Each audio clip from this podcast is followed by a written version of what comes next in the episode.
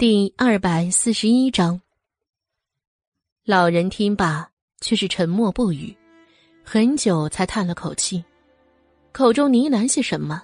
这阮明心倒是未曾听清，他还是好奇老人是如何有的吃食。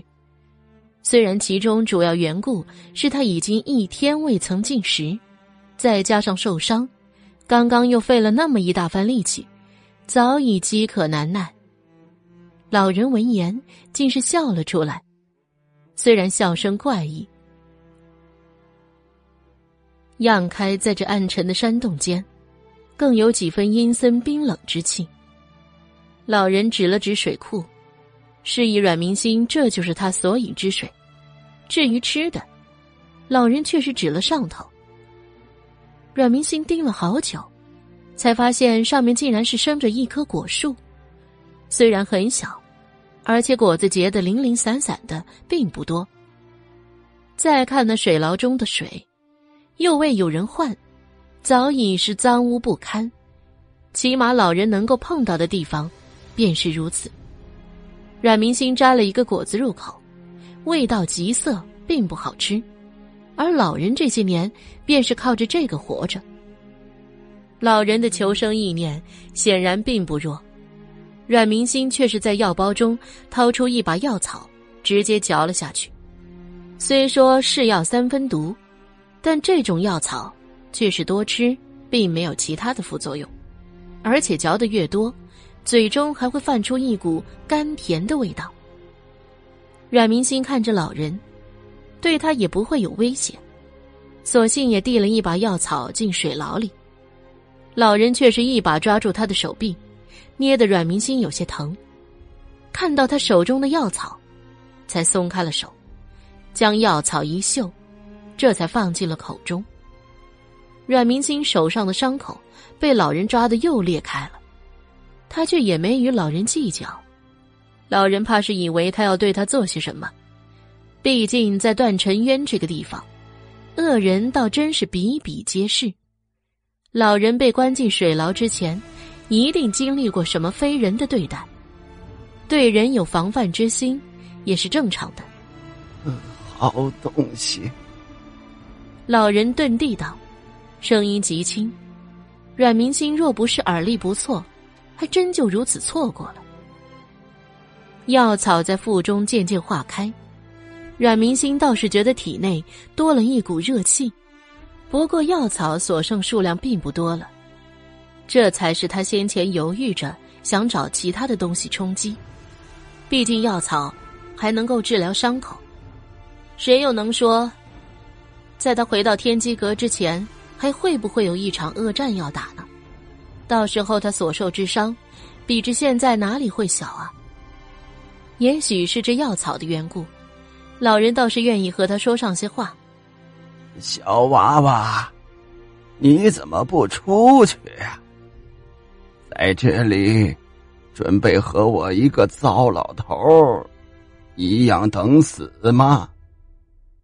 阮明心倒是把为何进山洞的缘故也一一道出，随后却是查看起关押老人的水牢来。这锁都有些年份了，或许当年是怎么都让人打不开的。不过如今被他用力一砸，虽然第一下未破，而又拿出发间的发钗。对着锁一顿摆弄，却是将锁就此打开了，但老人也未能出来。那水牢中对老人还有一层禁锢。阮明心咬了咬牙，虽然那股味道实在是有些刺鼻难闻，毕竟那水已不知浑浊了多久。阮明心也该庆幸自己的轻功尚可以，却是两腿跨于水牢与山洞之间。将老人里面的禁锢给打开，这次可没打开锁那般轻易了，而是设有机关的。幸好阮明星前世本是闲着无聊，跟宫中的师傅学过一阵如何开机关。这个机关的程度虽然有些艰难，但他一阵捣鼓之下，竟然也是弄开了。老人被关在水牢中太久，但应该是动过。手脚也算灵便，再加上有阮明星助了一把力，却是一下出来了。阮明星也更看清了这老人的面容，面上竟然是一道道疤痕，合在一起，整张脸都衬得有些扭曲丑陋，在这暗淡的光之下，更是有些吓人。阮明星倒还好，他见过面相难看之人也不在少数，所以看到老人，他也没有其他的心思。老人倒是一怔，怕是以为阮明星会害怕的，却不想，阮明星只是冲他淡淡一笑。老人坐在青毛上之后，却是问起阮明星还有没有那种药草了。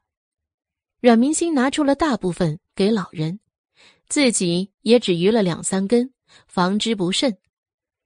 老人一把放进口中嚼碎，满意的长叹了口气，再看向早已愣住看着他的青山女子，笑了笑：“ 小女娃呀，你莫见怪，我是好久不曾吃过除了这果子的其他东西了。”阮明心淡淡颔首。只是狭长的眸子中流转的波色，却是显然表现出他并没有表面的那般平静。被落在这里已是不知多久，渴了，便是喝那水牢中的脏水；饿了，便是吃那果子。这老人大抵也是有武功的，若是身体不好，绝对不可能撑得这么久。前辈，我带你出去吧。老人却是摆了摆手，阮明星也未再说。平生第一次相识的陌生人，谁能说对你就没有其他的坏想法呢？害人之心不可有，但是防人之心不可无啊。老人不相信他，倒也是正常的。老人却是察觉了阮明星的心中所想。我并不是不信你，而是。我大限将至，或者说早就该来到了，但我不忍传承就此毁于一旦，所以就此撑着这口气罢了。阮明星点点头，也算应答。对老人所说，他自是未有任何怀疑。老人说的不错，他刚为老人不经意间把了一下脉。发现老人却是身子太虚，但老人那身雄浑内力，想要杀了他，是定然可以的。老人现在还能和他好好的坐在这里，倒也说明老人对他没有恶意。其实刚刚把老人放下之后，感受到他那身内力之后，他的心中便已有些害怕了。老人闭起了双眸，打坐一般。阮明心也未去打扰，只是好一刻之后，老人睁开了双目，面容上写满了岁月赋予的沧桑，两目之间却是挑过一道苍老的叹息之意。若是小女娃，你也会功夫变好了。阮明心微微一怔，他这一路过来，倒是掩饰了自己会武功的痕迹。为了不惹来麻烦，会武功，这个一定不能传了开去。这也是云长和云燕都不知道他会武功的缘故所在。而这老人，阮明星未言语，只是用手拈起一块山石，便向水牢打去。刹那间，水牢的一根栏杆却是被就此打断。老人却是眼里顿时大放金光。拽过阮明星的身子，便是说道：“你会功夫？”老人看着小女娃进来，也只是将锁弄开，显然还费了一番大力，但那只要身子灵活些，便能够做到。他以为小女娃能够进到这里，不过就是机缘巧合罢了，却不想，这个女孩竟是会武功的，而且看这模样，居然也不低。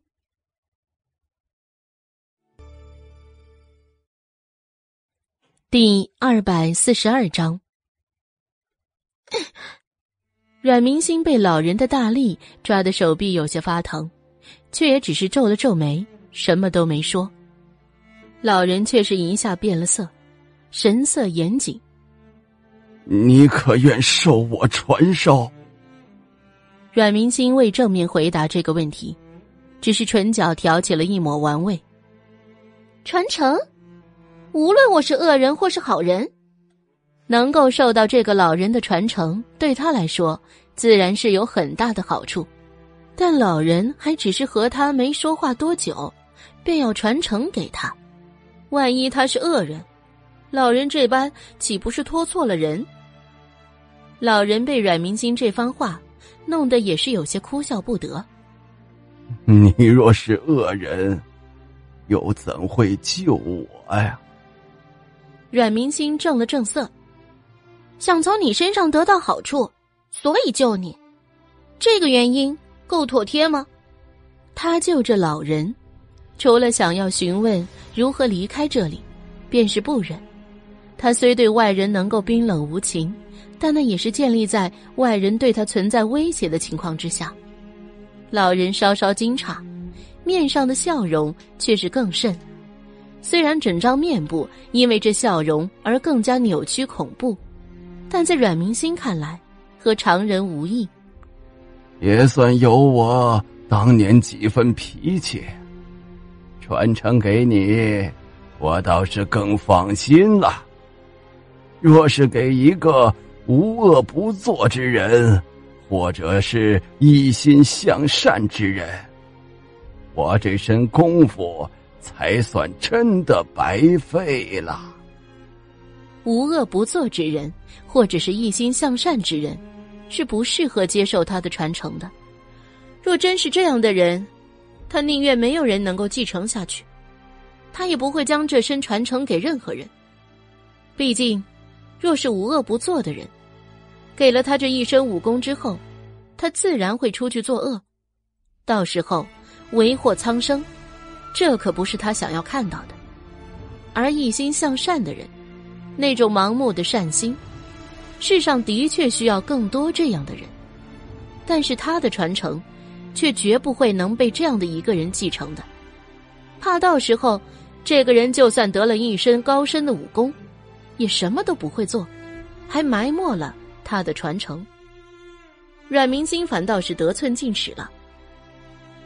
那就算你要传承于我，也得告诉我，关于传承的这些事吧，不然我什么都不知道。就稀里糊涂的接受了传承了，而且我是有师傅的。他终究还是没有骗老人。你师傅是谁呀？老人开口问道。小女娃说的倒也是应该的，只是那些事说来太长，他已经没时间了。既然此时说出这种话，这女孩倒也是心怀坦荡。苍离。阮明星开口说道：“南庆的大剑师，苍林。”老人瞬间瞪大了眼睛，不可置信的看着阮明星。大剑师会收女弟子吗？只有我师傅。我师傅曾说：“三百六十行，行行都可为师者。”因此，传承这件事，我倒是可以答应。但是老人家。你要想好了，毕竟他可不能是专门只做他的徒弟。老人却叹了口气，却是从怀中掏出一把小小的折扇，好像是玉为扇骨，触手冰凉，递给了阮明星。他知道自己的身体等不了再找他人了，而这个女孩真的很合他的胃口。这是信物。你且带在身上，迟早有一日会要用到的。随后却是附在阮明星的耳边，长话短说，把关于传承之事用最短的语言说了出来。阮明星倒是收下了信物，身为一个医者，他能够感受到老人现在真的是强弩之末，就当在这山洞相识一场。能够帮的，他就帮上一回。再说了，能够平白继承一个传承，倒还是他占了便宜，他为何要来这段尘渊创建势力？便是为了能够将自己变得越来越强大，而如今能够接受传承，倒又会让他的实力变强几分。随后，老人却是让阮明星坐下，而后在他背部之后，也是打坐，却是开始疏通全身的经脉，并一并向女子打了过去。中间老人的面色变得极其苍白，显然也是吃力。却很快就被他掩了过去。他撑着最后的一分力道，用力把全身最后的气力全部传给了女孩。阮明星被这一身浓厚的内力袭来，也是给弄得面色一下极是红润，整个人身上更是炙热。但只有阮明星自己知道，那股内力在他身体内横冲直撞。他的身体并没有那么容易接受外来的力量。阮明心虽然极是痛苦，面色却还是维持着如常。他知道老人一定比他更加痛苦。他其实倒还好，老人却是将全身的内力全部传给了他。本来老人在水牢中被关了这么多年，身子便是大虚，又太弱，这么多年。除了靠那脏水和果子，便是依仗那身内力。传承的最后一刻，老人的身子却是向前一瘫，而后便是一下吐出一口血来。鲜红的血泊落在阮明星的一身青衫上，却又多了种华丽的凄美感。阮明星身体内那股疼痛的翻腾，总算是弧度变小了一些。赶忙扶住老人，将全身所有的药草，却是都要喂给老人。老人摇了摇头，却是拒绝。不见一分血色的面孔，染上了一分悲戚的光芒，却又有一种终于解脱的笑意。告诉我你的名字吧，小女娃。说不定以后种种因果。我们还能够以另一种身份相见。阮明星的眸间却是第一次染上了一点悲光。阮明星，这一次，他说的是真名。他没有更多的，只是却看着怀中老人的气息越来越微弱，而他却是无可奈何。他空有一身医术在身。却是救不了这个老人。他是说过，他要做个冰冷无情的人。但当这老人将一身内力传给他的时候，老人对他来说，便不再是简简单单的一个萍水相逢的人了，算是他的师傅。一日为师，终身为父。他很清楚，这个老人怕是活不过今日了。阮明星却是将老人扶着坐好，而后满面寒色尽数褪去，带上满面的温光。师傅，他的声音虽不算太大，却是坚定铿锵。清冷的声音在这山洞回转而开，配上女子清丽的面容，却是给这山洞增添了一抹暖意。一时间。好像山洞中的冷风都被这暖意给吹散了不少。老人说句话，都已经是太过艰难了，只是不住颔首。他这一生，也算是有了徒儿了。虽然以后他是不能想到徒儿的福气了，但是能够听到这一声师傅，他这一生也不亏了。更何况。这女孩，还是喊大剑师叫做师傅的。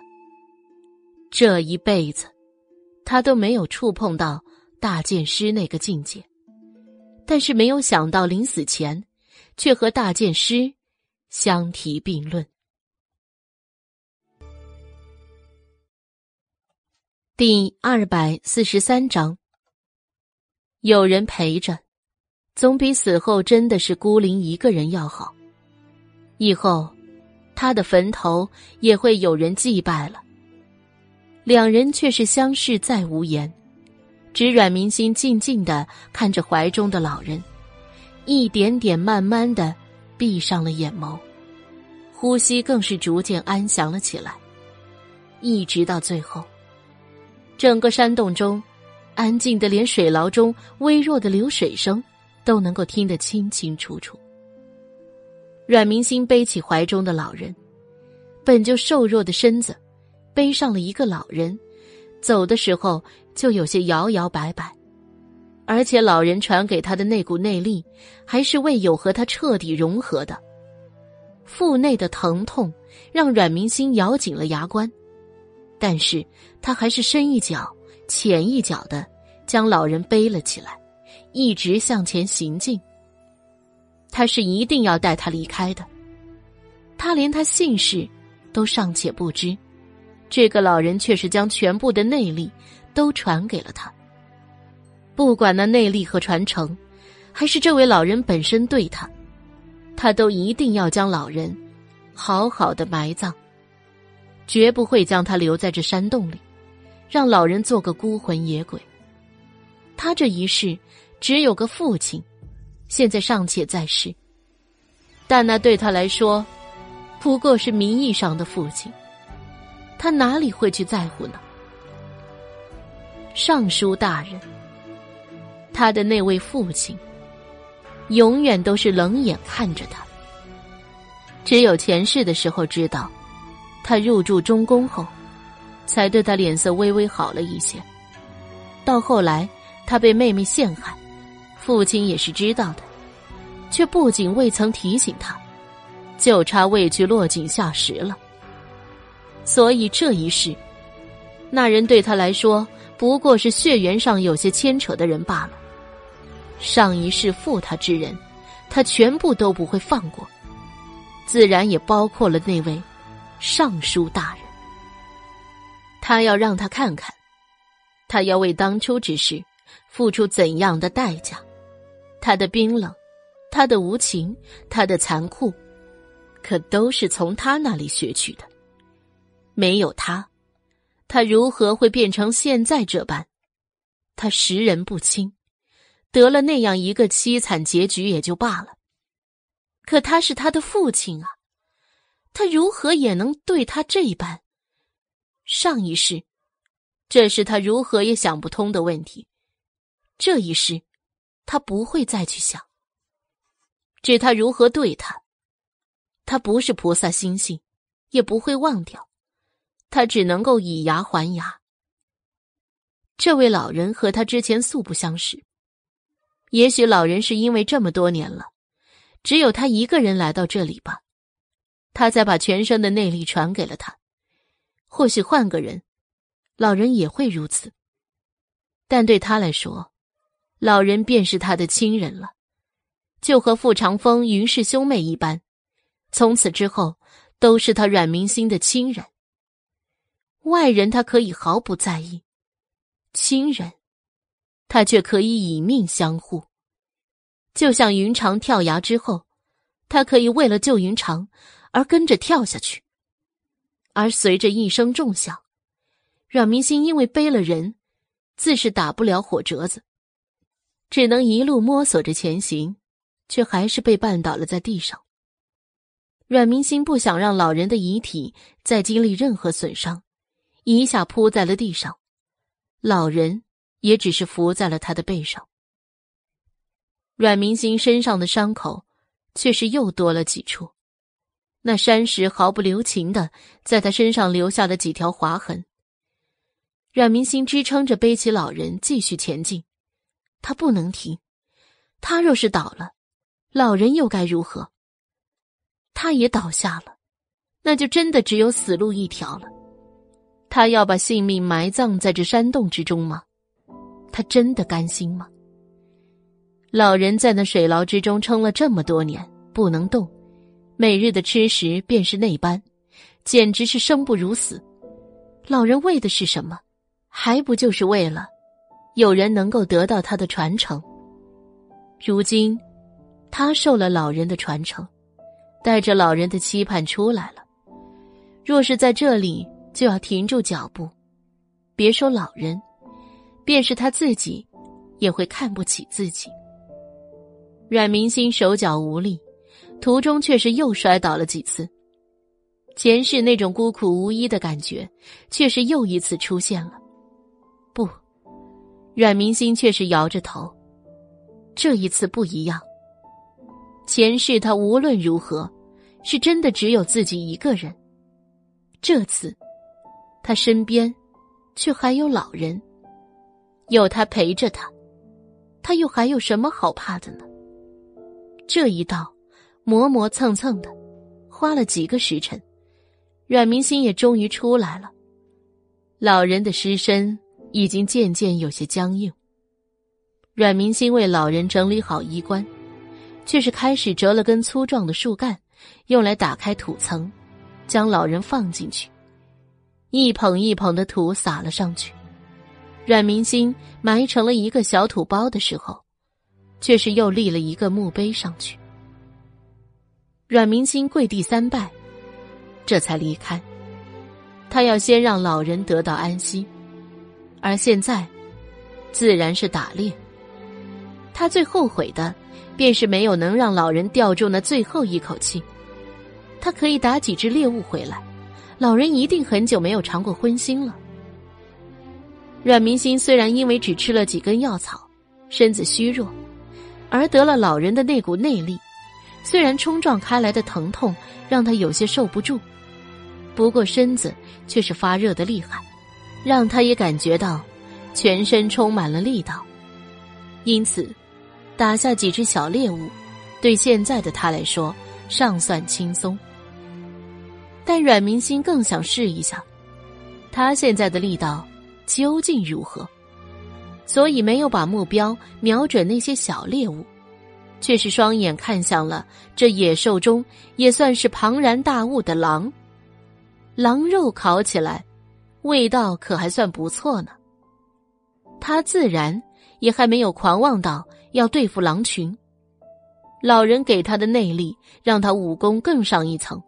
也许他全盛之期，对狼群尚还有一击之力。不过现在。还是算了吧。他身子如今太弱了，根本不够灵活，绝对躲避不了狼群的攻击。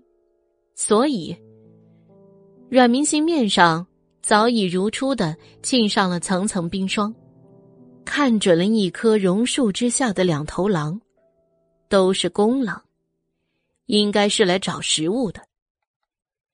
阮明星依然只折了根树枝做武器。却把树枝的一头削得极其尖锐。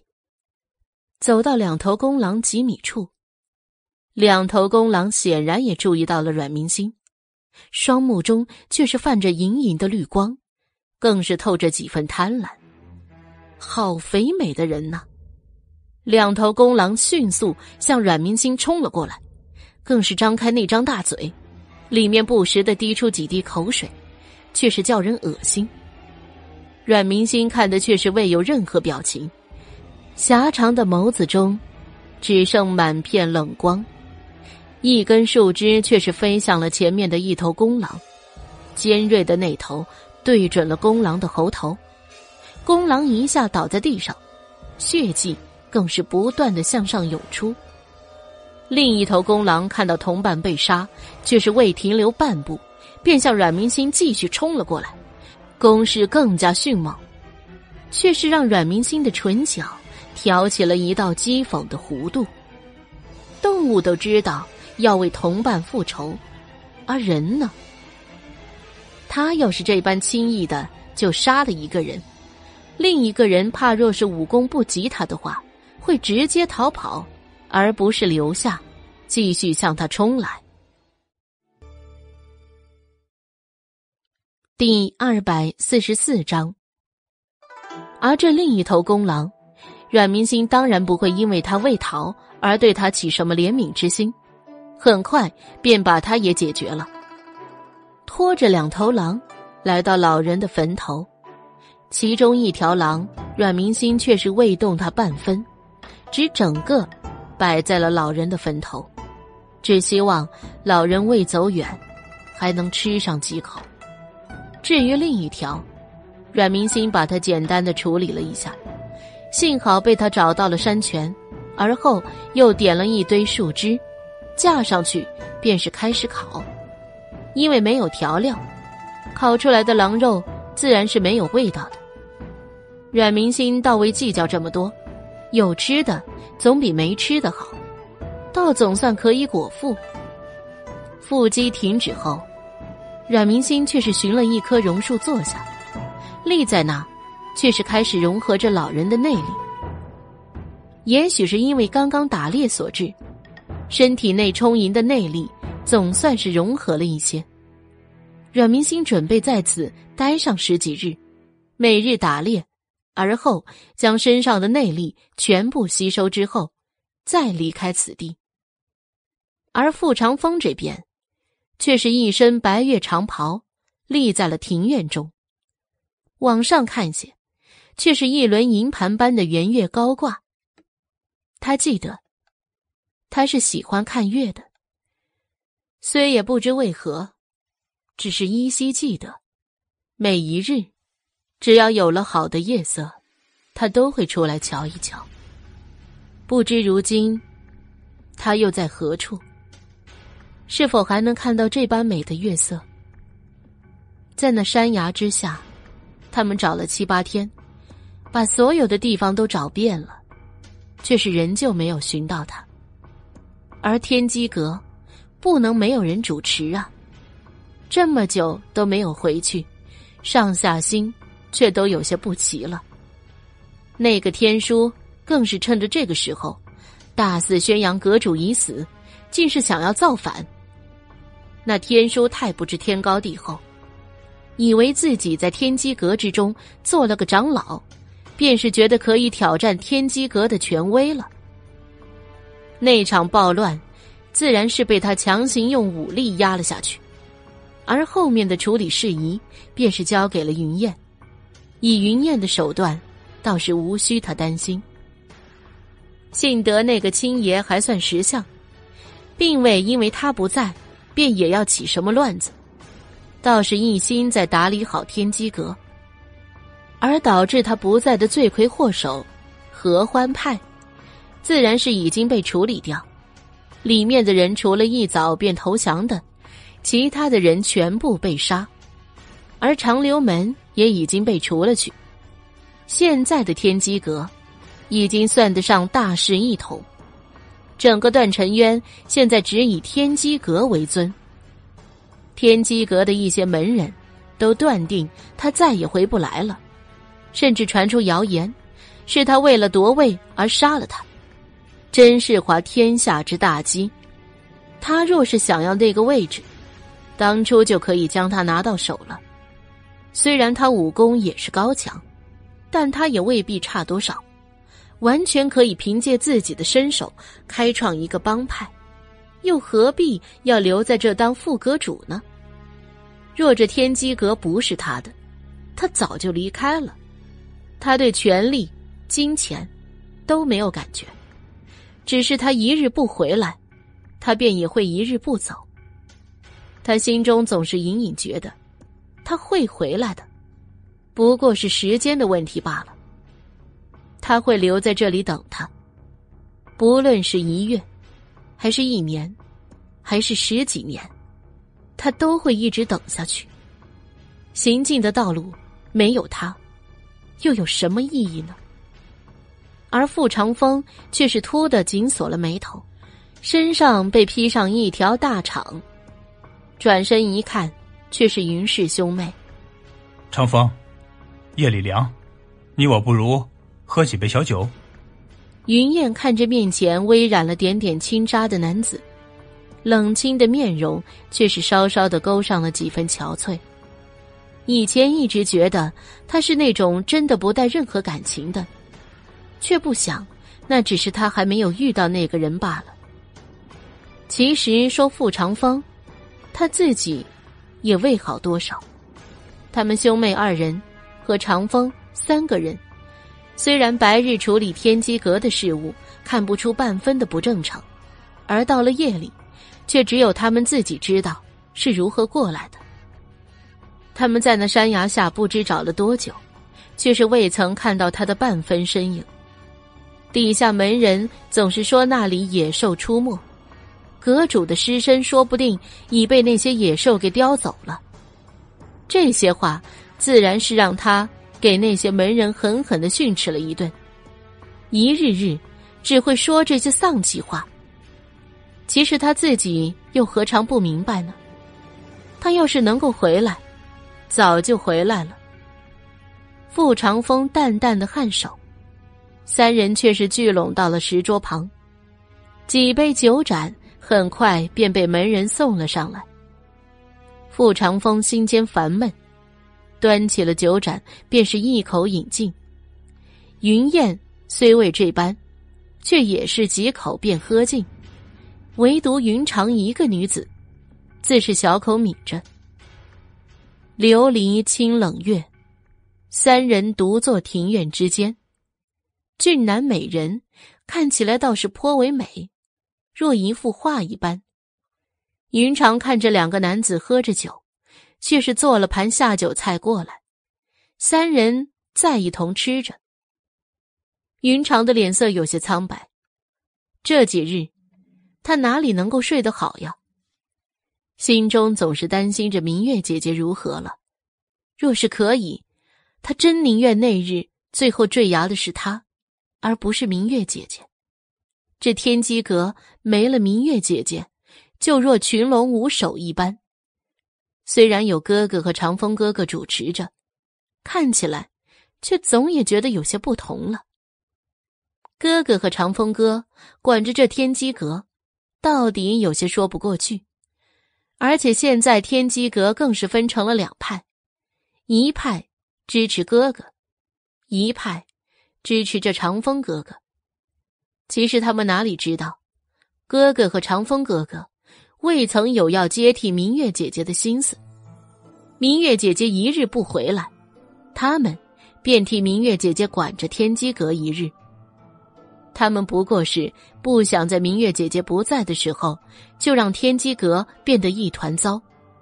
他们期待的便是明月姐姐回来的那日。看到的天机阁只会比以前的天机阁要更加的盛大，而不是一下冷清了下来。而云长叹了口气，看向傅长风，只是余光看着长风哥哥变得越来越冰冷。以前他还能和他搭上几句话，现在却是什么都不说了。有一次，他鼓起勇气拦住了他。他倒也站住了，然后双眼看着他，不带一分暖色，一句话也不说，只是看着他。他却是一下不知道该说什么，只能让他走。他倒还又看了他一眼，只是什么都没说，便离开了。长风，你有没有想过，若是他再不回来了，你要如何？云燕的俊容微微熏上了一分酒气。傅长风看也不看他一眼，淡淡说道：“一直等，等到除非死。”云燕到眼中起了一分促狭之意。不娶妻，也不生子，像你这样的，家中不用传宗接代吗？傅长风的双眸却是迅速凝住。家，满目冰寒之气，似乎又深了些许。终究是松开了手掌。都已经过去了，往事已成风，又何必再去想呢？我的命是他的，一直跟着他便好。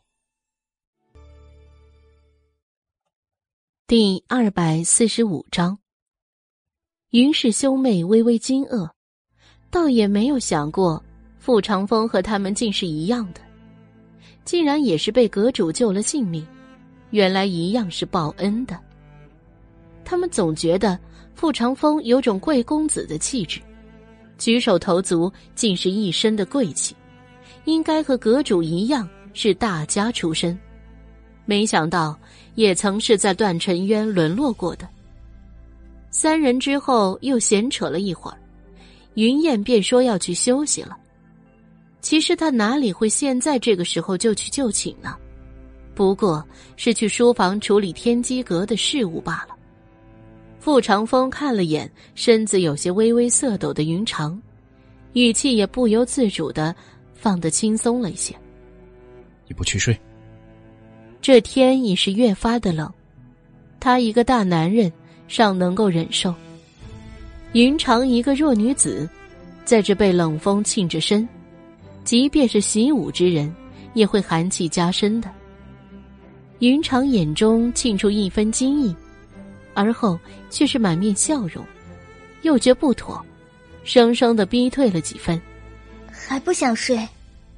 最后千般言万般语，终究化成了这四个字。傅长风淡淡的颔首，眉头轻揪。云长以为他是厌烦自己，不由道：“长风哥哥，你是不是讨厌我？”傅长风倒是微怔。嗯，他起初虽对阮明星舍身救云长，对云长的确有些微词，不过也只是片刻。那人从来都是这样，只要是自己的人。他对他人都能够冷情冷心，唯独对自己的人却是面冷心热。云长摇摇头，没什么。长风哥哥，夜深了，你早些休息吧。傅长风倒着了几分眸色。那你呢？女子就是喜欢多想。其实，他对他其他的想法，只不过是他也从未表现出来过。对他来说，除了阮明心，其他的女子都不重要，也并非如此。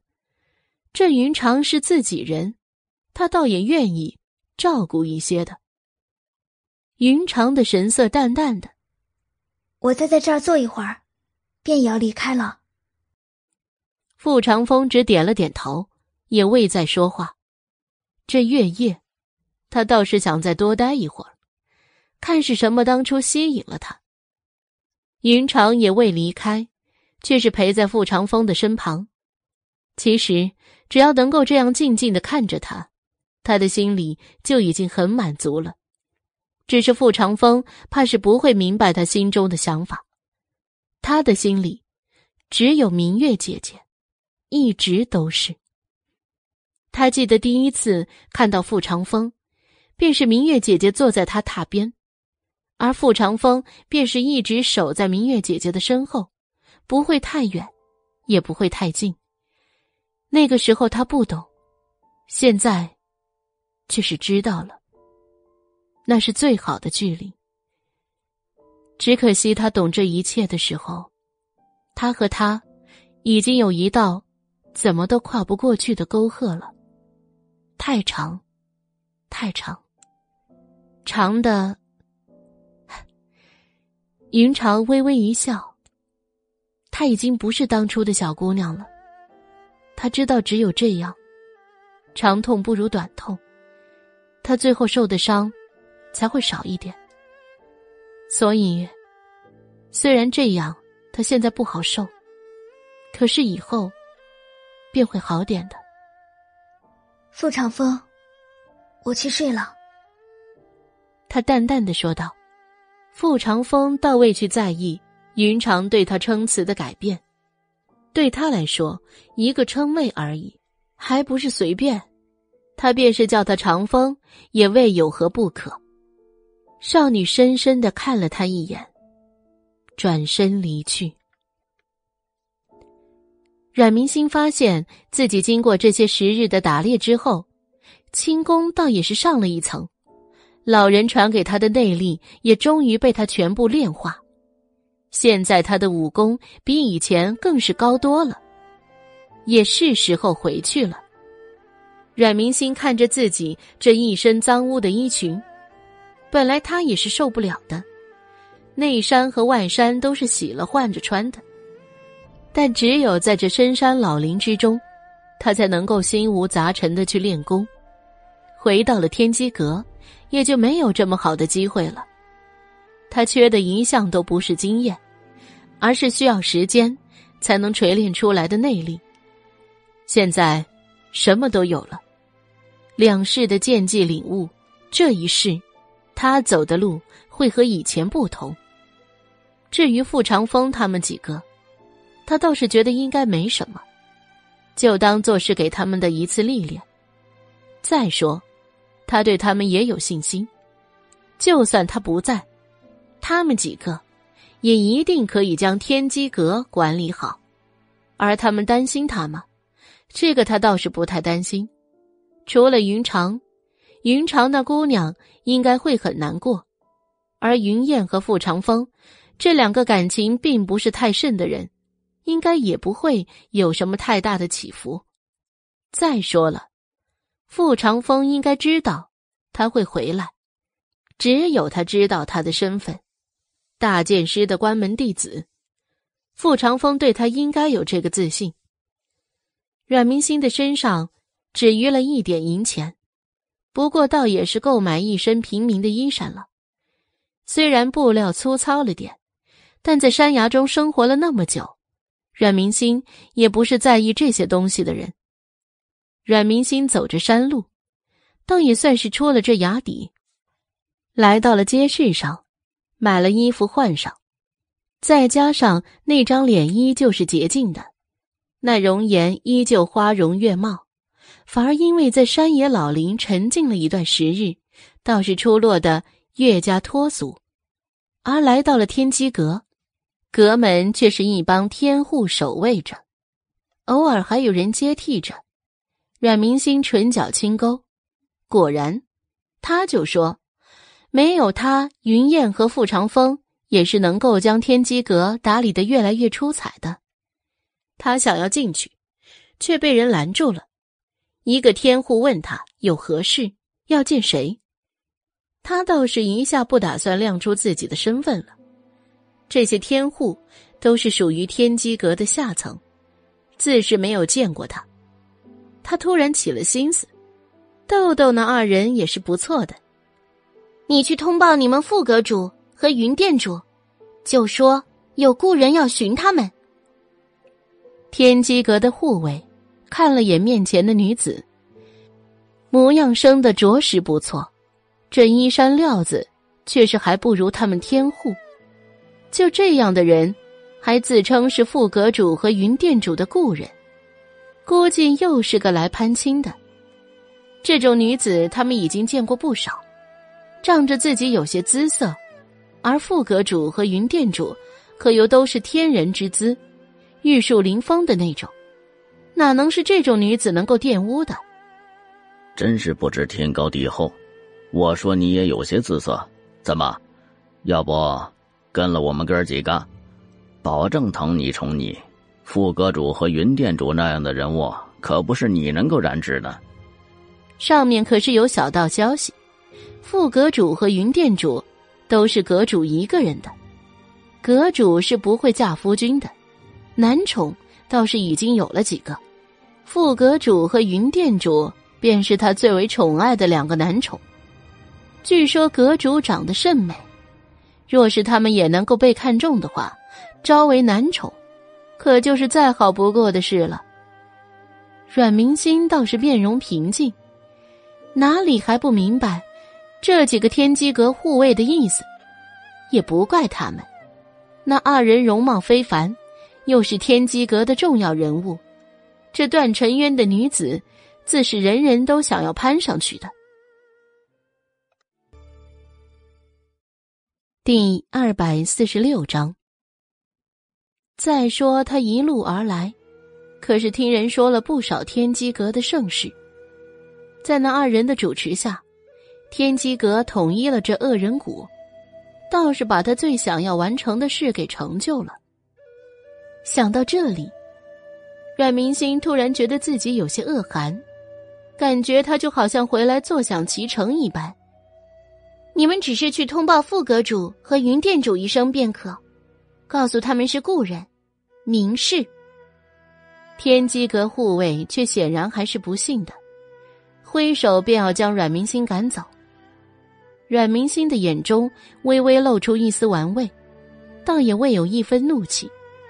于他而言，天护越尽职，他倒是越加开心的。你们真的确定不让我进去吗？女子的眸子微微染上了一分促狭，配着稍稍缭乱的青丝，竟是风情万种。几个天护对视一眼，却是一人走了出去，而后将阮明心拉到一个角落处。我说：“你这小娘子又并非没有相貌，又何必要来攀附我们副阁主和云殿主呢？”双眼又往阮明心身上宽大的衣袍瞄了一眼，倒是有些失望。不是阮明心的身段不好，而是那身衣袍将身段却是尽数遮挡，哪里能够看清半分？阮明心淡淡的说道：“我不过是他们的一个故人罢了，倒是你们二人，作为这天机阁的天户。”不是应该前去通报一声吗？天户的嘴脸却是一下变了，看清旁边没人。虽然他心中没人的标准，便是零散的几个普通人不算是人，那总得给我们哥几个一点好处吧？无规矩不成方圆。阮明心对这个倒也不反感，这个很正常。这几个只是守门的，要一点好处倒也是正常的。只是可惜啊，他身上现在并没有银钱，倒是要让这人失望了。我未带银钱，不如见完副阁主和云店主之后再给你。他可是真准备给他，就看他到时候敢不敢收了。若是还是能收，说明这人还是有些骨气，以后也许还能够重用。天护却是摇头。脸上带着的笑容，莫名的让人不快。我说的好处可不是银钱，而是你若是能用这副好身段，让我们哥几个好好爽一下，我们还是能够破格去为你通报一声的。阮明星面色微变，看来云燕和傅长风的整治还不够，不然又怎会如此？如此，他倒是不介意亲自整治一回。天护却已是有些迫不及待了。现在还只有他过来，待会儿，可就不会只是他一个人了。这么个绝色美人，平时哪是他们这等人有机会能够见到的？现在好不容易能够占些便宜，他自然是要好好的把握。天护的手，却是有些不规矩的，向阮明星的身上探了过去。却是被阮明心一下转开，眼中却是一片冷光而过，随手抽过天护的长剑，却是一把向天护打去，搁在了天护颈上，倒也未移动半分。天护却是一下没有反应过来，转而满眼的惊恐看着面前的绝色女子，他没想到面前这个女子武功竟是那般厉害，他还未动个什么。却已经被逼得一动不得。现在，嗯，阮明星淡淡的说道，神色并未带任何的温度。天护却是立即求饶：“我错了，这位女侠，你大人有大量，就饶了我吧。”他今日真是识人无目，倒了八辈子的霉，谁知道今日竟然是看走了眼。谁会知道这位穿着这种粗布麻服的，竟然武功奇高？他本以为又是和上次那种不知天高地厚的人一般，却不想这次却完全不一样。阮明星的面容却再次恢复成没有任何波澜的模样，只是看着这天护，而后一把将他松开。天护一个力道不足，却是立即倒在了地上，而紧接着。阮明星准备过去，却是后面传开一道利刃之声。饶是阮明星的轻功并不低，想要躲开，却也还是有些吃力的。因为都是天机阁的人，所以他并没有带太多的防备。只是在他要躲开之时，却是一把斧子将那把利刃打开，而一个少年却是倒在了地上。阮明星有些啼笑皆非，倒并不是因为他多冷情冷心，而是这少年的出场方式实在是太过炫酷，让他有些反应不及。阮明星要将少年扶起，却发现少年竟是已经昏了过去。他只能将他移动到一边，让他坐下来，感叹着这少年身体太脆弱了。而他动作虽利落，却并未多带什么感情，却是让先前的天护及后来的天护给看得微微有些发怔了。这女子对他们一直是冷淡的态度，对那个废物。却是能够动作那般轻柔，只是下一刻，他们也再没有时间去想这个，因为女子手中的长剑却是指向了他们，并且眼中泛着一片寒光，浓的未有任何要退去的架势。女子长剑一绕，身子一动，剑锋却若是甩出一朵朵剑花一般，令人不禁后退。女子的速度却显然不容人有任何反应，还未有几刻，却是最开始的天护胸口开出了一道血花，鲜艳而璀璨。其他几个天护看了，却是要逃。这女子的实力不是他们所能比的，再在这里待下去，怕是只有死路一条。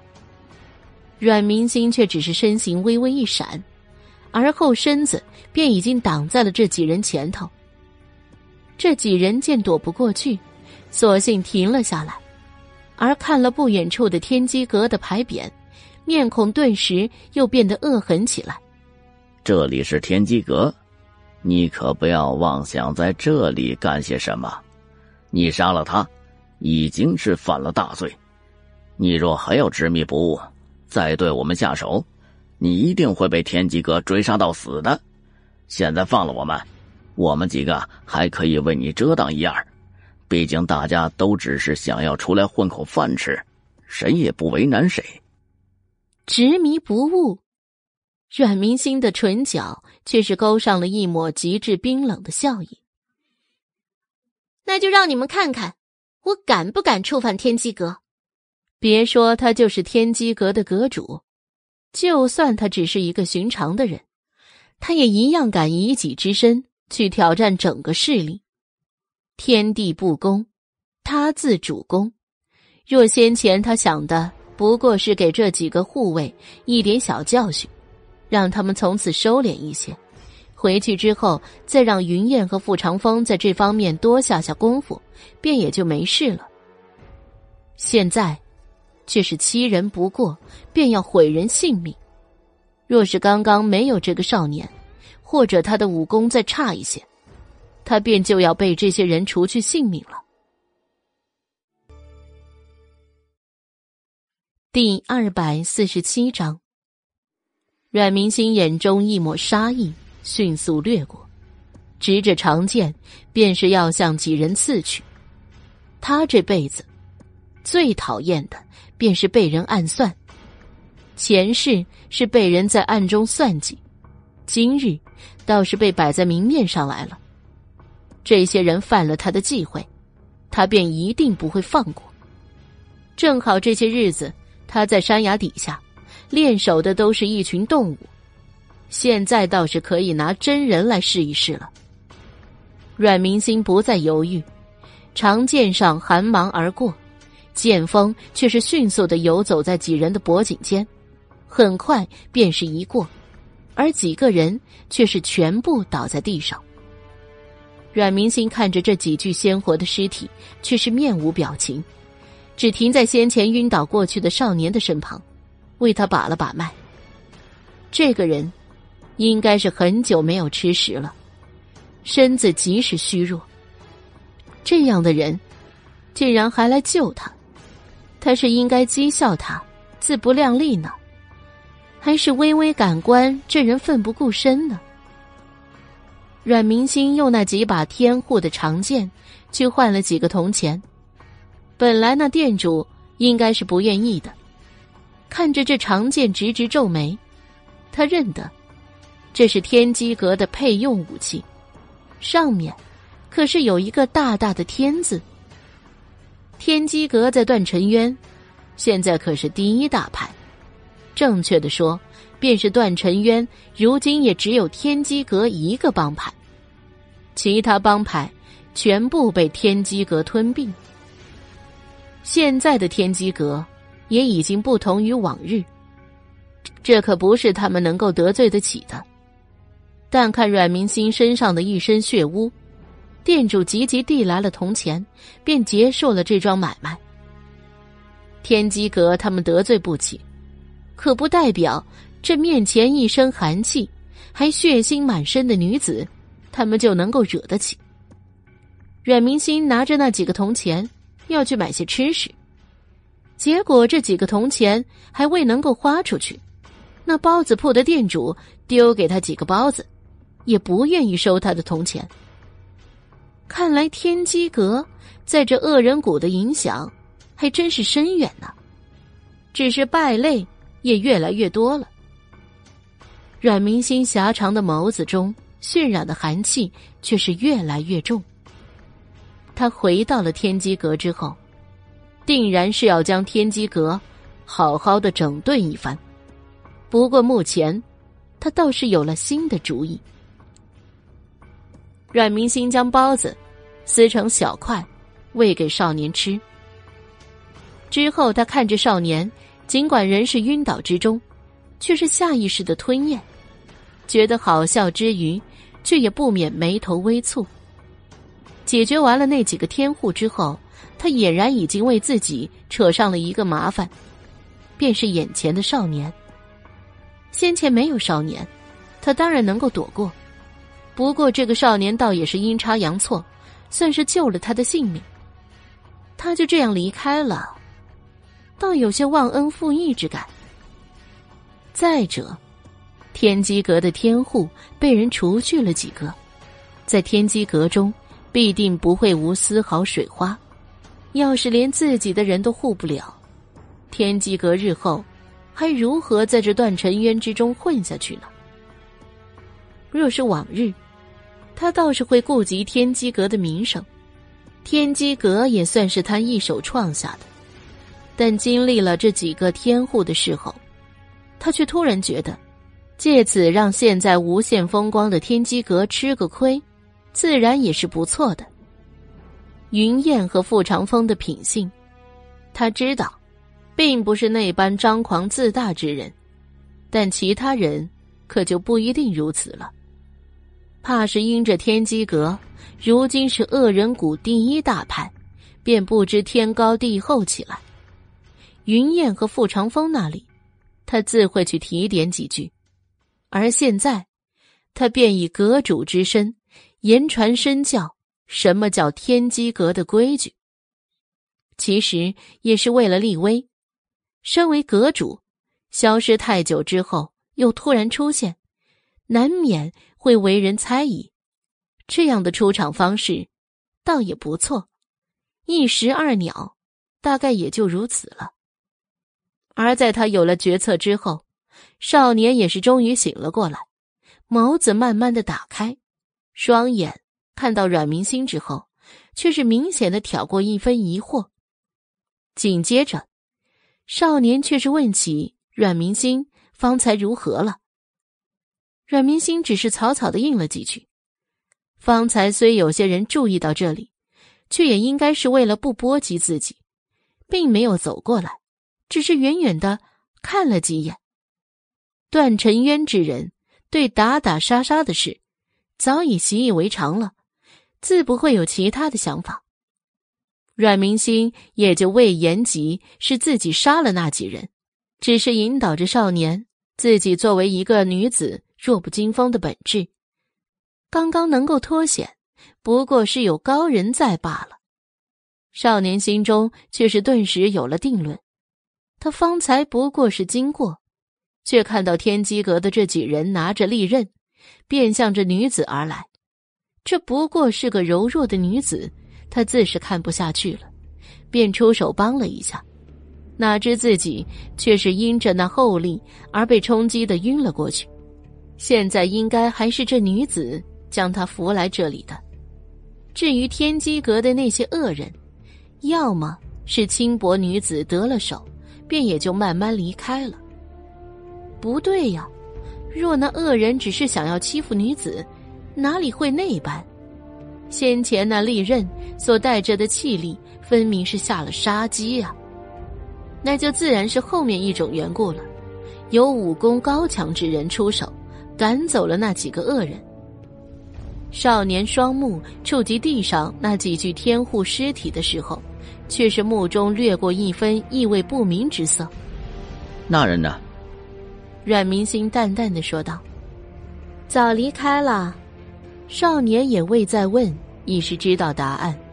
这天机阁如今势力可是大到任何一个人都在这段尘渊横着走，偶有人看不惯了，便是立马有天机阁的人护短。找那人麻烦。整个段尘渊，敢于惹天机阁的人并不多了，倒也不是说天机阁之人竟是无恶不作。听说其中的副阁主和那云殿主还是极好的，一个武功高强，一个却是智谋过人。他也想拜入天机阁，却因无银钱，被以身子太过瘦弱而拒之门外。而他自幼爹娘便双亡，今日拿着家中唯一剩的斧子，便是想要换上去吃食，哪里知道会发生这般事情？阮明星听完了少年所述，眉头却是锁得越来越紧。想要拜入天机阁，除了文武二世，现在竟是还要先付上银钱了。这天机阁何时有的这般规矩？傅长风和云燕的决策还是如何？而阮明星因着心中计较，自然是未回天机阁，身上也无银钱。权衡之下，正好这少年是孤身一人，却是决定在他家中暂时住一段时日。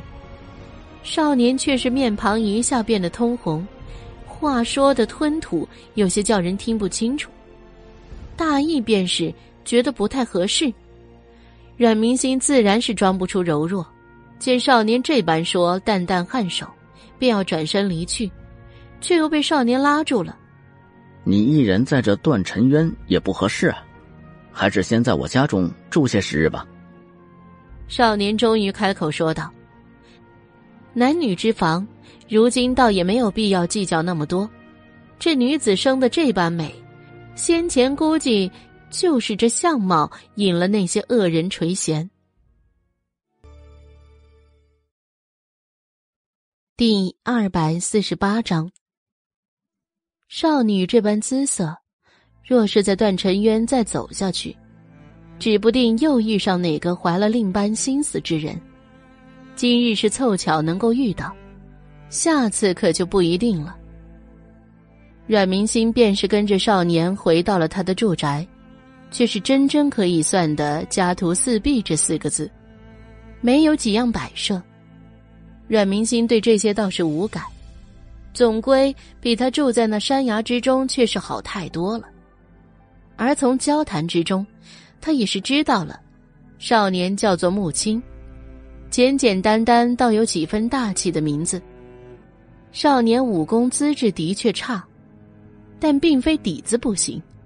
而是他的身子羸弱，这才是真正的缘故。因而天机阁因此将木青拒之门外，倒也并未都是因为木青付不起那银钱。不过阮明星倒是发现，这木青才识倒是颇为不错，就像云燕那般，若是身负谋略，那就算是只会几招防身之术，又能如何？而天机阁的护短之名。也果然名不虚传，很快木青家宅便有人找了上来。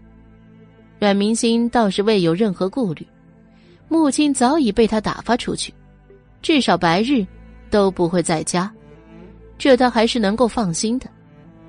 领守之人看着阮明星，竟是一片轻视之意。就是你杀了他们？这女子面容绝美，又泛着一股清冷之气。倒未想过，他竟是武功奇高，他天机阁死了几个天护罢了，这是引不起什么轰动的。但是后来查看尸身的时候，却发现这人武功应该是不错的。而这恶人谷之中，武功不错的，要么已经入了天机阁，要么不愿意，便尸首不知葬在何处了。竟是还有高人，这让他不禁微微感了兴趣。而根据那些蛛丝马迹，查来了这座破落的院落，也只有这么一个女子。身上穿的衣衫实在是粗陋不堪，倒实在是辜负了她的那张容颜。只是这么个看起来弱不禁风的女子，却是杀了那几个天户。她天机阁收人可是有条件的，那几个天户就算资质再差，也比普通人要高上几分。这么个女子却能够置他们于死地。阮明星只是淡淡颔首，也未道多的。这番态度却是激怒了灵手之人，一手便是向女子打来，带起一阵劲风。虽然未放轻半分力道，阮明星几乎不可察觉的微叹了口气。天机阁的人，倒是一个个的如此，叫他越来越失望。以阮明星的身手。自又是很快解决了这些人，最后末了不忘说道：“下次，便让你们阁主和云店主前来。若还是如你们这般人，来了，除了赚一顿打，其他的，却是也不要妄想了。”阮明心说的极清淡，落在他人的眼里，却是尤为刺耳和讽刺。天机阁又派了几拨人。却无一例外的全部被阮明星打倒了。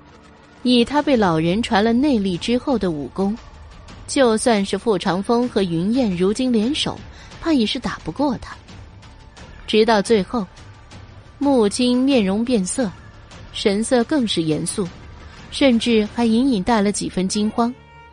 那天机阁的副阁主和云店主来了，你快走啊！阮明星挑了挑眉。那你呢？那二人来自是合了他的意，不过倒是想看看这穆青反应如何。穆青咬了咬牙，而后景色道：“我殿后，这是我的家，总给你快走。”阮明星却是不动分毫。穆青急了，却奈何如何说，阮明星都不会为之所动。傅长风和云燕踏进院门的时候，便是见一个少年。挡在一个女子前面，看着他们，一副警惕的模样。傅长风冷情道：“让开。”阁中却是有人来报，有个武功格外高的女子将天机阁来人连连打败，应该就是眼前坐着的女子了。女子背对着他二人，看不清面容，只身影依稀有几分熟悉。又实在想不起出自何处了。木心看着这二人浑身缭绕的寒气，却是更加坚定心中所想，不愿让开。虽然那女子和他相识并不长，但也是这么久了唯一真心对他好的人，他自是要护着的。傅长风正要出手，女子却是已经转过身。长风，云燕。好久不见，淡道似都沁上了一袭冷色的声音，却是让傅长风和云燕脸色都大变。两人对视一眼，眸中喜意已是浓烈到无法掩饰。两人微顿，却是突的一起跪拜在地上，参见阁主。两人所言之语，让其身后所跟之人却是一愣。而后也跪倒在地上，跟着齐呼：“参见阁主。”心中却是已然泛起了波涛。这个女子，竟然就是他们的阁主。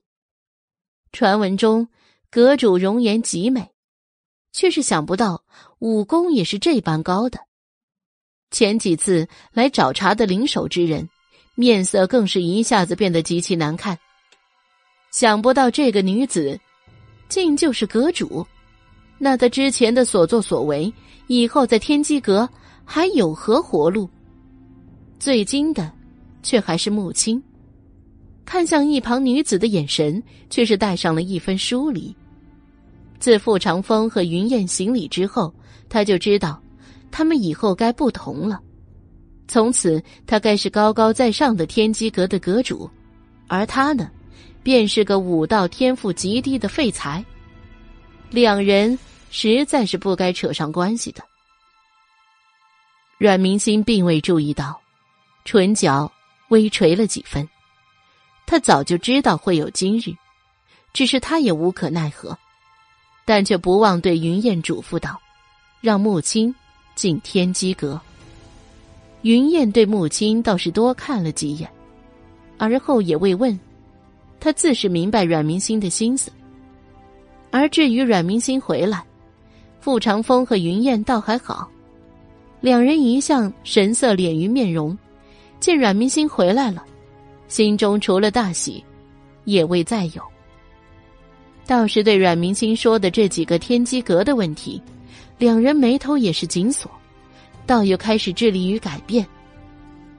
云长见到阮明星，却是头一次埋怨起他来，活着，却不报个信，知不知道他心中有多急？面对这个一直和自己妹妹差不多的女子，阮明星自是好生的安慰了一顿。头一次撇去了那些冷色，尽管如此，也是费了几个时辰。而这一次回来，阮明心却也成功的坐实了天机阁阁主的位置。天机阁三殿之人，倒是都见过了他，对阁主的貌美和武功之高，也再一次有了新的认识。阮明心却也是快刀斩乱麻。着手开始整顿天机阁，而听云燕禀报他不在时的事宜，对天机阁统一了恶人谷，他的唇角微微染了一抹笑意。而听到天书造反，他也未有多余的心思，为他用，则重用；不为他用，则重杀。第二百四十九章。带着傅长风，阮明星又重走了一下来时的路。这里地势险峻，峭壁光滑如镜，不管是猛兽还是其他的人来，都上不来。既能遮风，又能挡雨。在长风伤好之后，很长的一段时间，阮明星跟他都住在这里。那个时候，伤好之后就开始跟着阮明星一起下山，只不过。是他坐在大雕的背上，而自己挂在大雕的脚上。傅长风没有说话，看着风吹过阮明星的青丝，如飞瀑飞扬。彼时，他不曾想过自己还有出路，可以有机会遇到大剑师的弟子，修习真正的武术之道。为什么选择跟在他的身边呢？为什么会选择信任？因为彼时就渐渐发现，阮明星好像是刻意去找那些恶兽、恶人的。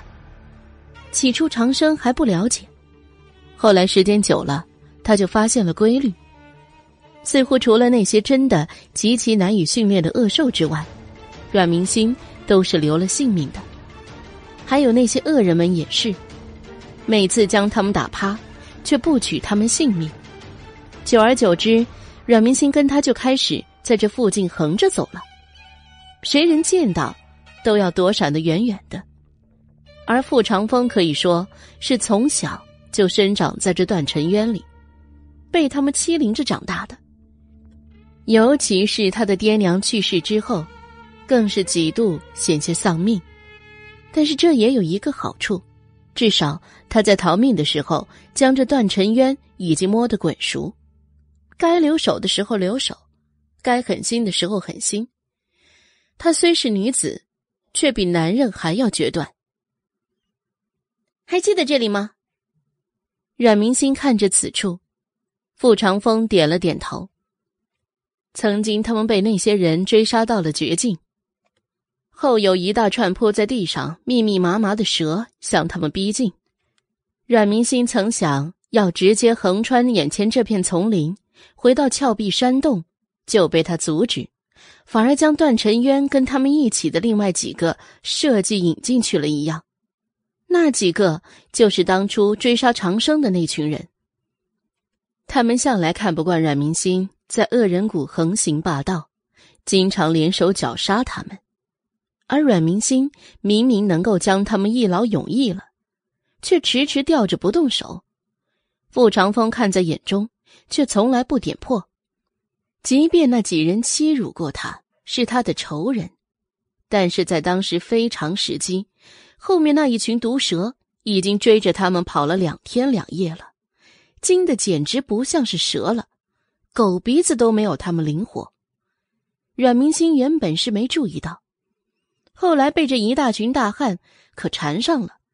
接着又被蛇给缠上了，一路上就跟牛皮癣一样，甩掉了又被缠上了，而且数量越来越多。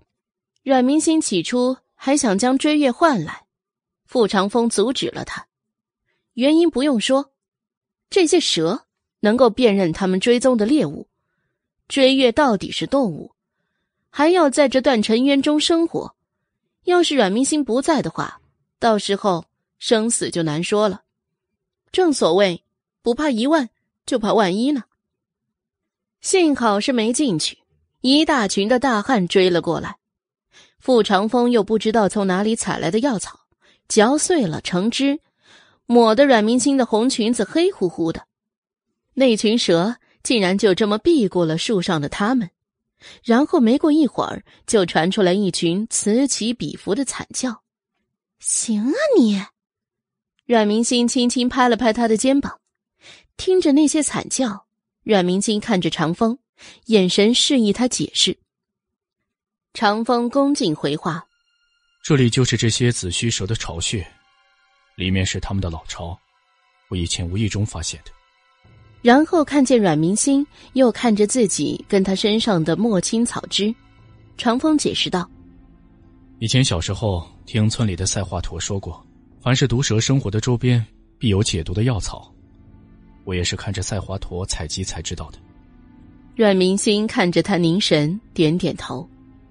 这断尘渊里的人，虽然都是些穷凶极恶、罪大恶极之人，可是俗话不是也说，大恶之人越大能耐吗？阮明星的眼神有点悠悠的，只是没想到，神医。也会是江湖正派不容之人。那后来，那赛华佗呢？他统领了段尘渊那么久，怎么都没见过这样一个人呢？有医术的人，无论是善与恶，到哪儿可都是受人尊重的呀。长风情绪低落，死了。他也没说他是怎么死的。不过这里如是凶险。就算段尘渊他能活，这边上相邻的猛兽谷也不一定能活。刚才长风不是说了吗？看到他在这里出没，说不定啊，也是死在了里面。看长风的语气与神情，说不定那个赛华佗对他还很重要，还是不要揭人伤疤为好。既然前尘尽断，那就不要回忆好了。阮明星率先点着足尖，往对面不远的段尘渊飞去，长风紧随其后。临走前，依旧不舍得回望了一下那片虚蛇遍布的丛林。那里是赛华佗的葬身之地，他进去了就再也没有出来过。那个他小时候唯二对他好的人，临死了都还在撕心裂肺的叫着他快跑。长风的眼角有些晶莹，迎着风，又很快消失不见了。他们两个的默契，这是与日俱增的。三年，在傅长风的心中，却宛若三生三世。阮明星站在风中没有说话，仿佛在看这边的风景独好。傅长风才不信他看什么风景呢，明明都已经看了三年了，要看也看腻了，不是？怎么了？有心事？他开口问道。这次回来，似乎阮明心比以前更加沉默了，是不是因为天机阁现在内部的那些良莠不齐呢？先去周围的村子看看。他们出现在村子里，村子里的村民们都列队训练，然后停下手中的动作，赶到祭坛前面拜见。若不是亲眼所见，谁也不敢相信，这些下面跪着的人，都是当年那些自私、争夺、为了一句口角大打出手的极恶之人。眼前的姑娘，只用了三年的时间，就将他们收服麾下。那些决斗、威胁、施恩的手段层出不穷，最后那些还有不听话的，都被他一一杀了。就像之前的那群大汉一样，阮明星已经给了他们很多机会了。村子里的人也知道他们是谁，所以呢，看他们的眼光都是十分崇拜的。他们之前没少败在他们手下。我准备离开了。阮明星看着这里的一切，终究转身，看向了傅长风。傅长风心跳一滞，他知道。迟早有这么一天，但是没想到这么快。你知道，我的目标不在断尘渊内。阮明星看着傅长风，最终我是要去那翻滚的红尘，搅一段风云，惹很多是非的。你可愿帮我？第二百五十章，这还用问？傅长风却想也没想的直接答道：“帮他就是帮自己。”那好，我已经想好日后的规划。长风，我的目标在于四国商路。阮明星看着傅长风，这里四国交界，却无人敢管。但是同样，用好了，却是绝对的利器。毕竟内世之中，段尘渊的领袖。就带着他们打通四国商路，最后成了不是国家，但是却被四国忌惮的势力。而那个人，叫做傅长风。在知道他真名的时候，其实他也曾心惊过，因为没有想到未来的那个所谓的段尘渊首领，原来就是他身边的少年。他之所以这么相信他。也是相信他有这个能力处理好段尘渊的事务，所以你不想让我跟着你是吗？少年的目光有些寂寥。三年相伴，竟然不太习惯不在一起的日子。跟我去京城，你就会被困于浅滩。长风，你是能乘风破浪的人物。阮明星看着他说道。眼眸中带着期许和信任，总不会辜负了你的期待。傅长风迎着阮明星的目光，承诺说道：“那我就走了。”阮明星说着，直接对着天空吹响了一个竖笛，这是他和追月之间沟通的媒介。雪雕直飞而下，惊呆了那些村民。傅长风没想到，他竟然说走就走。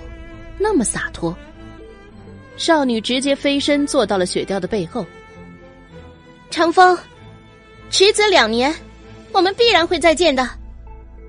他也必然不会再受困于京城的一切。如果两年你不归，我会去京城寻你。傅长风看着领空的雪雕说道：“一言为定。”这四个字落下，雪雕已经腾空而起。三年时间，阮明星收复了段尘渊一众各显神通的江湖顶级高手，霍征也没闲着。当年百灵送给他的是一个卷轴，打开里面藏着一封圣旨，那是赐婚圣旨，人名是一片空白。那个丫头把这个交给他，那是什么含义？他自然是明白的。再见到圣旨的那一刻，他恨不得直接把他揪回来，狠狠打他的小屁股。不，估计是不舍得打的，因为他走了，他已经开始担心了。纵然他天资国人，终究是一个女孩，孤身一人去了那天绝地不管的断尘渊。怎么会让人不担心呢？奈何京城的势力已经开始渐渐的清晰了，即便是太子殿下已定，那些家族皇子们依旧不死心。既然当初为了他答应了要帮助太子殿下，在这样的情况下，他还怎么离开去找他呢？更何况，霍侯府里的事情也越来越复杂了。他知道他心中的仇恨，如今阮兆林还活得好好的，他一定会回来，甚至会给他带回意外的惊喜。怎么能光他付出呢？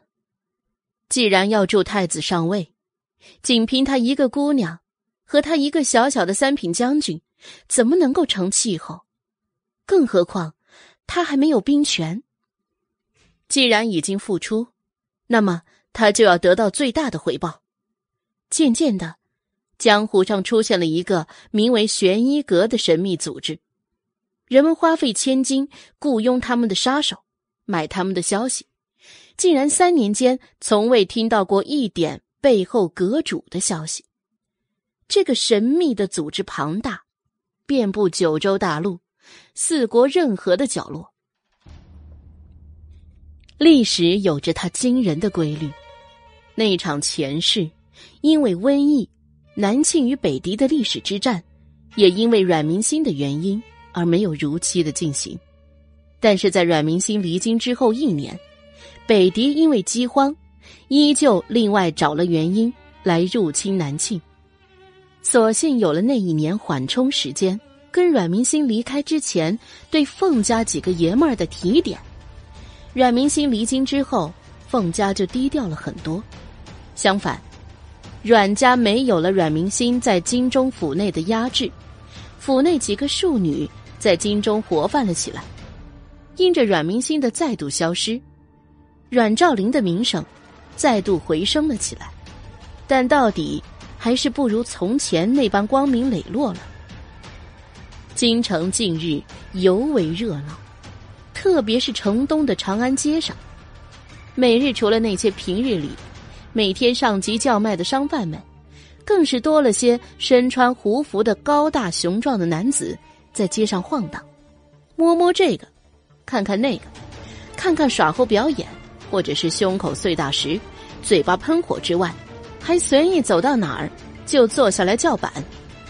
面摊的老板一脸为难的求着几位爷在说着什么，几个胡服卷胡子壮汉。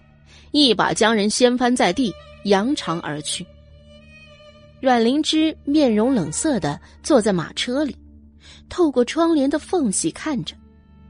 风将帘子吹开了一点身边粉色衣服的丫鬟赶紧伸手压住，生怕漏了一点缝隙，被那北狄蛮人瞧见。阮灵芝看着紫月小心翼翼的样子，嘴唇轻抿，将视线。冷冷的移开。作为小姐的贴身丫鬟，紫月小声的唤了一声：“小姐。”语气是疑问的，也是忐忑的。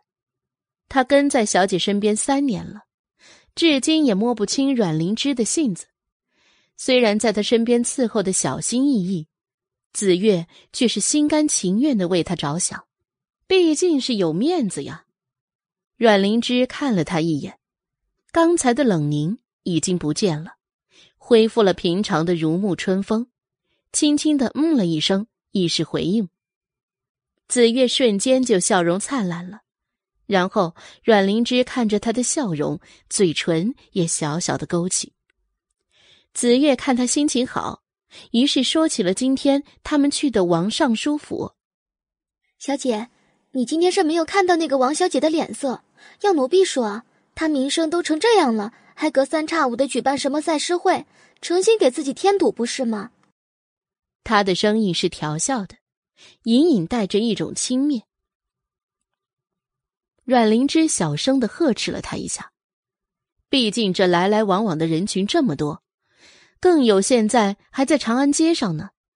他们的马车有标记，谁人一看就知道，这是吏部尚书大人家的千金。那些百姓虽然对他礼让，可到底这话传了出去，于他好不容易挣回来的名声有损。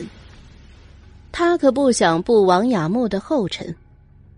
紫月吐吐舌头，虽然被骂了，可他那赔不是的话语中可丝毫没有悔改的意思。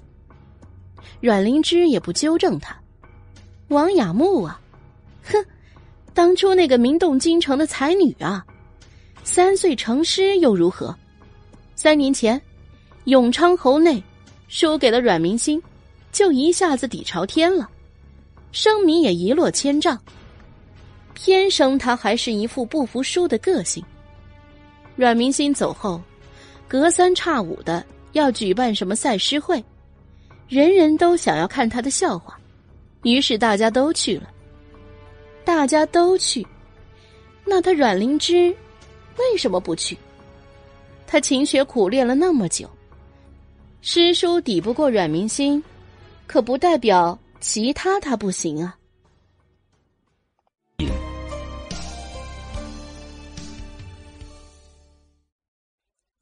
第二百五十一章。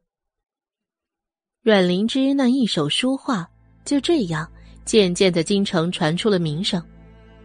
林姨娘大概是终于看清楚了，阮静林不论怎样都改不了性子了，于是把目光放到了自己身上。她是欣慰的，阮灵芝睁着自己那凝脂一般的玉手上，大拇指、食指、中指跟无名指的指尖上，那明显纹理深了一些的指尖。那是他日夜勤学苦练的成就。紫月心疼的安慰：“小姐，你就是把自己逼得太狠了。”阮灵芝眼神空远，无所谓的说道：“不狠一点儿，怎么能有人看得到呢？”他像是反问，但紫月知道这不需要自己来回答。小姐只是太苦了。他心疼的叹息一声之后。继续说道：“哎，这次北狄人真的是太野蛮猖狂了，在咱们南庆的帝都敢这样目无王法。”阮灵芝眼睛扫他一眼，到底还是见识浅薄了些，解释道：“这些连小打小闹都算不上，你担心什么？何况南庆与北狄连续征战了两年，虽然没让他们讨到便宜。”到底我南庆也损耗了不少。如此下去，到底不是长久之计。如今南庆北狄和谈在即，忍让他们点儿又能怎么了？左右不过是一碗米钱而已。小姐说的是呢，是奴婢目光短浅了，还是小姐思虑的长远？难怪满京城的小姐夫人们，都夸赞小姐懂事识大体呢。紫月恭顺道：“阮灵芝看了他一眼，笑了笑，没再说话。紫月越看他家小姐越好看，这么明媚的姑娘，满京城里满打满算也找不出来几个呢。”马车里静默无语，越发衬托的长安街头热闹喧嚣。阮灵芝蓦地想起那天北狄王子进京时候的场景。那天，夫人带着他们几个姑娘从城外广佛寺上香回来，那长长的队伍竖着锦旗，锦旗上面不是南庆的黑字，而是一匹简笔的孤狼。孤狼傲乌，仰天长啸，仿佛要吼破苍穹。只是远远的看着，就让他泛着深深的寒意。那个衣领翻着灰色狼袄皮的青松少年。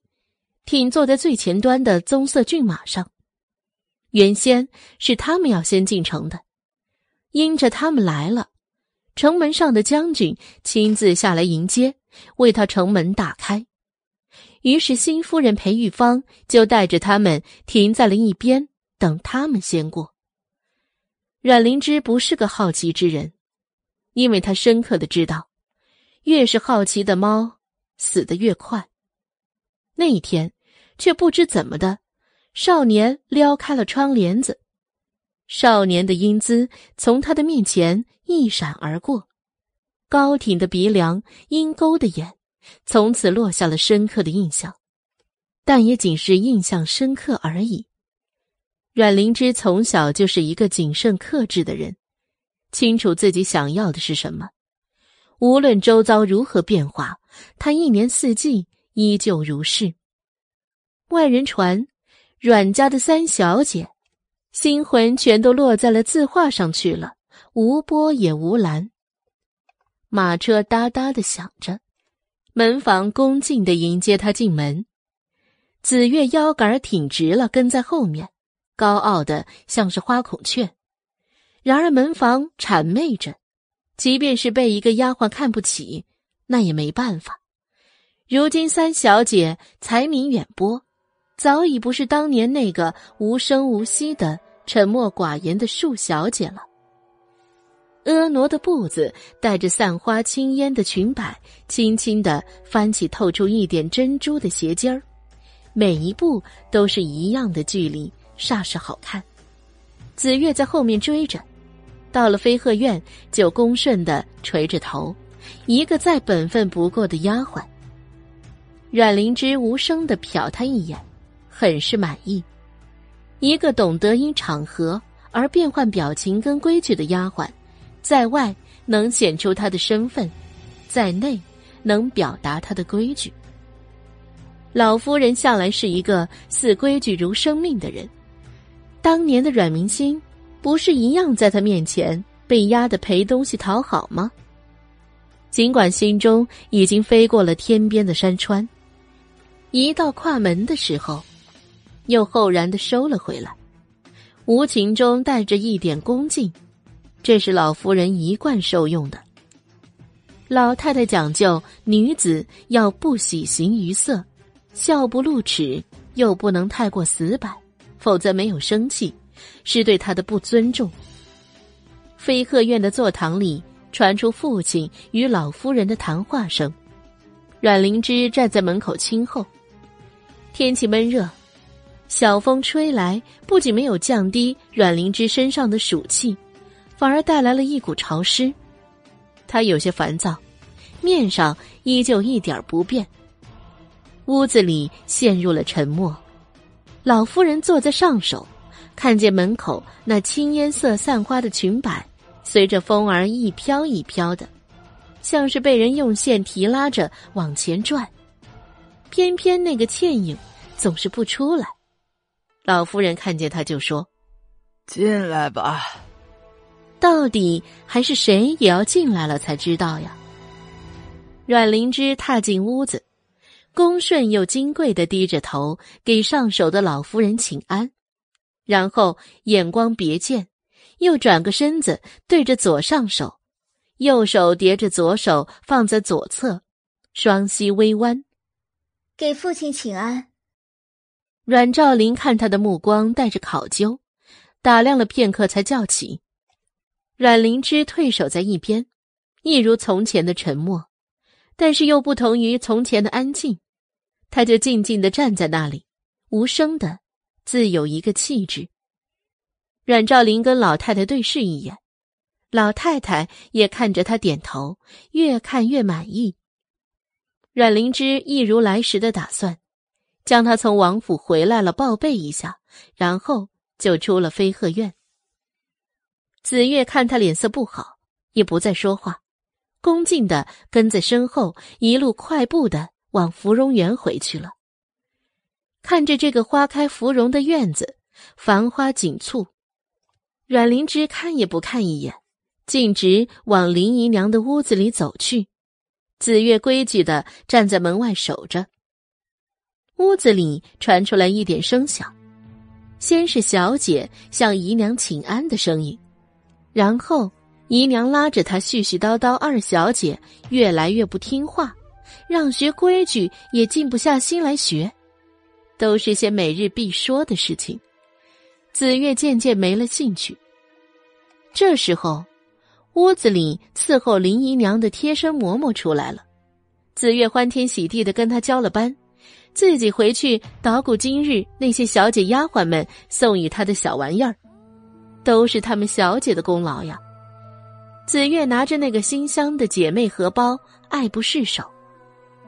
紫月走后，林姨娘的屋子一反之前的唠叨。阮灵芝那本就面无表情的脸，更是沉的声音都要滴出水来。林姨娘听着他的话后，连水杯差点都端不稳，落到地上了。还是阮灵芝眼明手快的给接住了，放回桌上。你说的可是真的？林姨娘不可置信的再确定一遍。这个消息对他们母女来说，可真算不上是好事啊。以前自不必说，眼下阮灵芝已经有了名声，她作为母亲可早就有了谋划。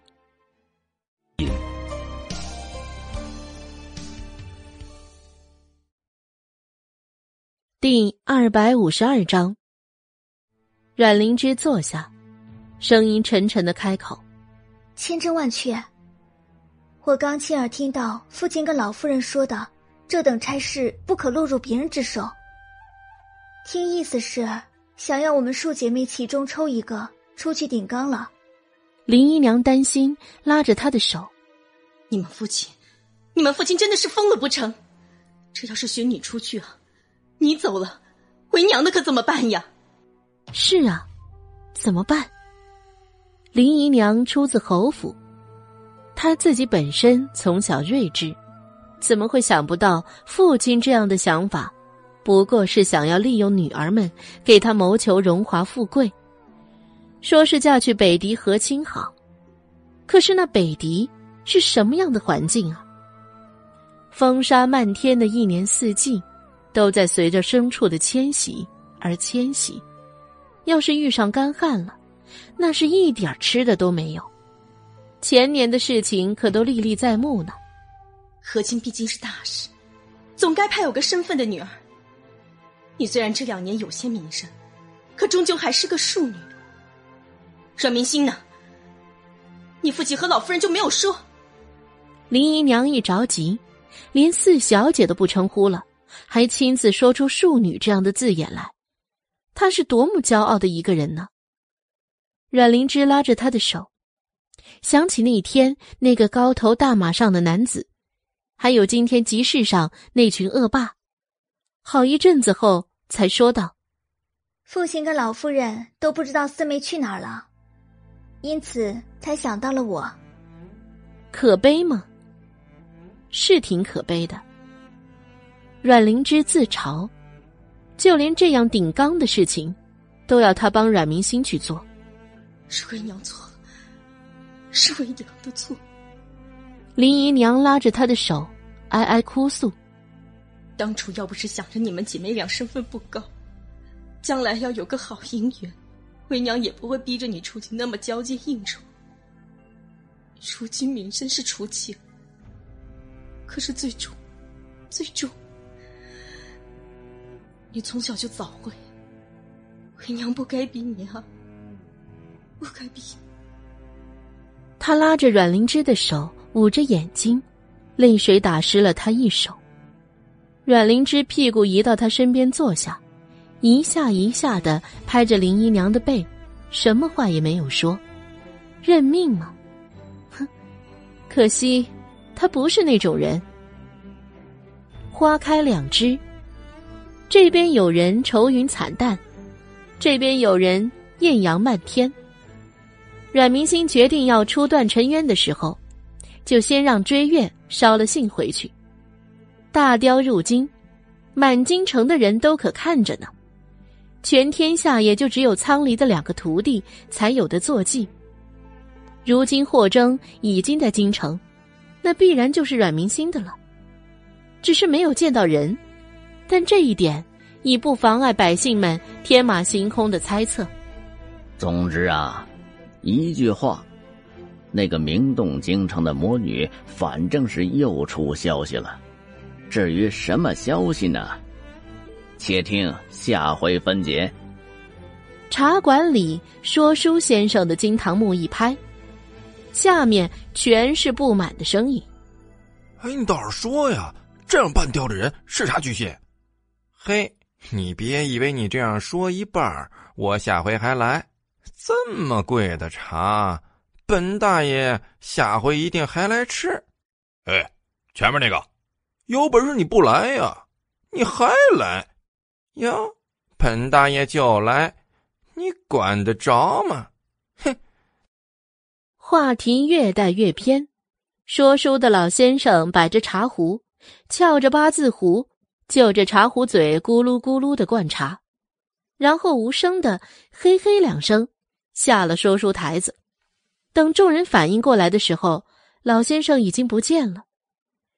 当然，这是民间，百姓们顶多也只能听一个热闹。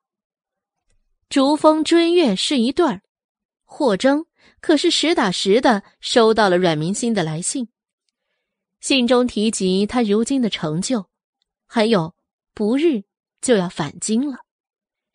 霍征甚是高兴。立即就将这个消息亲自告诉了凤家的几个爷们儿。这三年的苦守，他们早已关系匪浅，在凤家人眼中，这霍征已经是半个自己人了。当然，除了像霍征、凤府这样直接得到消息的，还有些聪明的，譬如龙逸轩，就是一个脑筋十八弯的人。那日。白色大雕进城，他可是亲自看见的。虽然没有见过阮明星的雕是长什么样子，奈何他见过霍征的呀。听说这对雪雕是一对，且外面把他跟他的雕传得神乎其神，龙应轩想要猜不到都难呢。于是，他也静静的等待着他的归来。日子过得晃晃悠悠的，在焦急的人心中，总是觉得他怎么走得这么慢呢？南庆的气候潮湿，尽管是夏天，小风中也带着一股湿气。北狄的许多人都不习惯，包括北狄王子向宗光。龙腾派已经十七岁、性情温和的三皇子龙以沫接待向宗光。奈何北狄王子前些日子一直水土不服，猫在驿站里一直不曾出来。这日，天空艳阳高照，万里无云。龙以沫想着北狄王子来京城也有一段时间了，于是才邀请他到城北的皇家园林狩猎。北狄可是游牧民族，向来是马背上生活。龙以沫这一提议，顿时引起了向宗光的兴趣，于是整装出发。一行人出城的路上，引起了不少人的注意。以向宗光为首的北狄男儿的硬朗雄壮，南晋儿郎以龙以沫为首的文雅俊朗，一时间迷得长安街上的行人都让道驻足围观。龙以沫是已经习惯了。北狄人或许是想要表现他们的英姿，高俊的大马上笔挺英姿，马鞭一甩，率先冲出了城门，非要缠着跟出来的龙思远不甘落后。他正是好动的年龄，也一大马屁股跟了出去。儿郎们个个豪爽，龙以沫自然不会拘束，与龙以川对视一眼，也冲了出去。然后一行人扬起浩浩荡荡的尘埃，跟随在身后，轰隆隆的像是龙卷风。还没跑进林子，一声长鸣就引起了众人的注意。一行人全部仰天长望，一只雪白的雕，身体庞壮，在天空扑扇着翅膀，一起一伏就是数丈之远。这场景对这些皇子来说。真是有些眼熟。三年前，小魔女入京，好像就是如此。向宗光却是第一次看迷了眼。虽然北狄经常养雕驯雕，但是这样的大雕在他们那里，可还从来没有见过。项王子，如此巨鸟，不若把它射下来。我，我们兄弟们今晚加餐如何？这样大鸟，想必肉质一定肥美。龙思远看着那只巨鸟，眸光乍然亮起。当年的事，他可是清清楚楚的记得。说话的时候，龙思远用马鞭指着那天空巨鸟，想也没想就说出来了。只是出口的话到一半，转了一个弯。龙以沫有些蹙眉的看着他，龙思远可不管他，看着自家亲四哥，调皮的吐吐舌头。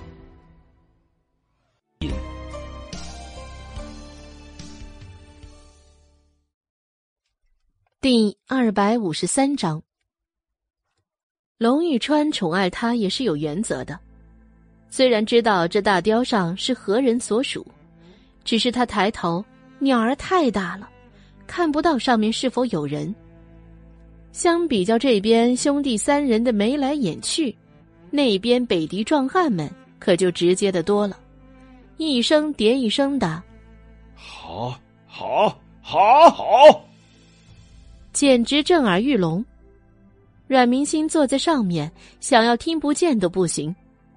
他低头看着下满的那群蝼蚁一样的小人，和那穿红衣服的小鬼，还是他挑事对吧？还有那个高鼻梁、厚嘴巴、鹰钩眼，穿着身着胡服的对他拉弓射箭的男子，哼！阮明星轻轻的拍了拍追月的脖子。像是他能听懂他的话一般，问道：“追月，怕不怕？”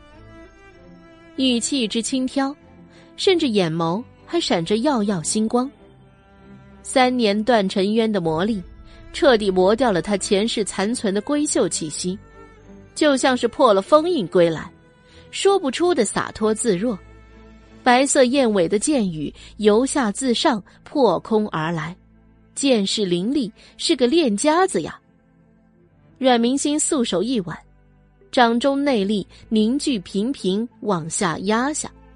刚才还势如破竹的剑雨，就如同跑到山坡底下，往山坡上爬到一半就没气儿的乌龟，龟头一缩，咕噜咕噜滚下去的速度，比他上来时不知道快了多少倍。向宗光直直的看着那个射出去。还没触碰到的剑，又原路更快速的返回了，赶紧勒马散开。剑尾着地插入土里，仅剩下的一个锃亮的、闪着铁光的剑尖冒出土面。这还不止，那个天上的大鸟开始俯冲下来，吓得骑马的士兵们赶紧躲开，然后一直紧随在后的华盖马车瞬间被雪雕的翅膀一扇。变成了一堆废木头，谁也没看清这个鸟儿到底是如何将它撞破的。龙思远脸色大变，指着天上就要破口大骂，有人却比他更快了一步。悠悠的声音带着一股独特的清冷，从前面落地处传来。看来是有人没有记住教训，看见这大雕不知道是谁的，是吧？说话的声音有些耳熟，又有些陌生，听不出男女。话语不紧也不慢，吐字清晰，就像是一般人寻常聊天，却又带着一股说不出的清傲威严。你，龙思远气炸了，他指着他，就是看不惯他这么横行霸道。当年如此，现在还如此，他真是没有闺秀闺仪呀。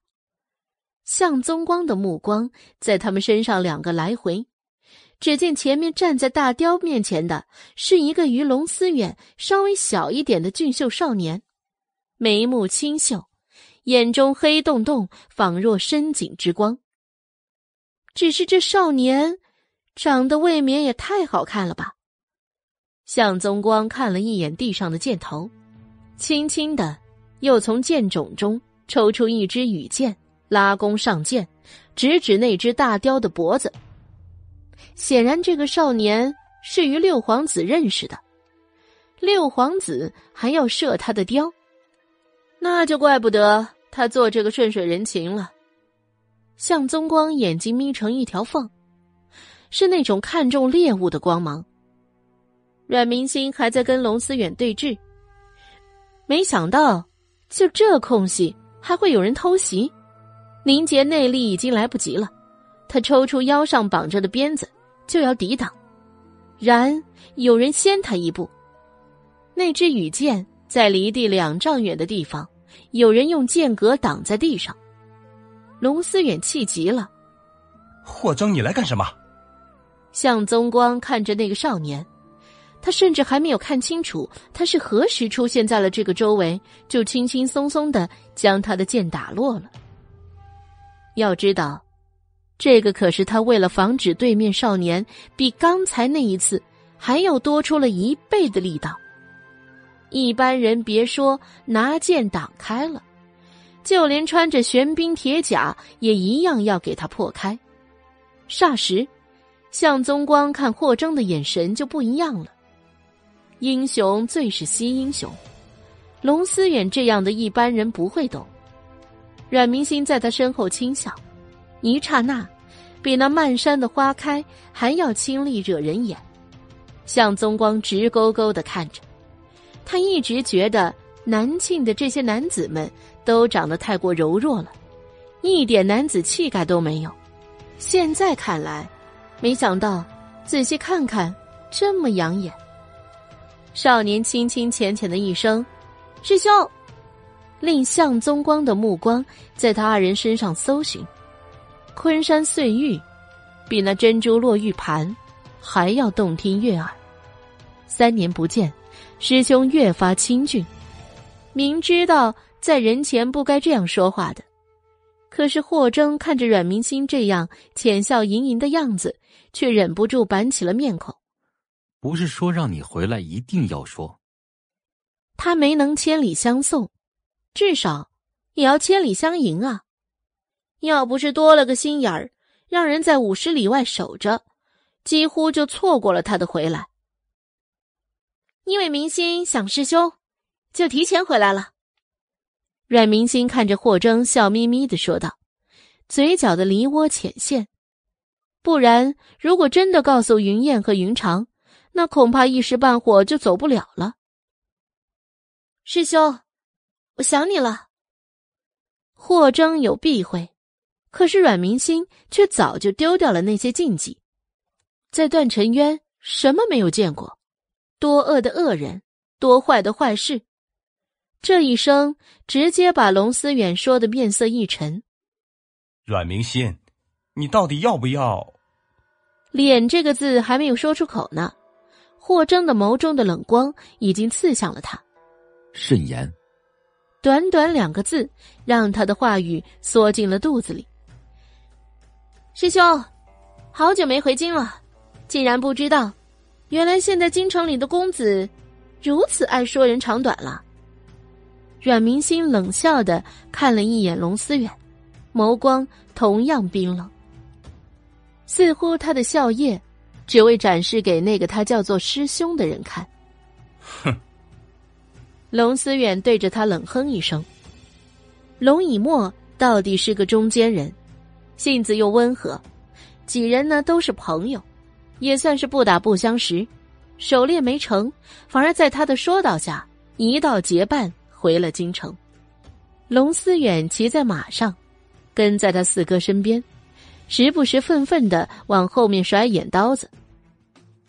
阮明星只做看不见，于是龙思远更加气愤了。向宗光看到后，开玩笑问阮明星：“六皇子，这是嫉妒看你不顺眼呢？”阮小弟，你可要小心了。阮明星笑哈哈，哈，不用管他，他这是眼馋我的追月，得不到的就想要毁掉，小孩心性罢了。向宗光狐疑的在他身上来回扫荡几眼，这个明显比六皇子还要瘦小的身板阮小弟看起来都是老成啊。阮明星继续笑，在外多闯荡了几年，向兄过奖过奖。向宗光见从他这里套不出什么话来，于是将话题抛给一直在阮明星旁边沉默不语的霍征。霍兄弟，与阮小弟是师兄弟。霍征点头，正是。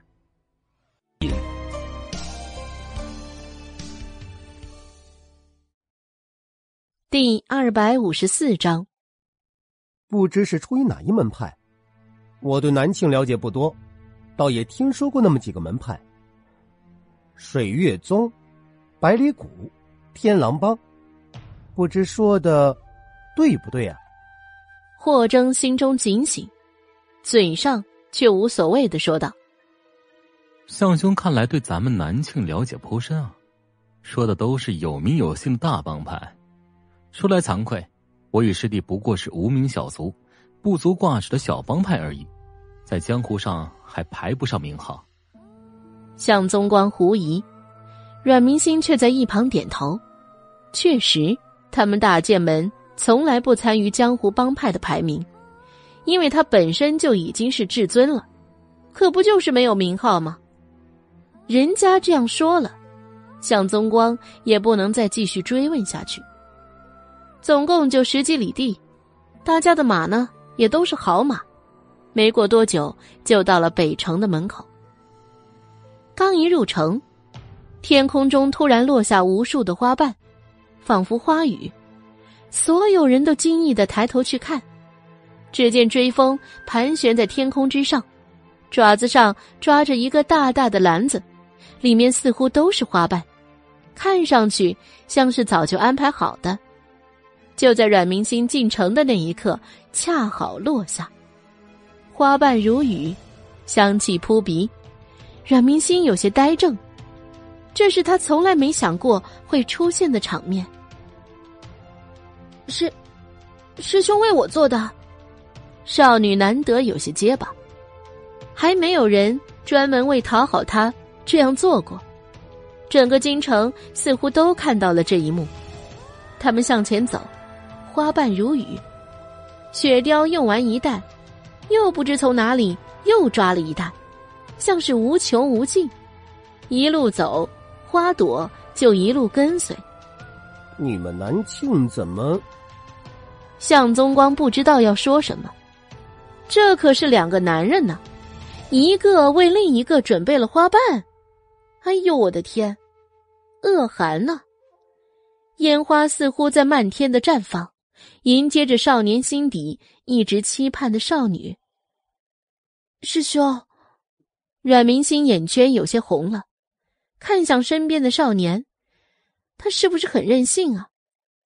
当年不懂珍惜，如今重新来过了，似乎还是没有他用心。我准备这个可不是为了让你哭的。霍征笑了笑，帮他轻擦了脸上的泪痕。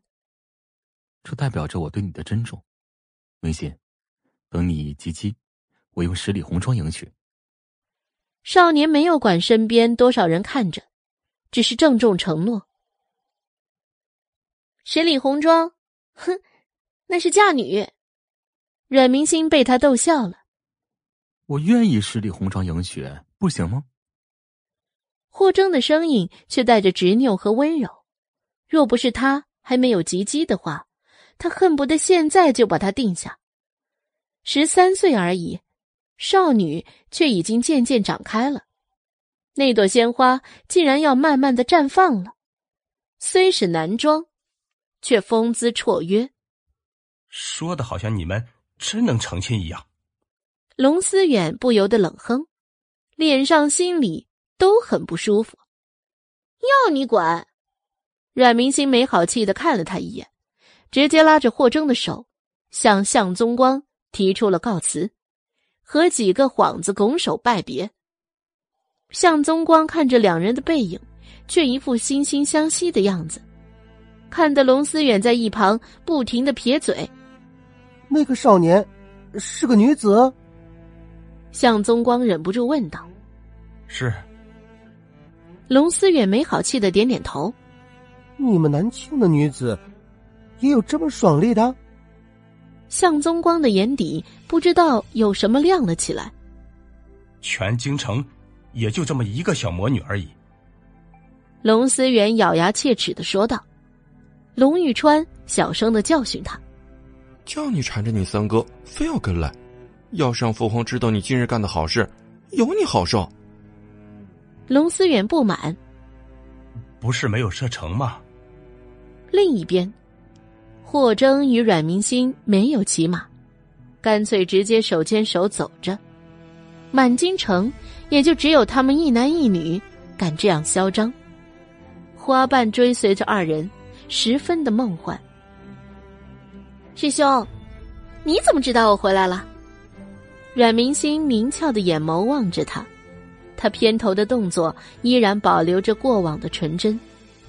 霍征看着这样一身劲装的他，做着如此娇艳的动作，竟有一丝晃神，好一会儿才说道：“虽然在城外看不到，不过，你不是早就给我传过信了吗？”信，阮明心奇怪：“我除了那一封让追月捎回来的书信，就没有再传信了吧？况且，也没有写何时归啊。”阮明心看着霍征。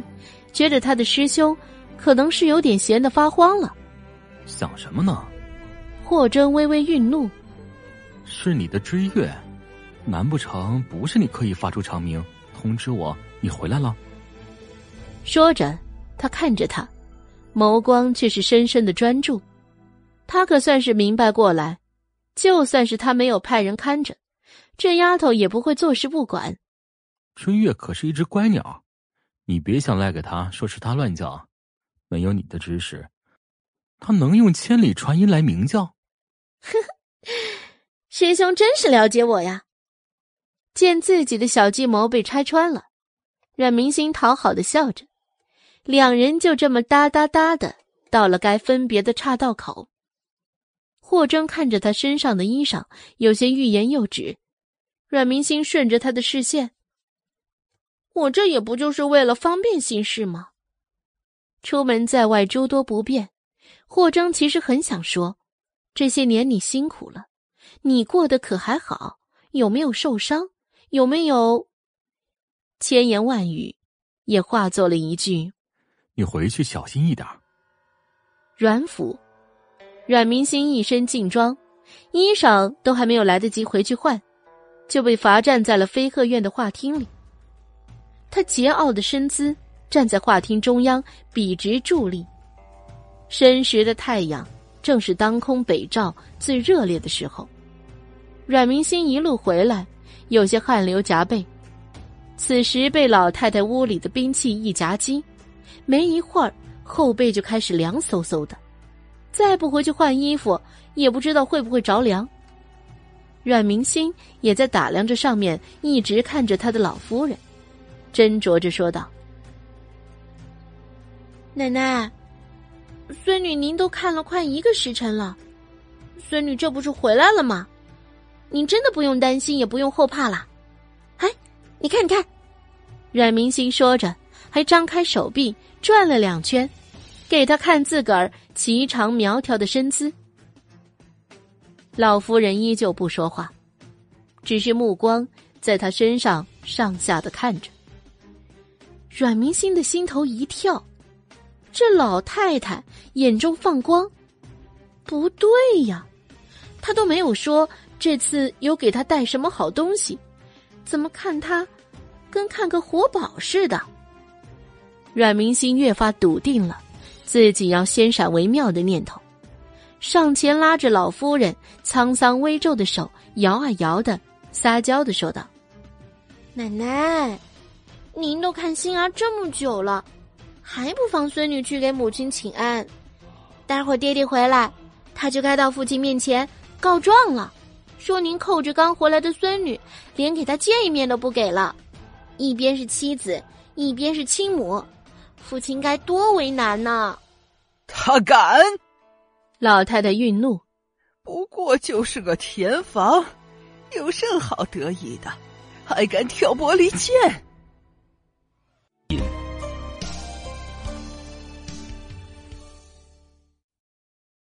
第二百五十五章，裴玉芳刚好走到画厅门口，就撞上这么一句，顿时一个眼刀子甩到阮明星的身上，阮明星就跟后脑勺长了眼睛似的，明明还亲亲热热的拉着老夫人撒娇，嘴巴里却说道：“哎呀，说曹操，曹操到，奶奶您看，可不就是母亲着急了吗？这不都亲自来了。”真是做女儿的不孝，竟然劳烦母亲亲自过来看望我。他拉着老太太的双手不放，只不过堪堪的转过一点身子，给她一个侧脸，那眼角的余光闪亮亮的，像是斜面。裴玉芳气得一个倒仰，老太太也顺着他侧开的身子看过去。裴玉芳站在门口，背对着光。看不清脸上的神情，只是他都看着这么久了，那媳妇还不上前来给他请安，再加上刚才阮明星的铺垫，顿时语气就不好了。老二媳妇，你杵在那里这么久不动，可是来等着明星去给你请安呢。我这老婆子虽然老了。可是还没昏到跟自己的孙女都说不了几句话的地步，你这么急急忙忙的赶来是什么意思？裴玉芳阴阴的瞪了阮明星一眼，才恭敬的回话道：“母亲误会了，媳妇只是听下人来报四小姐回来了。作为母亲，总是要过来关照一下她新回来的一切事务。再有，也是过来给母亲请安。”老爷刚才派人回来回话说，今晚明星回来了，家里要给他摆个喜晨宴。儿媳过来请示母亲，是否安排在飞鹤院，也给母亲热闹热闹。老夫人冷淡的看着他一眼，说道：“既然是老二的主意，就这样吧，你下去准备。”是。裴玉芳府礼告退。临走前，狠厉的剜了阮明星一眼。阮明星无所谓的耸耸肩膀，回过头来继续看着老太太笑。奈何老太太这回却不买他的账了，直接一把甩开他的手，说：“你看看你，你看看现在像是个什么样子？”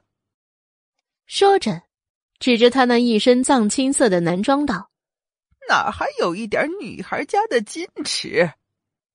阮明星吐吐舌头，继续撒娇：“奶奶，我这不是出门在外这样方便吗？何况师傅也是准许我这样穿的。他当初是借着大剑师的名义走的，如今回来，大剑师的名头一出来，老太太一口气哽在喉咙，没了地方发泄，看他的眼睛都恨不得把两个眼珠子瞪掉了一样的狠。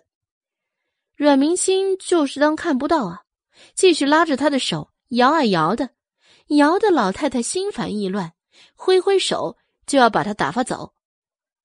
阮明星高兴的脚步轻快，如同在地上飘，就要出去。等等，但是那刚要踏出去的脚还没落地，就又被叫住。阮明星悻悻的收回腿，回来乖乖的站好，那个心里就如同是霜打了的茄子，面上。还要维持依恋的笑意。老夫人观察了他一番，神色还好，想着还是要提前给他说说，不然万一等待喜成宴的时候，一家人都在一起，阮明星一闹起来，到时候他跟老二的面子都抹不开。于是这回换了老太太拉着他的手不放了。不知道为什么，阮明心。就是一阵恶寒，无事献殷勤，非奸即盗。他也不说话，静静的等待着老太太吩咐。你看，如今你年纪也不小了，从小刚回家里的时候就要强，十岁就开始管家，如今也是十三岁的大姑娘了。是该考虑嫁人的终身大事儿了。老太太语重心长的说道：“你娘不在，祖母就是你的依仗。如今北狄与南庆正是和谈时期，北狄王子高大英俊，亲自来咱们南庆求亲。祖母有意将你引荐给太后，让太后收你为义女，册封公主。待嫁到北狄。”你就是王子妃了，你觉得好不好啊？阮明心脸上的笑容又一瞬的僵硬，很快又放松，笑着道：“奶奶忘了，皇上给明星赐了圣旨的，不干涉明星的婚事。”老太太不死心，自古以来都是婚姻大事，父母之命。媒妁之言，哪有自己决定的？你在外面待久了，难不成世家小姐最基本的规矩都忘了？孙女没忘。阮明星倔强，然后又缓了身子，软了声音：“孙女只是不想嫁去北狄，那样离奶奶就太远了。孙女以后还要好好的孝顺奶奶，孝顺父亲呢。”老夫人有一瞬沉下脸，很快又恢复了。和亲是圣举，是举国欢庆的大好事情，各家各府的小姐都要做好准备。莫说是你了，北狄王子看中了，连皇上的公主也一样都要去和亲。你为国考虑。想想你父亲一辈子为国操劳，你外公一家守卫南庆辛劳。老太太说到这里，语气陡然严厉：“和亲是你身为一个阮家女儿的责任，莫要推三阻四，回去好好准备吧。”阮明心，阮明心撅着嘴，一万个不愿意表现在脸上。挣扎了又挣扎，然后在老太太威逼的目光中，终于缓缓的点头。老夫人这才满意了，放他离开。阮明心行礼，转身出了飞鹤院，脚步轻快的往湖心阁走去。一路上，他的表情春风化雨，连太阳烤着都觉得不枯燥，满满的用不完的劲儿。哪还有刚才在老夫人面前的纠结？素兰、素竹、百灵接到阮明星的时候，就是看见他这副愉悦到走路都带风的表情。几个人，你看看我，我看看你，对视一眼后，请安问礼，都跟着阮明星往回走。看着周围一路的假山流水、楼阁树木的，在外谁也不多嘴。阮明星见他们这样。心情越发的好，有种武家丫鬟终于长成的自豪感。虽然这个家真心不怎么样，可是回到这个熟悉的环境，真心有种说不出的放纵和自由。阮明心透过那些下河，看着越来越近的湖心阁，发自内心的高兴。内室，百灵正在伺候阮明星沐浴，他才刚回来。还没走到湖心阁，就被老太太那边给截胡过去，站了半晌，又演了半天的戏，身上黏腻腻的，难受死了。虽然有冰块纳凉，可说到底，浑身的汗渍去不了，总觉得身上不干净。一回来就要了水洗澡。百灵与他有种不一样的主仆情谊，立刻见着自个儿小姐这么高兴。好奇心又按捺不住了。小姐临走前有嘱咐，她不在要好好的看家呀，不要整天乱窜，惹是生非。别说她了，就连英子都收敛了起来。这会儿，终于有八卦了，又遇上小姐好说话的时候，怎么能放过呢？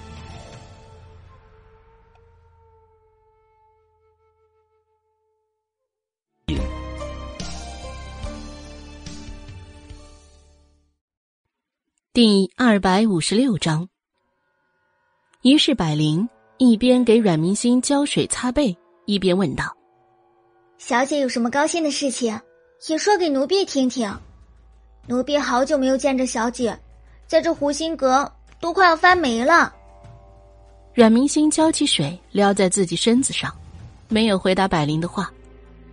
室内顿时除了水珠落入澡盆里的滴答声。一片沉静。阮明星看着浴桶前面牡丹花的屏风，上面挂着待会儿要穿的石榴缠枝纹的银红色的衣裳，眼神有片刻的空洞恍惚。回忆起前世，也是这么一段时间的纷扰。那时候，他已经懂事了，在府内做着一个真正大家闺秀们的沉静、绣花、读书。偶尔参加一些宴会，往事追忆，那段时间可真够乱的，人心惶惶。北狄借着瘟疫与南庆开战了，凤家儿郎牺牲了，明明是胜了的，由于后备不足，南庆非但没有乘胜追击，反而如同这辈子一样，接受了北狄的议和。虽然他当时已经伤透了外公的心。可是依旧为着舅舅们难过。听说这外面那些一天天提上议程的和亲，阮明心的心里憋屈的慌。所幸皇帝们的公主适龄的就那么几个，一个个都哭着吵着不要嫁，最后也没能和亲，用了更加稳固的邦交之策，质子。北狄王子没想到，自己来娶亲的，会被困在南庆的这个都城里。而前世那个默默无闻的七皇子，最终被做了牺牲，代表南庆的质子被推去了北狄。待会儿就是洗尘宴了，老太太一定会把她拒绝被公主顶替和亲的事情跟阮兆林说的。想想阮明心的心里就有些烦躁，越发沉静，不想说话了，就连自个儿浇水的动作。都没了。百灵见他这样一副有心事的模样，眼珠转了转，说起这几年府内的情况，让刚回来的阮明星迅速了解，以至于到时候不会抓瞎。说完府内的事情，阮明星已经沐浴完毕，百灵服侍他换衣，直接去把四折大红花开牡丹瓶上的衣裳拿了下来，服侍着阮明星穿衣、擦头发。然后细细的梳头上妆。等到阮明星带着百灵素竹出去赴宴的时候，天已经黑了。曲曲折折的五廊下已经挂起了红灯笼，两排过去看着还颇有些喜庆。他已经好久没有看到这么色彩鲜艳、明亮、有人气的夜晚了。裙摆翩跹，有小风徐来。伴随着夏日的阵阵花香，那年他一个人站在窗前也是这样的。那个人忽然就从黑夜里踏水而来，百灵见着明亮的红灯笼映衬着他家小姐的脸蛋儿，越加的莹润，漂亮的脸部线条简直天下再也没有比她更好看的了。大大的眼睛水润润的，像一汪深井，令人忍不住的沉浸其中。微微勾着的嘴唇，露出的牙齿都被灯光照得朦胧的有些许红，暖洋洋的，看着她仿佛心都柔软了。素竹轻挑了百灵一眼，静默的跟在阮明星的身后。百灵对他笑了一下，进到飞鹤院，三个人的表情立刻就紧绷了，一丝不苟。阮明星的嘴角放了下来，眼神也沉静了。看着就冷冷清清，哪里还有刚才的温暖？百灵几乎就以为刚才是自己的错觉，不过也立刻就绷紧了神经，跟在素竹的身后一步不错。话厅里，白侧夫人林姨娘等人已经到了。阮玲郎几年下来，清瘦消沉了不少，不过依旧端着姿态，在老夫人身边孝顺着。他早已经及笄了，到了说亲的嫁人的年龄。见着阮明星，对他微笑着点一下头示意。反倒阮静林三年的时间渐渐长开了，从前看着总有一股子林姨娘的那份瓜子脸的刻薄，这些年骨子越发深刻了，有种惑人的妖媚。围坐在老夫人的另一边，说着讨巧的话，见他进来，连眼神都不瞟一个。阮灵芝自是不愧对她才女的名声，依旧是清清冷冷的一个人。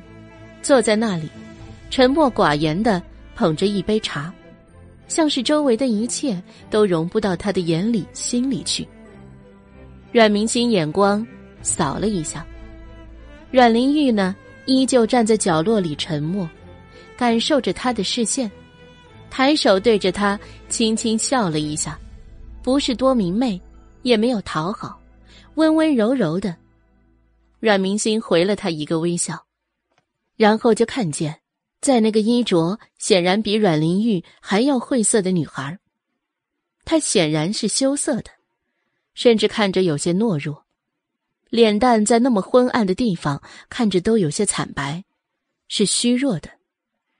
阮玲玉站在角落里，可至少来人进来扫一眼，还能够看见她。阮清离就要比她还要靠后了。身子几乎隐藏在了阴影里，生怕被别人看到。见到阮明星看见他，就跟个小兔子似的，诚惶诚恐的看着他，眼睛一眨一眨的，无助的看得人心疼到恨不得将他捧在手心里。心脏骤然疼了一下。阮清离，他们两个又见面了。前世。阮明星也确实是将他护在羽翼下，现在想来，真是佩服当时的自己，自己都过得囫囵吞枣了，还要保护她这么个柔柔弱弱的姑娘，而最后人家却将她踩在脚下，哼，真是可笑之极。是呀，多么可笑！比起龙逸轩，其实更应该恨的，就是他了。因为他是从小那么护着他，结果护着他狠狠的捅了自己一刀。阮青离是彷徨的，他第一次见到这样光彩照人的女孩，明明什么话也没有说，周围却自带一种气场，谁人都不敢靠近他，甚至他都不知道阮明星都没有看到他。毕竟他只是目光往他这边扫了一眼。他有些羞涩又无助的拉了拉裙摆，视线内，他看着这个刚归家的嫡女往前的背影，盈盈的扶礼。她上身是笔直的，裙摆在地上轻轻的一点褶皱。周围的人对她甚是冷淡，就连老太太都看着她久久没有叫起。阮清离进府两年了，深深的知道，这看似简单的府礼。时间久了，是多么的遭罪。可是那个女孩，却连脸色都没有改变一下。老太太对她对视，像是终于败下阵来。然后女孩不紧不慢的起身，每一分每一个细节，衣褶子都在诉说着她身为狄小姐的优雅。阮清离看着她的目光，就像是放了光，带着热切。入席的时候，脚步就不受控制的要往他身边走过去，而后被他身后的蓝衣裳兰花纹梳着元宝髻的丫鬟拦住了。阮清离这才醒悟过来，坐回了自己最末角的席位。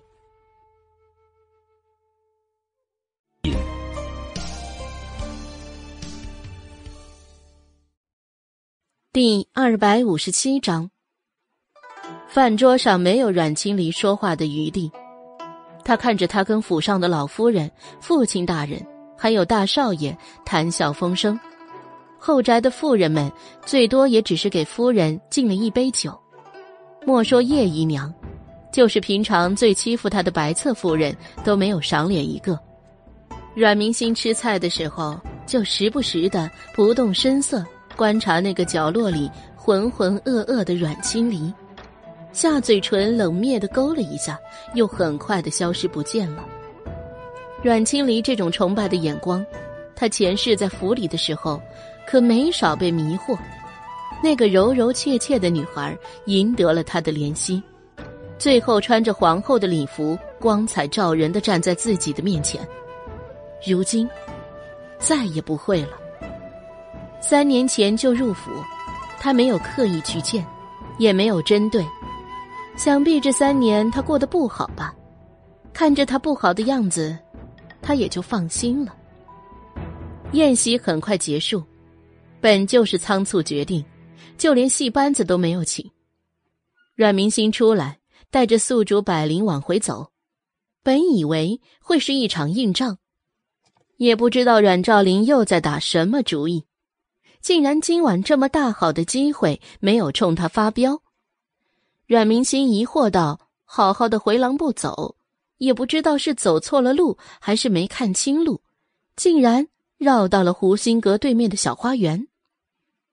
小花园里可没有凉亭石桌，唯一的亭子可都在水上，周围也没有一个路灯照探。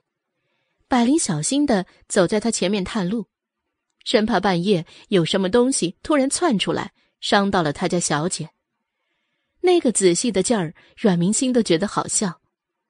段尘渊遍地的毒蛇，他都见过了，好吗？还有那些食人花凶猛的恶兽，如今还有什么是他好怕的呢？不过看他那紧张的模样，阮明星也不点破，被人关心的感觉啊，恋恋不舍。突然，百灵像是发现了什么，立刻制止了阮明星前进的步伐。他们前面是一座假山，山体偏高，绕过去就是临水的一条平坦小道，围绕着湖心阁前面的大湖。平时没事的时候，阮明心最喜欢的就是围绕着它散步。而现在，那个假山前面的小道上，好像传来了争吵声。百灵看着他，又看看素竹，最后目光定在了阮明心的脸上。小姐要怎么做？您一句话，小的马上冲出去的表情。阮明星笑了一下，抬手缓缓的往下压了一下，示意他不要出声，跟在他自己的身后。阮明星打头绕过去，远远的看着那个争吵的几个女子。其实也不算是争吵，阮静玲带头的单方面的辱骂那个一直低着头的女孩。女孩的身高不高。头一低下去，就只到他下巴的位置，靠在假山边上的身影就清晰了。阮静玲的手戳着那个衣着晦涩的女孩的额头，骂道：“别以为四妹回来了，你就可以攀高枝了。人家四妹是狄小姐，看得上你这个烂货。你以为你那星星眼就可以将她迷惑，让她站在你这边了？哼，别做梦了。”人家可清高着呢，眼睛长在天上，能看得到你这个穿梭在粪坑里的肮脏东西吗？百灵率先就忍不住了，骂那个野路子可以，把我们小姐带进来是什么意思？阮明星拦着他的手，示意别冲动。百灵深吸了一口气，来来回回好几次才缓了下去，就听见扑通一声。阮静林带着丫鬟婆子们扬长而去，在月光照耀下，黑洞洞的湖面上有黑色的涟漪一圈一圈的扩散开去。阮明星没动，百灵更是不可能主动出去。那女人虽然看着可怜，光是那身份就够恶心了，还要妄想着拖着他们家小姐与他同流合污。阮明星特地的。瞟了一下后面左侧边的宿竹一眼，沉默低脸，冷静的看着，然后回头，一直等到那湖面上的挣扎没了动静，才走出去。他就静静的看着湖面，看着毫无动静的湖面。小姐，宿竹有些忧心，阮清离可是掉进去了呀，但是阮明星却没有说话。这一幕。前世也曾经有过，那个时候是他救下的，没想到这一世，这件事之前竟然没有发生，偏偏又是在他面前出的事。救人一命，胜造七级浮屠。可是这个七级浮屠，他不愿意去造。良久，就在素竹和百灵都以为他不会出手的时候，你去把他提上来。阮明星的下巴直指着伫立在一边的百灵。凭什么呀？百灵不满，撅着嘴，鼓着腮帮子，看着一脸冷静自持的阮明星。阮明星看也不看他，淡淡说道：“路边的野狗要死了，还要施以援手呢。好歹是我亲妹妹，别让她给淹死了。要死也别死在我家院子门槛前。”百灵像是忽然懂了。深深的看了自家小姐一眼，就笑了起来，然后足尖一点，就往阮青离刚才扑腾过的地方飞过去，借助莲叶在水上来来回回捞了好几次，终于失去耐心，跳下水去，才在深湖底下抓住他漂浮的手，给提溜了出来，落在岸边围着的大石板上。皎洁的月光下，石板泛着隐隐的白，围绕着湖水一圈。像是照破人间一切妖魔鬼怪的镜子，而阮青离就是从那镜子中拖出来的女鬼，头发蓬乱，衣服紧贴在身上，在百灵的胸腔挤压下躺了好一会儿，才清醒过来。看见他醒过来，阮明星率先对同样狼狈的百灵说：“让他先回去换身衣服。”然后，才看向那个眸光盈盈看着自己的女孩。头发有几缕贴在脸上，衬托着她的脸色更白了。在这月光照射下，微弱光线的夜里几乎快要反光了。阮明星在他无助看着自己的同时，不动声色的打量他，然后说道：“快些回去吧，小心着凉了。”然后对身后的宿竹一使眼色，后者上前将他搀扶起来。在阮清离嘴唇冻得发抖的感激里，缓缓离去。谢谢四姐。少女的声音虚弱而感激，可是阮明清却没有回头。阮清离病倒了，这是第三天，阮明星来给老夫人请安的时候才知道的。当夜，阮清离回去，虽然素竹吩咐了婆子给她熬姜驱寒。吩咐找大夫，可是阮青离怕别人嫌弃她娇弱，又要被人说三道四，隐瞒了下来。结果喝了两天的姜汤也不见好。第三天，婆子来禀报说发起了高烧，整个人都被烧迷糊了。发烧了呀？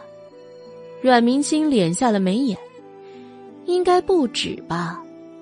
那可是夜凉如水的湖里泡了半天了，对女子来说，绝对是伤身的。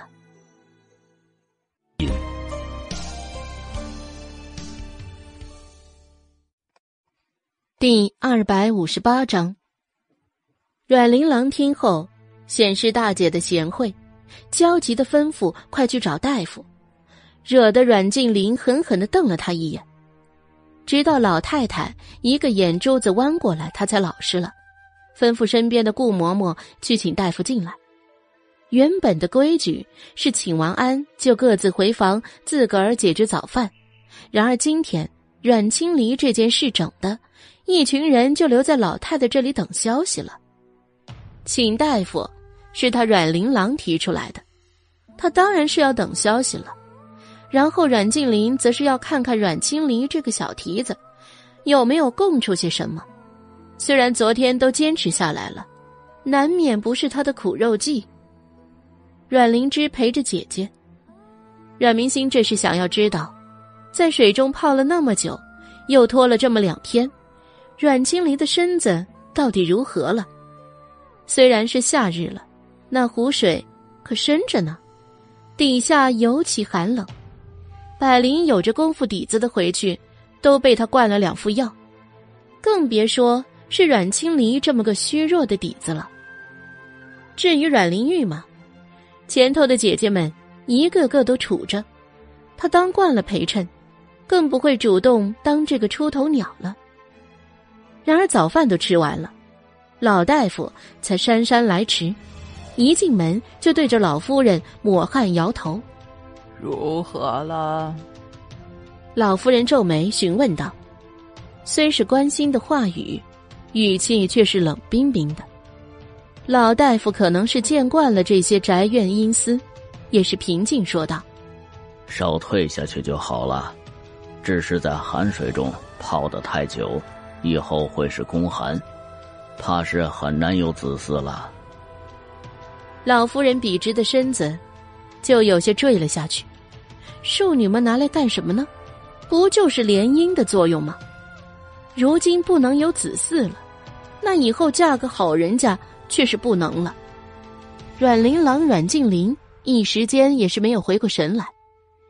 阮明星挥挥手，麻烦大夫给庶妹开药。尽量调理吧。大夫说了两句，也是摇头叹息着，背着药箱出去了。阮静林听见他的声音，率先回过神来，阴阳怪气的说道：“四妹妹倒是关心他。”阮明星坐下，微微一笑：“哼，都是同根生的姐妹，我也一样关心二姐的。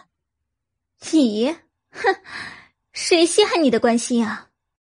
阮灵芝拉了拉包姐的手，抿着唇摇了下头。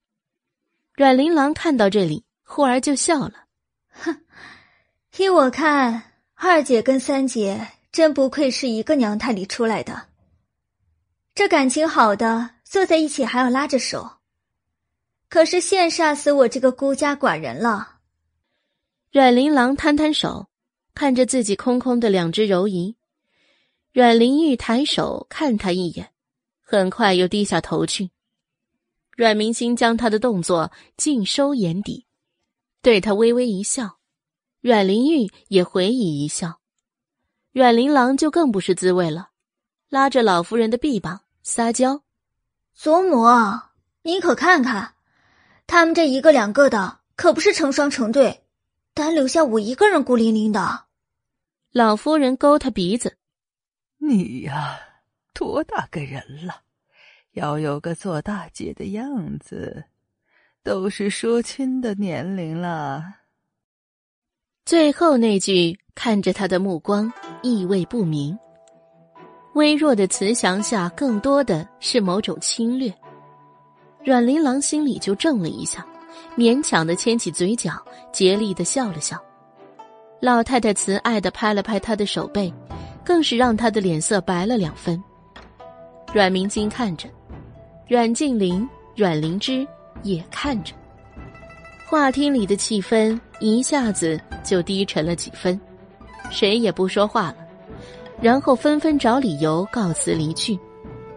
阮玲郎拉着几个姐妹来找阮明星，一起去看阮清离的时间是在五天之后。阮清离的病情已经稳了，烧也已经退了下去。几个人走进他的小跨院，就是一阵浓浓的药味传来。阮静林手捂着鼻子问：“嗯，不是说已经病好了吗？怎么还这么大的药味儿啊？”知道小姐们可都惜命，传染了可就不好了。婆子们也懂这个道理，弓着背上前来回禀说：“病是已经好了的，就是身子还虚弱的很，要好好调理一下。”接着就叫阮青离的贴身丫头把窗子打开，门也打开，散散味儿。阮明星一行人进去的时候，阮清离已经半靠在床头的银枕上了。本来就瘦的身子，这下整个人都瘦得脱了形，嘴唇惨白惨白的。看见阮静林的时候，本能的闪躲了一下，然后看着阮明星的目光就热切了。似是眼睛里有千言万语要说。阮静林正要讥讽，那光就灭了下去。阮静林一下子就被噎着了，重重的哼了一声。阮明星回来的当天晚上，就见识到了他对阮明星的艳羡和巴结。阮琳郎见他自己移开目光，当做看不见，亲热的坐下去，拉着他的手问东问西，无非就是冠冕堂皇的话。然而最终关于他如何落水，也没得出个定律。阮清离只一口咬定天黑路滑，自己不小心掉下去的，然后就被四姐姐身边的丫鬟撞见了，拉了上来。阮琳郎回首看了阮明心一眼，后者堂堂正正、正大光明的站着。于是又微笑着安抚他，好好调理身子。祖母免了他最近的请安，几个人又结伴着出去了。临走之前，阮明心再次看了一眼水青色帐子床上的那个女孩，暗淡无光的双眼，一对上他就忽的亮了。阮明心不做停留，走了出去。阮青离见人都走了。丫鬟们也不进来关窗关门，自个儿又不声不响的滑下被子，双手捏得紧紧的。那个水青色的蚊帐顶端有一块小小的破洞，不大，拇指大小而已，然而却已经跟了他两年了。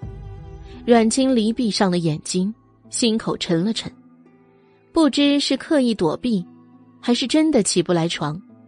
阮清离足足在他那西北角的小跨院养了一个月，才出来见人。请安的当天，老太太就沉了脸，也不知道是谁将她无法怀孕的事情传了出去。如今外面基本上谁人都知道了。阮青离依旧瑟缩在阮玲玉的背部，当着墙角的影子，沉默不言，头低得更低了。反倒是近段时间，阮明星觉得阮灵芝看着自己的目光总是怪怪的，说不出个所以然。他又一向安静，阮明星跟他对视了几次，都被他错开。想着前世，阮灵芝是阮府内为数不多做了正头娘子，还将相公压得死死的，阮明星就对他刮目相看。只是前世里。这一直是个闷葫芦，如今是受了什么刺激了，竟然将自己的才学展示于众人身前。于是，但凡有邀请阮灵芝的聚会，阮明心也欣然前往了。然后，阮家四小姐归京的名声，人人得知。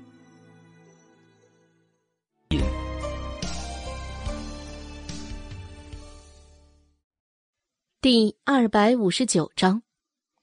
因着这样，九公主知道阮明星回来之后，缠着皇后出宫来找了好几次阮明星玩耍。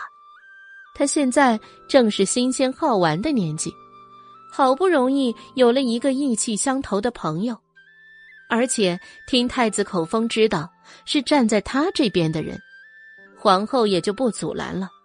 相反，在这次为了南庆跟北狄促进和谈的宴饮上。还破例亲自下旨邀请了阮明星来参加。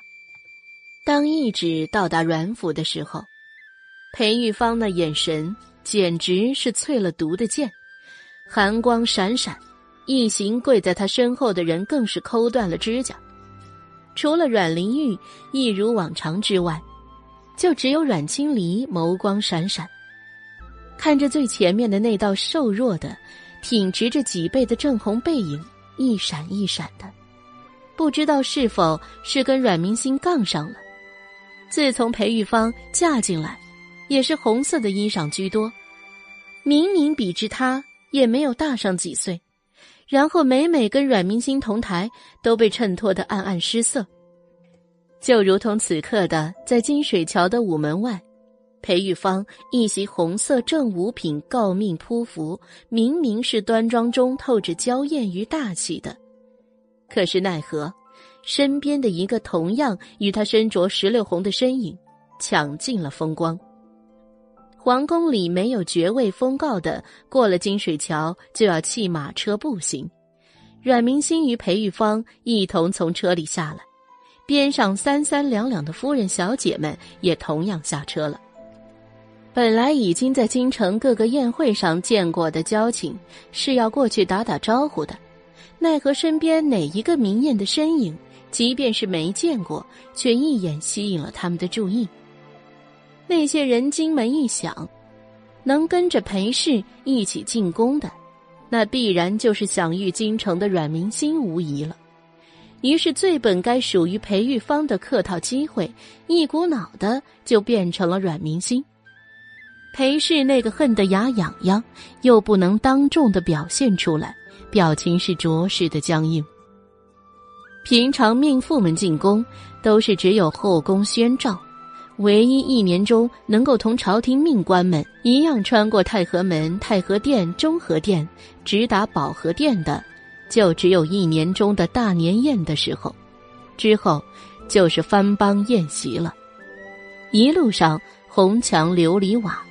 道路不像后宫的巷道，三丈高的不见天日的高墙。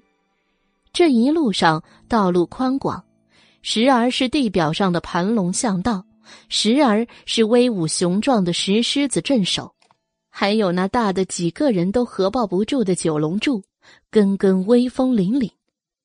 命妇们一年中能进来的机会有限。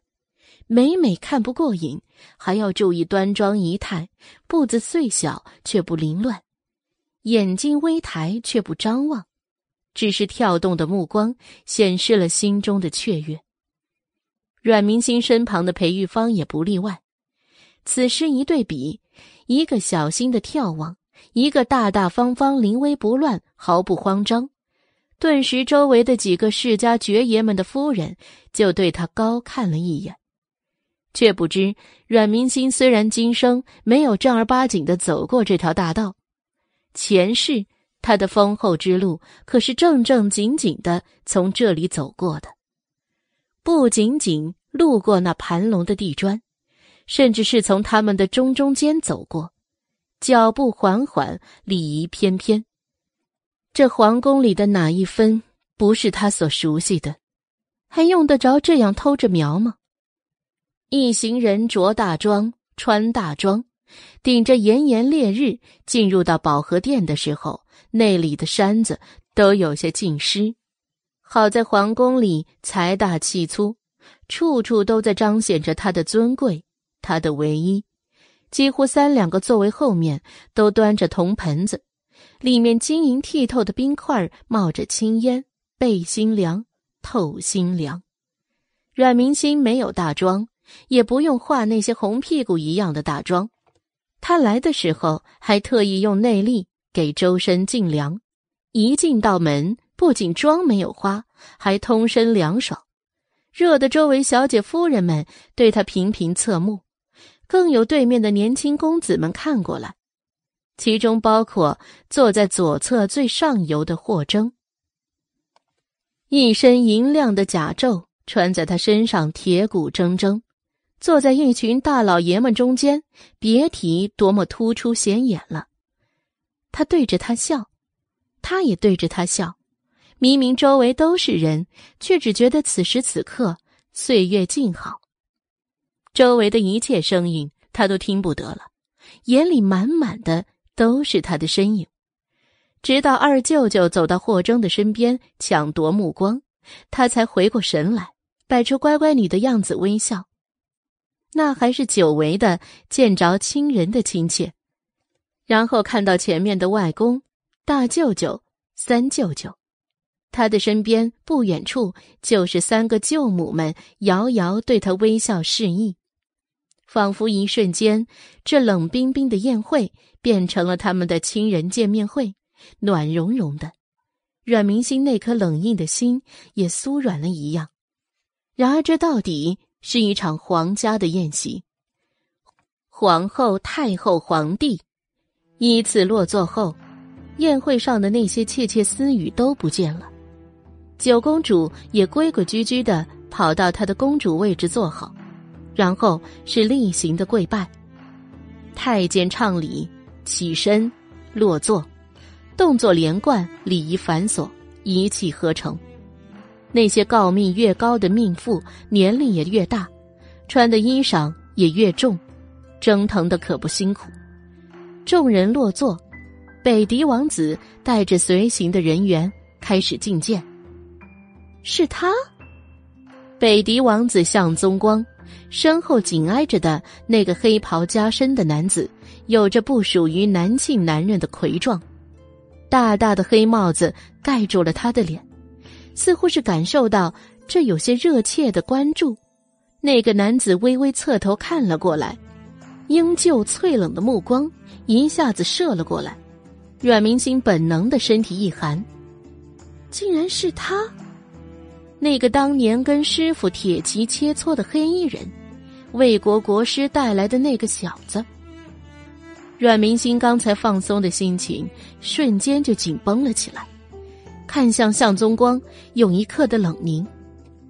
时光在那个男人的身上没有留下过多的痕迹，当年他藏头藏尾，如今也是。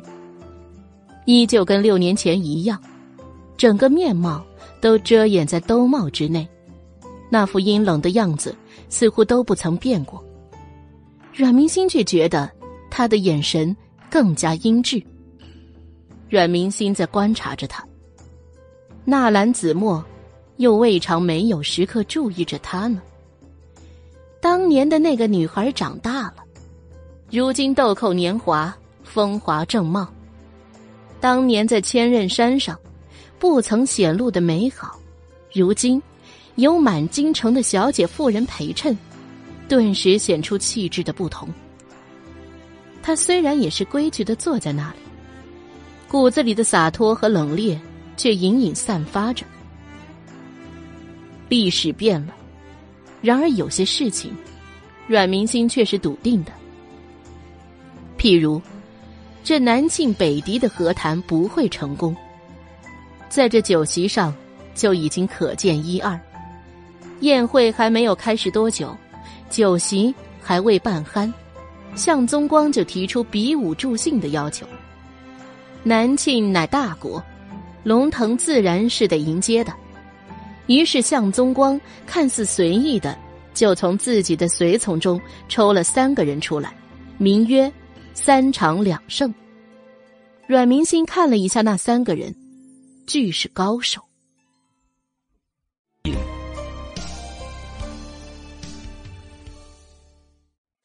第二百六十章，向宗光如此随意选人的做派，却让南庆轻了敌。莫说是年轻的将军们看不过去，就是在场的大臣公子们。都意气风发，跃跃欲试。龙腾自是高兴，我南庆儿郎个个文武双全，所以他就欣然应允了。哪成想，想象是美好的，现实是曲折的。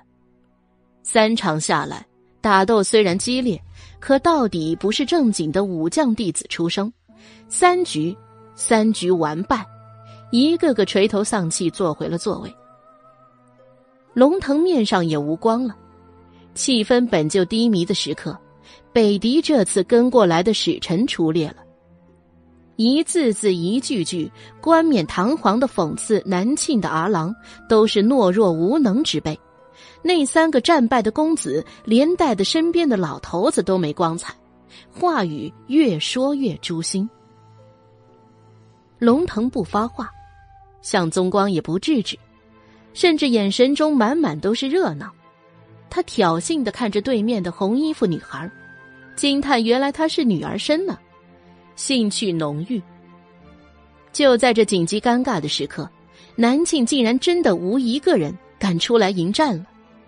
阮明心是意外且诛心的，他看着满座的朝臣们，一个个噤声不语，凤家的几个舅舅愤怒到满面通红。阮明星轻轻的对他们摇了下头，眼神示意不要强出头。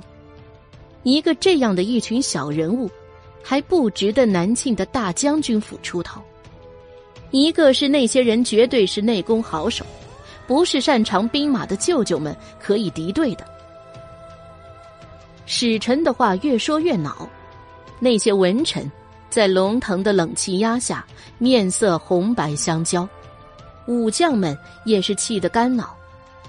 纳兰子墨看见阮明星看向他的目光，黑色的斗篷顺着他的方向动了一动，遮住半张脸的兜帽下面，阮明心依然清晰的看见他的嘴巴动了动，似乎是说了什么，又似乎只是单纯的笑了一下。然而阮明心却是知道的，没那么简单。霍征见到他看向自己，对他一点头，站起身来。铁寒的铠甲在他起身的一瞬间哗啦作响，静谧的空间里尤为显耳，阻断北狄使臣的唾沫成飞。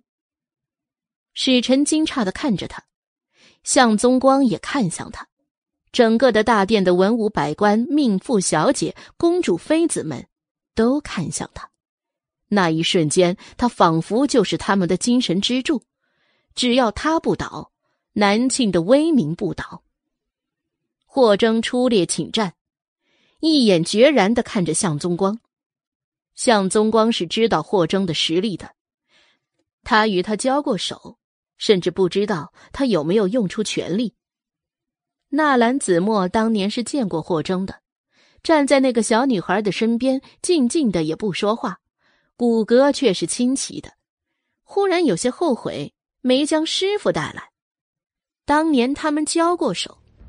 同样是大剑师的弟子，纳兰子墨亲自点了身后的几个武将，一时间殿内刀光剑影，击剑跟大刀的碰撞擦出火花，女子们的心都绷紧了。阮明星瞥见边上裴玉芳的手帕都变了形，而且很大，轻轻的笑了一下。第一局，霍征胜，许多大臣们也跟着出了一口气。第二局，对方使用的是长枪，霍征依然用的是剑。阮明星看见南庆君臣们有些也变了颜色，毕竟长枪对阵佩剑是太长了些，优势在所难免。但是，那可是也要看是谁用啊！只见霍征一个飞跃，脚踩贴金簪的大柱子，向那个将军刺去。北狄使臣都变了脸色，尖叫卡在了嗓子眼儿。霍征的剑稳稳的落在他的脖子旁。毫无疑问，是他胜利了。龙腾看他的目光都掩饰不住的赞赏。莫说在场的那些姑娘小姐们，全都星星眼了。太子与皇后不着痕迹的对视一眼，是骄傲和欣慰的。当初果然没有押错宝，他们看看霍征，又看向那一脸淡定的阮明星，心里第三场就有了底了。果不其然，第三个与第二个一样，没僵持多久，落败。好，龙腾终于抑制不住的夸叫了一声，朝臣们扬眉吐气，就不再挑衅的去反讽那个使臣了。激动很快克制下来。南庆可是礼仪之国，因为殿前一个小小的比试就骄傲的不得了了，岂不是跟那个贼眉鼠眼的使臣一般鼠目寸光了？有句话说：“心之所向，目之所及。”阮明心一目不错的看着霍征的比试，甚至目送他回到座位，黏黏的，久久收不回来，却不知道。有一道从上而下的目光，也同样一目不错的将他的一举一动收入眼底。他喜欢英雄，他也能是他的英雄。明知道不可为，依然义无反顾。在这欢欣的氛围下，龙逸轩站起身来，一身正蓝黄紫麒麟袍袖，华重祥云，吸引着在座无数闺秀的目光。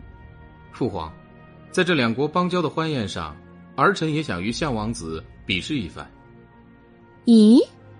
众人疑惑，交头接耳，目光纷杂。默默无闻的七皇子，竟然会武。龙腾看着这个自从灵沼县回来后又沉寂下来的儿子，目光是复杂的。不过最终还是颔首同意了。然后，龙逸轩转身对着向宗光做了请的姿势，意思不言而喻。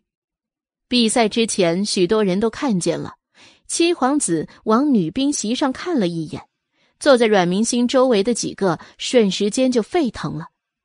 那些贵女们小声的嘀咕道：“看的是我，看的是你，看的是他。”奈何他失望了，收回心神，紧了紧手中的银剑，看向对面的敌人，眼光凌厉。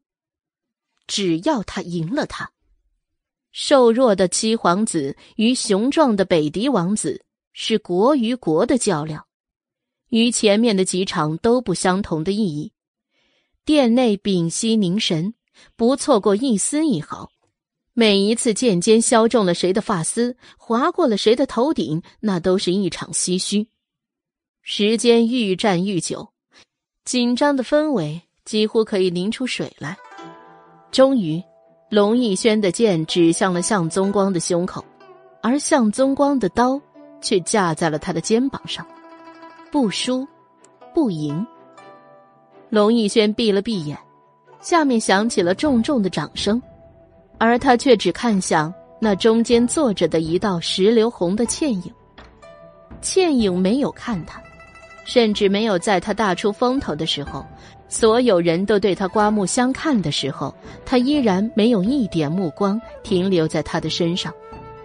龙逸轩忽然就有些颓然的放下了剑，跪拜在了大殿中央。这场比试真是精彩绝伦。龙腾大笑着虚扶着他，五儿免礼。龙逸轩静默的回到座位上，抬手向对面望去，座位空空。仅留正三品装的裴氏与旁边夫人虚与威仪，他像是忽然明白过来，果然，离他不远处的武将霍征的位置上也同样没了身影。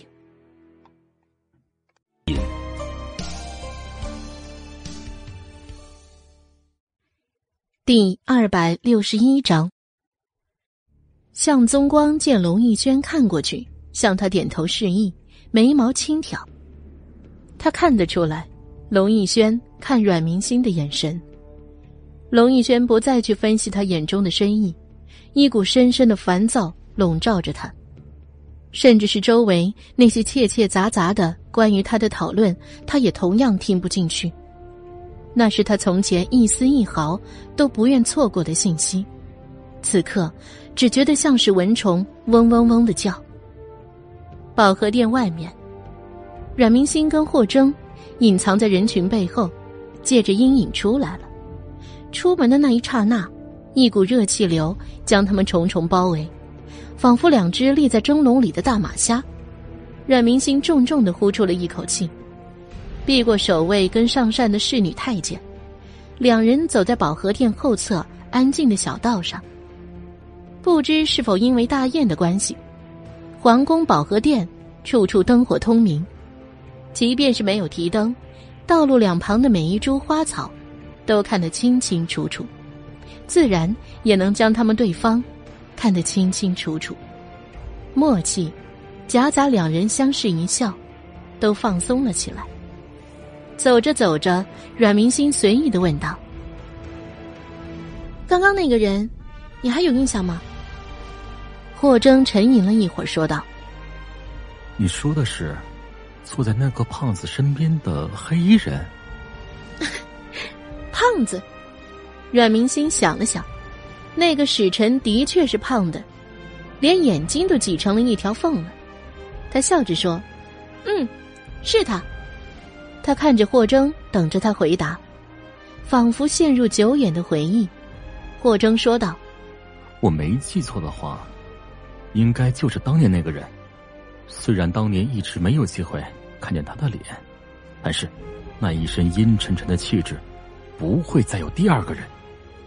就是他，阮明星确定，当年我是见过他半面容貌的，虽然现在依旧只能看见他的下半张脸，但是我很确定。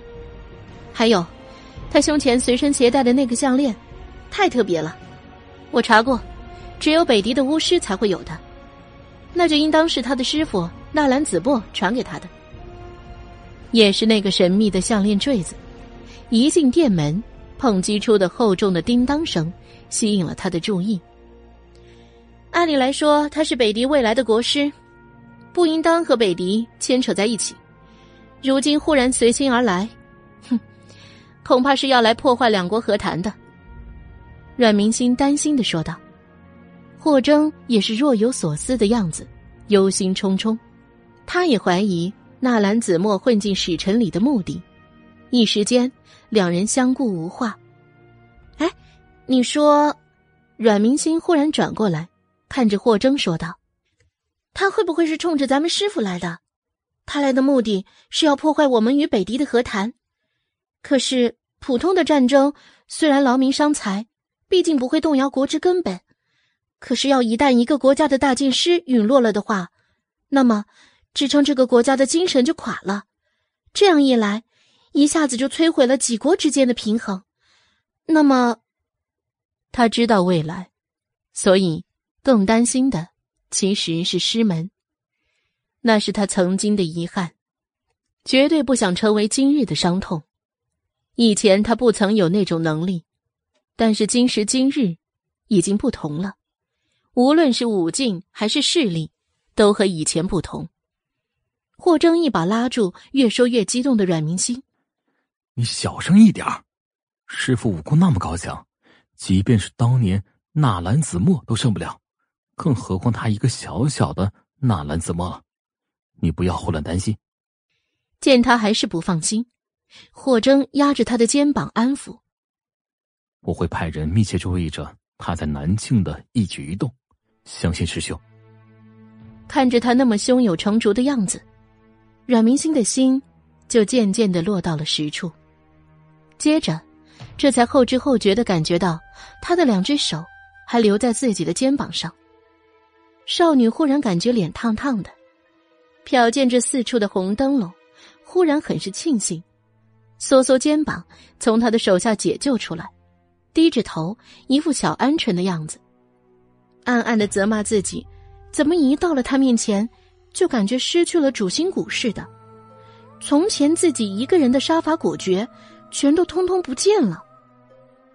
看着如此不一样的阮明心，霍征尴尬的收回了手，两只手背在背后交叉相握，大拇指转啊转的，静悄悄的别过头，又偷偷的用眼角的余光凝着他。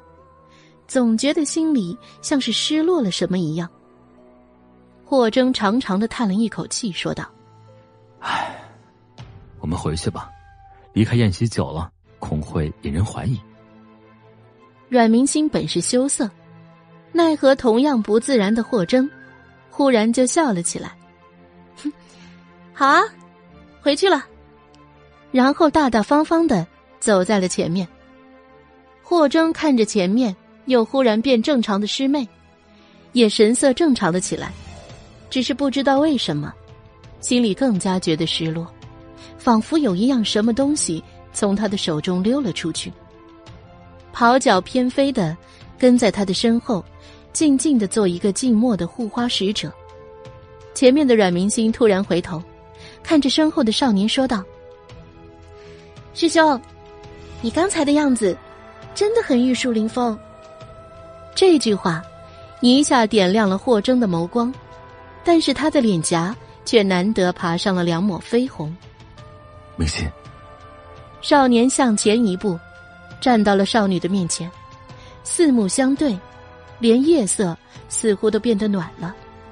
叔弟，前面猛然出现一个黑影，本来天就已经漆黑了，周围的亮光全是靠灯笼照着，可是再多的灯笼又如何？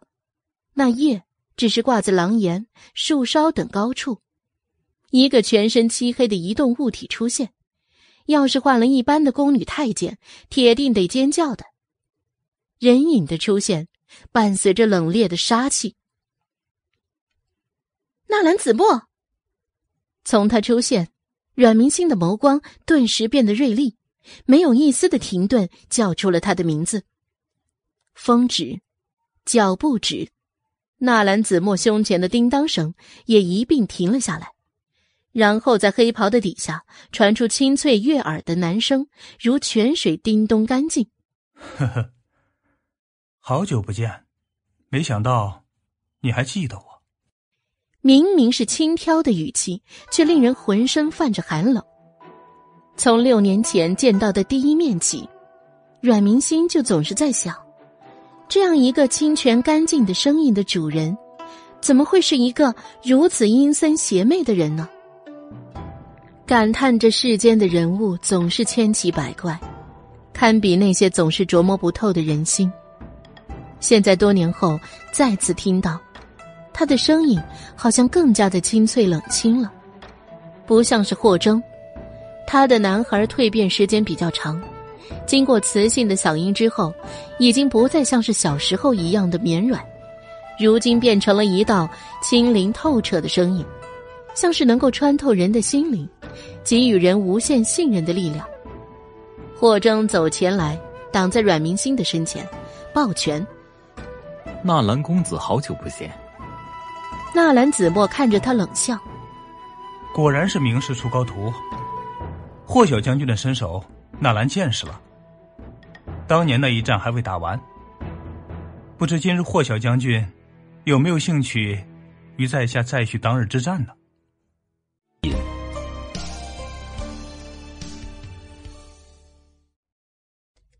第二百六十二章，纳兰子墨说着，意有所指的看着他身后的阮明星。他偷看师妹洗澡，霍征的手指一根根收紧，紧握成拳贴在身侧，是愤怒的。这里是皇宫，他不能。怎么，不敢？也不怪。霍小将军当年一个人胜不了我。今日恐怕还是会输，所谁说的？阮明星愤怒的两步走上前来，截住他的激将法。阮明星瞪着大眼睛对峙着他：“我师兄，刚刚才一个人，连战你们三场都胜了，大家都有目共睹，何须害怕你一个连真人脸面都不敢露的胆小鬼？”阮明星说着，忽然想到了什么，语气一转，嘲讽道。哎呀，真是没看出来，北狄大剑师的入室弟子，竟是如此的卑鄙。眼见着我师兄三场比赛下来，已经力竭了，再不紧不慢的出来邀战，这不摆明了是占我师兄的便宜吗？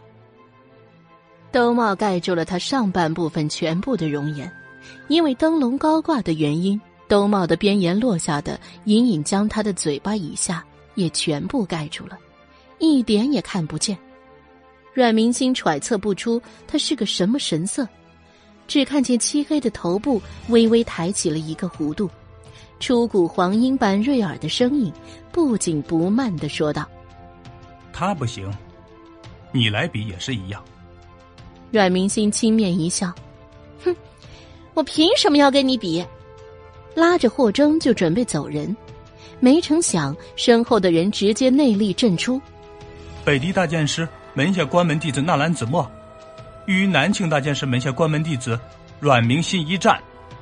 清脆的声音若初晓黎明，珠落玉盘，干干净净的，如同空气中翻起的波纹，传出去十方之远。阮明心看着他，静静的，久久无话，一直到声音落下。纳兰子墨身上膨胀的黑袍才缓缓的跟着一起平静下去，周围一片寂静。不过很快，安静被脚步声跟讨论声打破了。他的声音传播之远，老远的宫女太监们就已经停下脚步，巡逻的侍卫们迅速往这边赶了过来，然后紧接着是保和殿里的那一群老胳膊老腿的大臣将军。以及年轻的皇子和落在最后的命妇小姐们。霎时间，阮明星、霍征跟纳兰子墨就被包围在人群的正中央。皇帝站在最前面看着他们。霍征、阮明星双双站在那里，什么话也没有说。相反，纳兰子墨竟是微微鞠躬，右手握拳放在左心脏旁。不知是惊吓来的太突然，还是龙腾的天子之威，周围一片静悄悄，耳边只剩下夏日夜晚蚊虫嗡嗡嗡飞的声音，还有那些惊讶到自己听到自己心跳的声音。原来，这个黑衣人竟然是北狄大剑师的入室弟子，那岂不就是北狄未来的大剑师了？一个个一双双眼睛擦得雪亮的落在纳兰子墨的身上，尽管那黑乎乎的一团，他们什么也看不清楚，除了偶尔被风吹动的衣角之外。然后，某些思虑颇多的老狐狸们开始用怀疑的目光，在纳兰子墨的身上，跟人群最前面的龙腾身边的向宗光来回的扫视。带着未来大剑师来和谈，你这什么意思呀？然而向宗光，只是如来时静默，仿佛纳兰子墨自曝身份对他来说无足轻重。平时心眼跟狐狸精似的大臣们，就看不懂了，开始与正常人一样，将中心放在纳兰子墨说的比试上面。阮明心扫视周围，龙腾也不发话，不知道他在想些什么，一个个面色凝重的看着他，一时间也犹豫了起来。出乎意料的，眼看着阮明心就要下决定的时候。刚刚才胜出了北狄王子的龙逸轩站了出来，一下子吸引了全部人的目光，就连龙腾都皱了皱眉。然而他并没有退缩，更加激进的上前一步说道：“我跟你比。”他看着纳兰子墨的方向，心里有些后悔，但是更多的却是坚定。堂堂男子汉跟一个女流之辈动手，算什么英雄好汉？此话一出，周围顿时唏嘘。能混上金銮殿的，除了个别富伯那样只会破案的呆子，都不会是傻子。起初，他们的目光都局限在了两个都是大剑师的传人，他们也很好奇，这到底谁更厉害呀？你说要比是吧？这是大事啊，总觉得哪里怪怪的呀。经由七皇子一提醒。嘿，你说当着好好的霍征不选，你是故意选的我们一个女流之辈是吧？你还要不要脸了？想要胜之不武是吧？南庆君臣一个个心里冒泡泡，恨不得以最大的恶意来揣测，这要是输了，咱们可是有原因的。于是紧绷的神经有了一丝丝的放松。然而霍征可不放松。看着那个坚韧的清俊少年，他的面色冷冷，眉头微蹙，看了看阮明心一眼，迎来对方一笑，然后看着龙逸轩，眉头皱得更厉害了。这他妈显然是要抢他媳妇儿啊！显然那些冠冕堂皇在纳兰子墨这里是不管用的呀。只听他清脆脆的说道：“剑技无性别之分，我与阮明心均是两国大剑师的传人。”自然当可一战。龙逸轩被堵得一时间想不到什么话来说。确实，他虽然自由习武，也从不暴露在人前。可是再怎么刻苦努力，都是比不过眼前的这个黑衣人的。龙逸轩再一次见识到自己的弱势，他羞愧的看着自己的父皇，说不出话。那些深埋心底的欲望汹涌跳动。涨得他面色难看，然后周围的人，包括龙腾，只当他是为国担忧，不禁对这个七皇子都高看了一分。如此一来，七皇子不能出战，那就只能阮明心上了。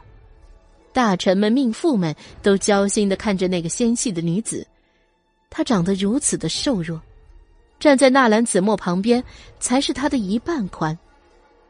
正当众人的心里捏着一把弦绷得紧紧的时候，他身边的霍征说话了：“我是明心的师兄，同是苍离弟子，我与你战。我想，左丘兄也不想被人说是欺负弱女子吧？”少年将军英武不凡，一步跨出要迎面接战，气氛有一瞬间的沉寂。北狄使臣突然起哄说道。明明是约战关门弟子，怎么你们反倒自己人在那里换来换去啊？而南庆这边，也紧紧抓着阮明心是女子一说不放，气氛越吵越烈，双方剑拔弩张。阮明心在旁边看着，等到差不多了，才走出来，正对着黑影冷冷的说道：“你真的确定要跟我比吗？”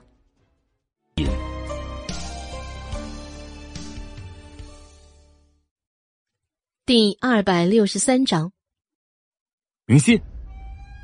霍征担心的抓住他的手腕，想把他拉回来，一时间也没有顾及在场有多少人看着。但是阮明心却深深的看了霍征一眼，轻轻的拂开霍征，暗自拉住他手腕的手。如今场面骑虎难下，倒也是他动手的好时机。纳兰子墨，他当年就想杀了他。如今自然也是，于是看着北狄人冷笑的说道：“哼，你可要想清楚了，我和师兄们可不同，学的是杀人的技法，没有比试，只论生死。”一说完，周身气势冷冽展开，身上的衣裙无风自动，甚至是将周围的那些个没有武功的小姐妃子们震得往后退了好几步。被人搀扶着才站稳。龙腾跟大臣们看他的目光瞬时间就不一样了，连霍征都变了脸色，更别提那远远站着的阮兆林，脸色黑黑的，僵硬着扶着身边站不稳的裴玉芳。不仅是阮兆林，在场的所有人均是第一次见到如此气势全开的阮明星。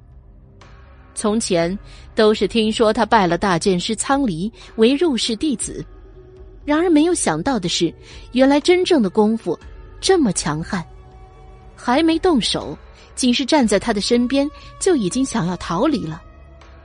不只是周围人，连出现到现在一向波澜不惊的黑袍也有了一瞬间的惊讶。只见纳兰子墨身子微微动了动。被他内力吹得晃动的兜帽，露出了他半个白到反光的下巴跟修长的脖颈。站在他对面的宫女们惊讶到有一瞬间尖叫出声。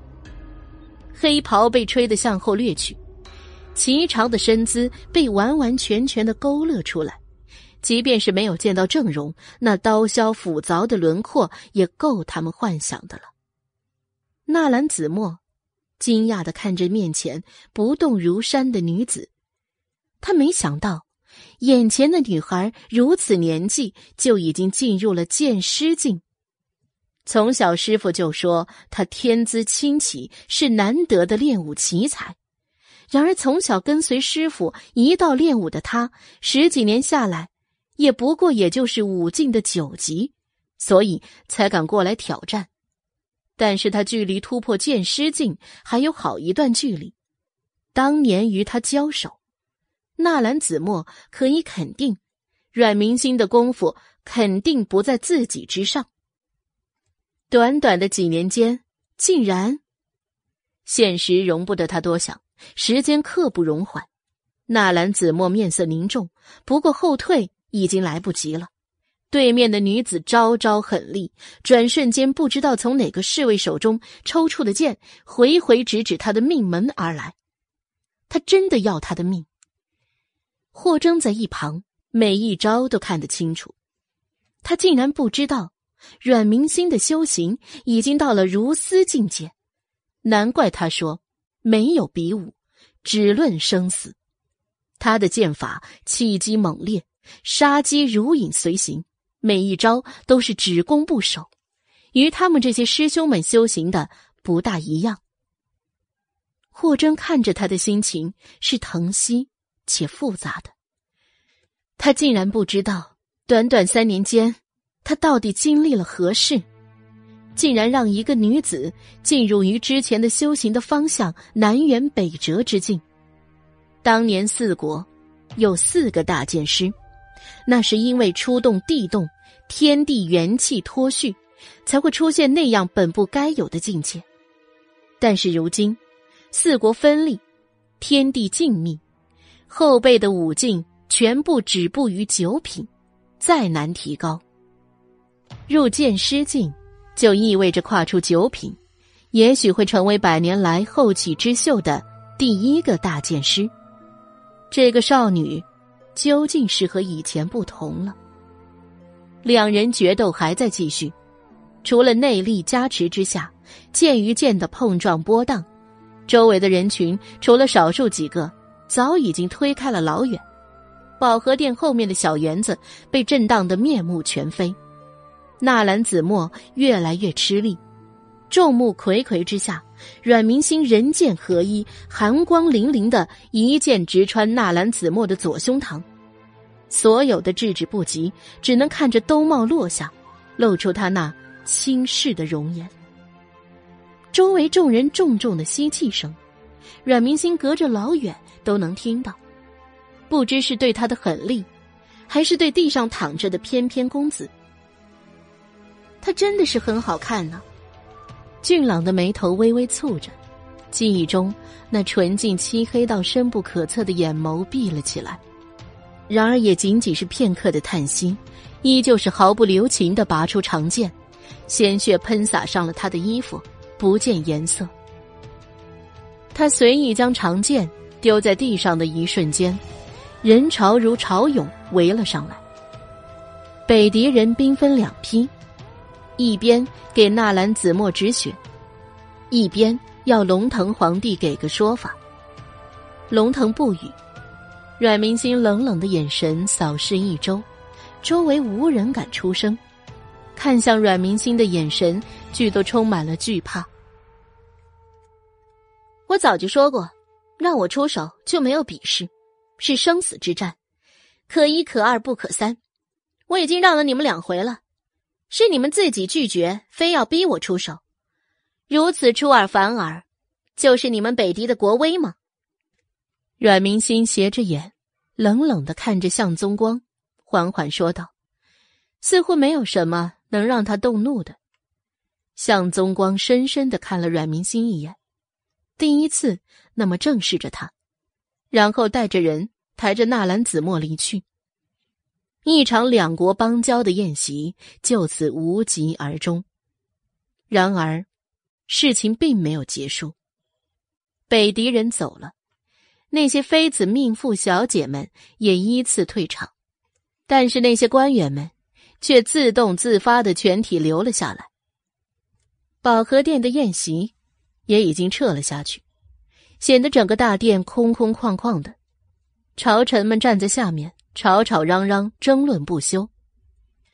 阮明星站在霍征的身旁，一身清冷的。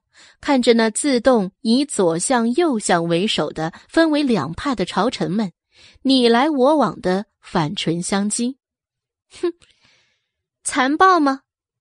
还有更残暴的，你没见过？为国出力，他只会守护自己想要守护的；为国，他还没有那么大的情怀。皇上，臣女告辞。阮明星浅浅的扶了一扶，就转身离去。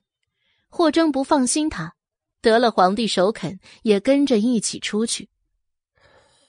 他，他，他，又向裴静指着阮明星的背影，气得手指颤抖，一回身就气愤的告状：“皇上，子女浑身戾气，简直目中无人。”他，他。然而他了半天，后面的话也没有说出来。不管多么气愤，有些话不是他作为一个臣子该说的。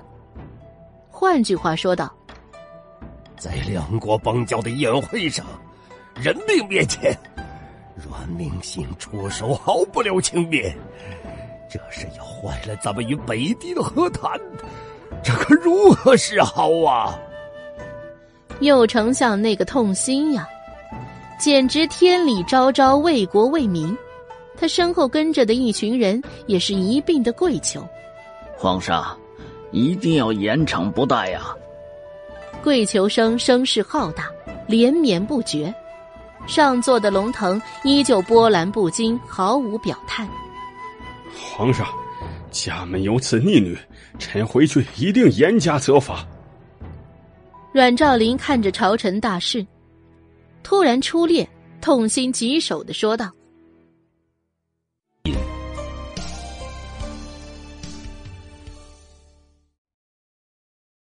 第二百六十四章。”阮兆林的话引起了皇上冷冷一瞥，在那一刹那，他身上惊出了一身冷汗。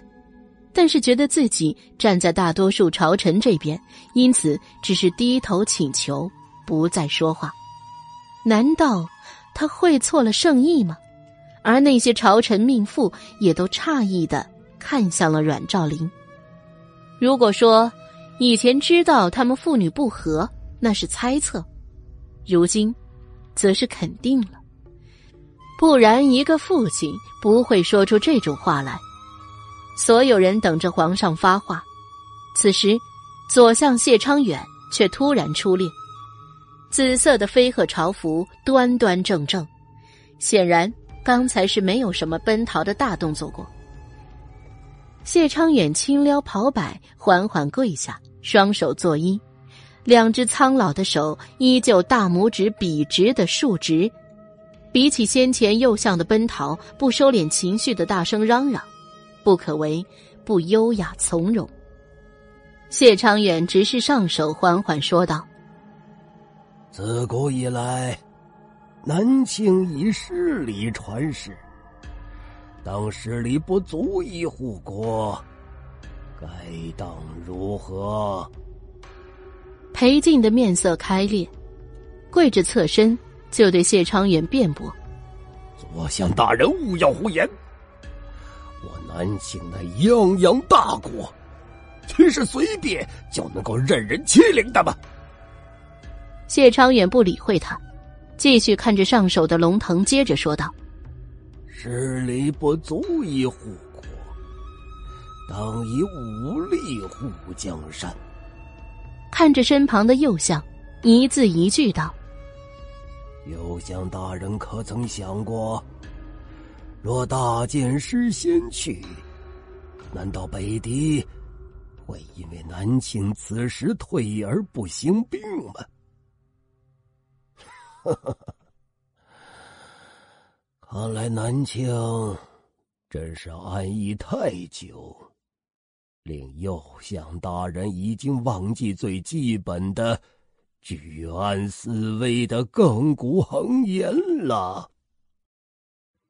左相一席话，如同警钟，深深的敲击在了在场众人的心。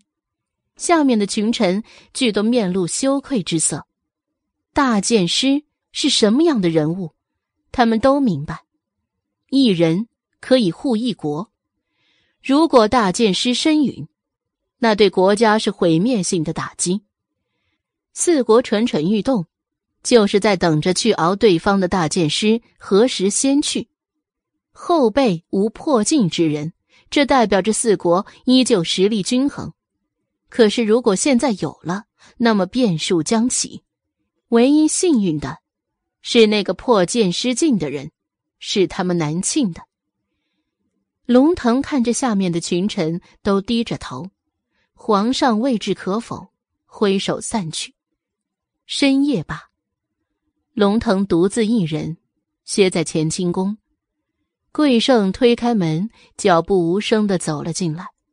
满室的灯火招摇通明。龙腾坐在几案前，翻阅着奏折，听着桂胜的禀报。听着听着，龙腾就皱起了眉头。无性命之忧。桂胜也是一副惊叹的语气。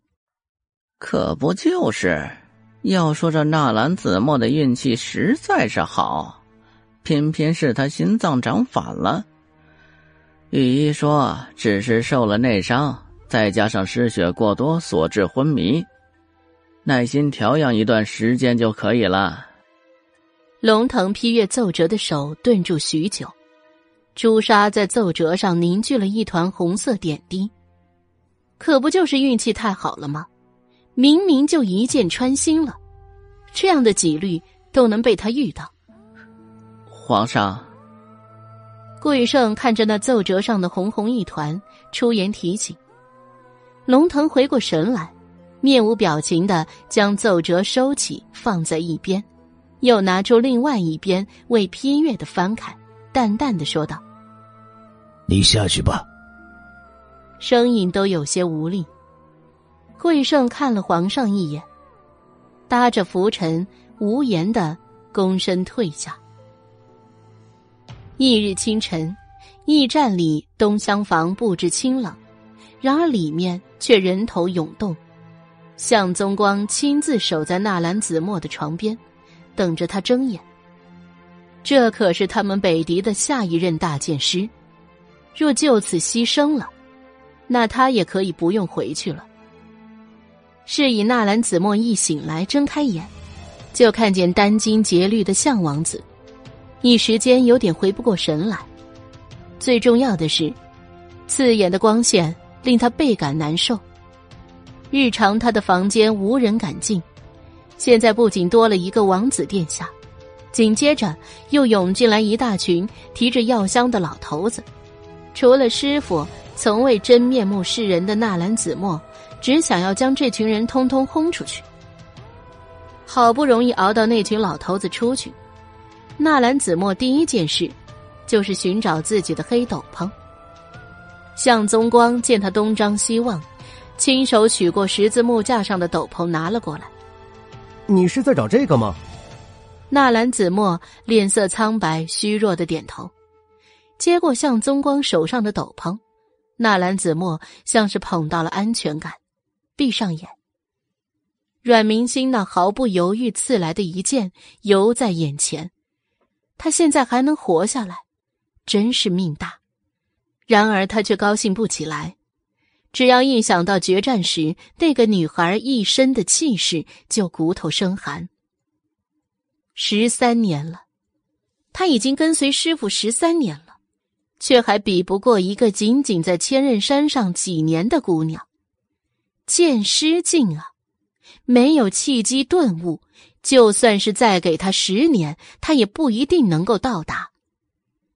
曾经，他以为自己会是这一辈中最先达到大剑师的人。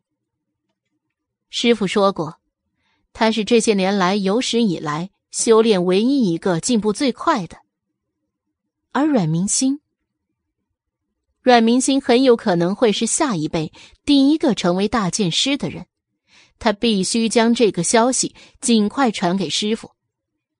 向宗光看着这样子的他。忽然觉得纳兰子墨也有了人气，过往他总是冷冰冰的，隐埋在黑黑的阴影之下，令人觉得距离遥远，周围的人也是自然而然的与他隔开了距离。如今忽然看见了他的容颜，再加上这一举动，忽然就有了想要深交的欲望。过了好一会儿，才有气无力的说道：“王子殿下。”可否为在下传一封信给师傅？毫无疑问，最终这封信是落在了霍征的手上。他早就派人盯着驿站不放了，别说是一只飞鹰，就是一只蚊子飞出去了，他都能知道。所以，当那只黑背白肚子的飞鹰刚从驿站飞出来的时候，他一声口哨，就让城外猎食的竹峰将他抓了回来。然后，当霍征取下纸条的时候，理所当然的飞鹰变成了竹峰对自己功劳的犒赏，进到了他的肚子里。霍征不管他，看他在霍府荒凉的小院里吃的血淋淋的，揣着纸条就走开了。等到了书房再看，一翻开，整个人都愣住了，浑身泛起一股后怕的冷汗。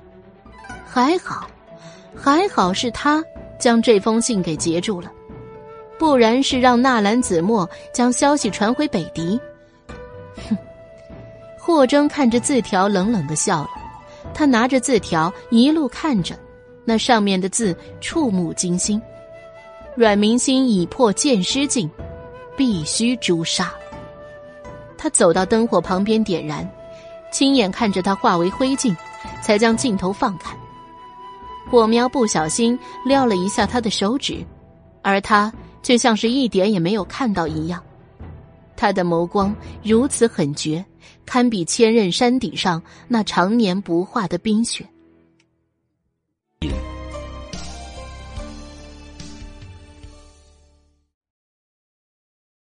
第二百六十五章，别怪他心狠，为了明星，纳兰子墨，你就不要活着回去好了，不然四国一知晓这个秘密，那他可是会很麻烦的。他的明星已经那么辛苦了，从今以后，就该让他护他左右。夏日外面的蝉鸣闹得烦人心，而霍征此时就此冷静的许下了这一生守护的承诺。霍征独自一人在书房里待了良久，出来的时候已经虚时三刻，正该是就寝时分，他犹豫了一会儿。最终还是毅然决然的往老侯爷霍继光的日月院走去了。刚走入日月院的院门，就闻到了浓浓的药味，那是爷爷每日三餐都要喝的。霍征的心里有些隐隐的难受。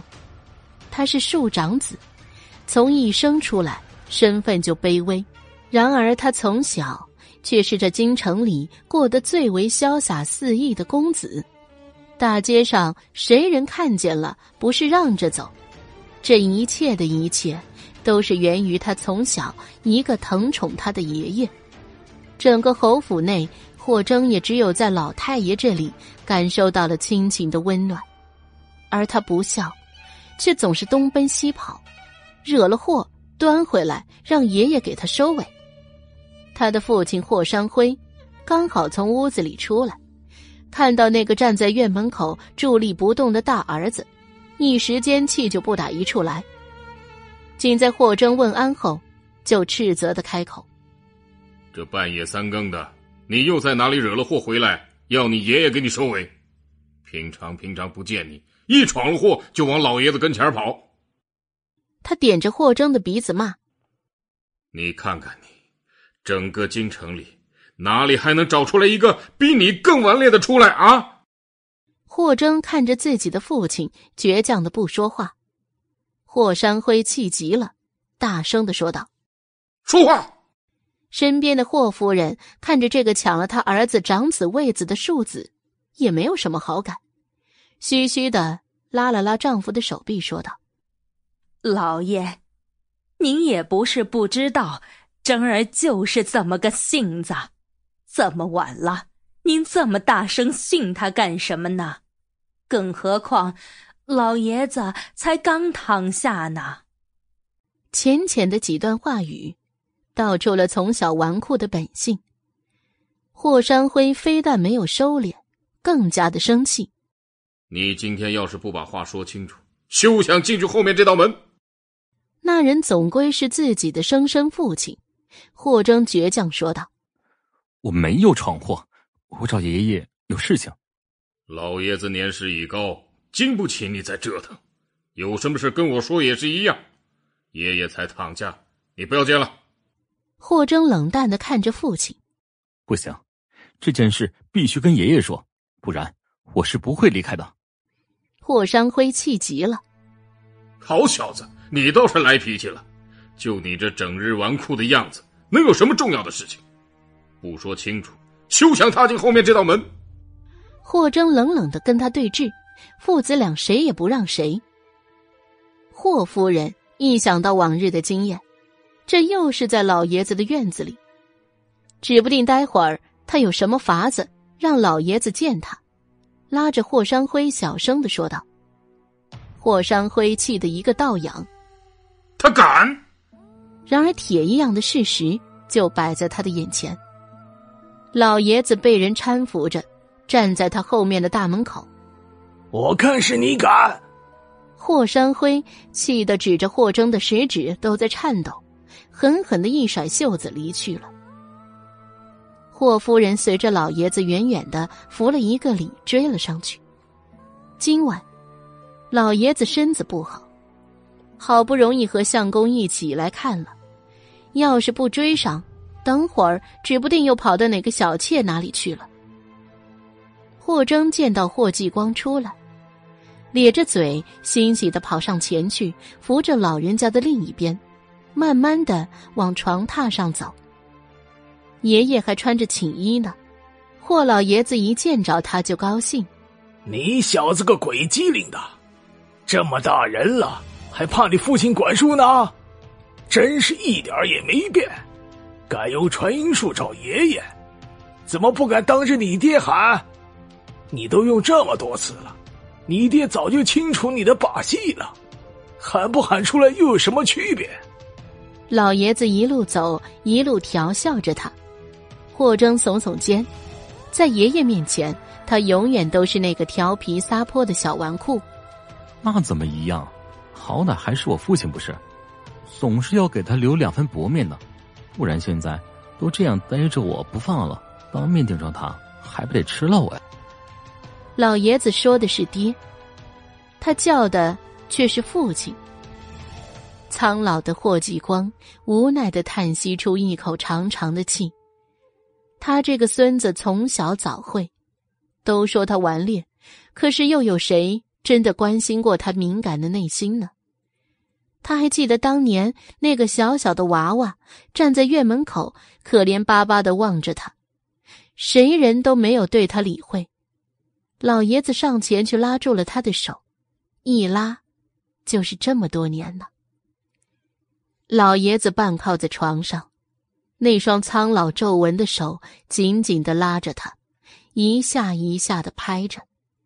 苍老的面容上，眼睛已经有些浑浊，朦胧的看着这个自己从小疼宠长大的孙子。他始终是你的父亲。爷爷就算是再疼你，终究是活不过几年了。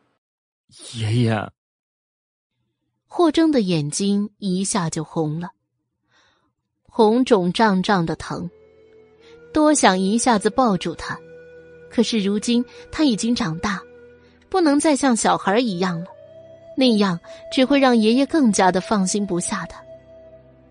一旁伺候了几十年的老冯也是忍不住的抹了抹眼角，爷孙俩就这么看着。霍征忽然间就发现，从前精神奕奕的爷爷好像一下子就老了，眼角下周围多到数不清的皱纹，从前精神奕奕的眼睛也有些萎靡了，那一贯牵着他温暖的大掌，此刻变成了他紧握着他。微微泛着些凉。老爷子忽然咳嗽了起来，老冯熟练的就递来了折叠好的锦帕，放在老爷子的手上。霍征一下下的拍着老爷子的背，给他顺气儿，眼中是掩藏不掉的隐忧，一咳嗽就咳了好久。等老爷子终于不咳嗽了，霍征接过老冯端来的温水。亲自喂给爷爷喝，喝了两口，顺了气儿之后，老爷子摆摆手，看着他问道：“你深夜来找爷爷，可是有什么事情？”霍征看着爷爷虚弱的样子，忽然就不想说了。没事儿，就是想爷爷了，突然想来看看你。唉，傻孩子，跟爷爷还有什么可以隐瞒的？爷爷知道你，不是重要的事情不会半夜过来的。霍征坚持道：“真的没事，就是听说爷爷身体不好了，想过来看看您。”自己养大的孩子是什么样，他知道。霍继光不信他，继续看着他不说话。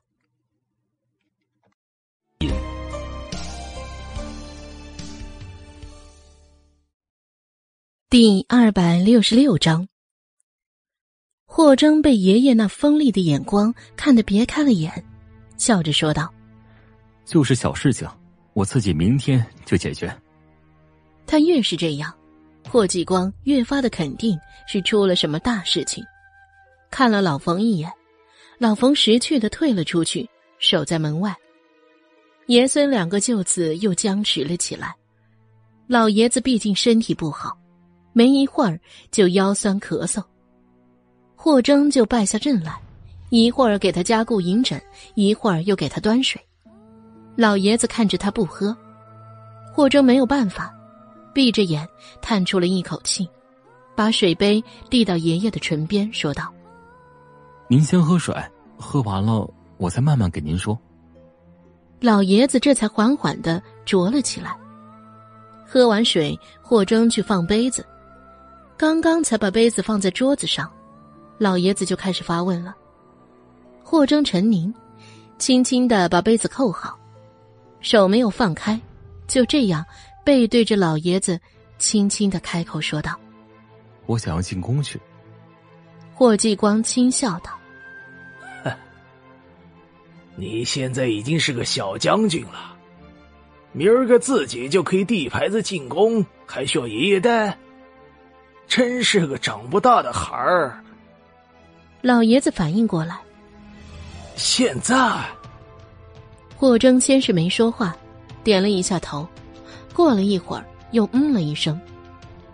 老爷子已经察觉到了事情的严重性了，疑问道：“你想要做什么？”霍征松开手，转回身来。几步上前，到霍继光的床前跪了下来。松儿想要进宫，请求皇上同意松儿连夜刺杀北狄使臣纳兰子墨。他说的很急，语气却是前所未有的郑重，眼睛直直的看着老爷子面上的神色。纵然是已经做好了心理准备，可是猛然听到他的话，老爷子还是感到振聋发聩，像是有人当头敲了一棒。晕晕的，几度回不过神来。胡闹！老爷子大惊失色。你可知道你说的是什么？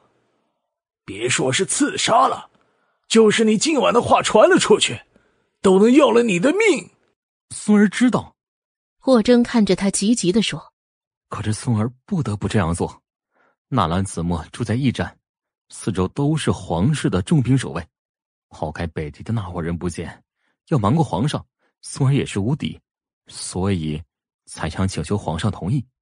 既然知道，为何还要去？老爷子不明白。霍征闭了闭眼，终是没有说出阮明心的事，只是浅浅道：“此事关乎南庆的国运。”似乎是想到力度不够，又接着补充道：“当年我与他已经在千仞山之上见过，他的师傅。”左秋恒，北狄的现任大剑师，对他甚是器重。我猜测他是北狄的下一任大剑师。如今好不容易受伤，是除去他的大好时机。霍继光却深深的看了自己的这个孙子一眼。是为了阮明星吗？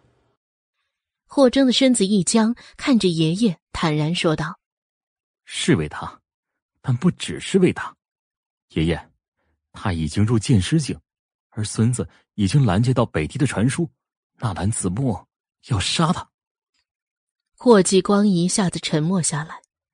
一个剑师境的南庆人，如果被杀了，那么代表着什么？他很清楚。是的，不能让纳兰子墨活着。亥时，又名订婚，是到了连猪都熟睡的时候了，正可谓之。真正的夜半三更，遑论是人了。然而，就是在这样的时刻，霍家老侯爷顶着风寒，带着自己疼惜的大孙子，坐在乾清宫的耳房等候。守夜的太监小心的伺候着茶水，贱货的抬头来瞟一眼。夜急，等会儿还有大事。爷孙俩捧着茶盏，仅是意思意思的砸了一下嘴巴。赐茶的太监还没有看出什么，桂胜就进来了，严肃的老脸一下子就扯出了亲热的笑容，先是给老侯爷拜了一拜，然后侧目看了一眼他旁边的霍征。老侯爷，霍小将军，请，皇上正在正殿等着呢。霍继光与霍征对视一眼，站起身来，整理了一下正品朝服，跟着桂胜。就进了乾清宫，请安问礼，例行的皇帝早早的抬手虚扶了老侯爷一把，吩咐给老侯爷看座。霍继光谢恩，皇帝拢着他们爷孙两个，深知霍老侯爷现在基本上已经不太管事儿了，这样夜半三更的还要进宫，必定是大事。于是，在霍老侯爷严肃的面容下，挥手林桂胜带着人下去了。霍老深夜入宫，不知是有何事呀？龙腾问道。霍继光闭了闭眼，回皇上，还是让这小子说吧。哦。龙腾又将目光疑惑的转向了霍征，霍征跪下，手作着揖，举过头顶，将方才给爷爷说的话又重复了一遍。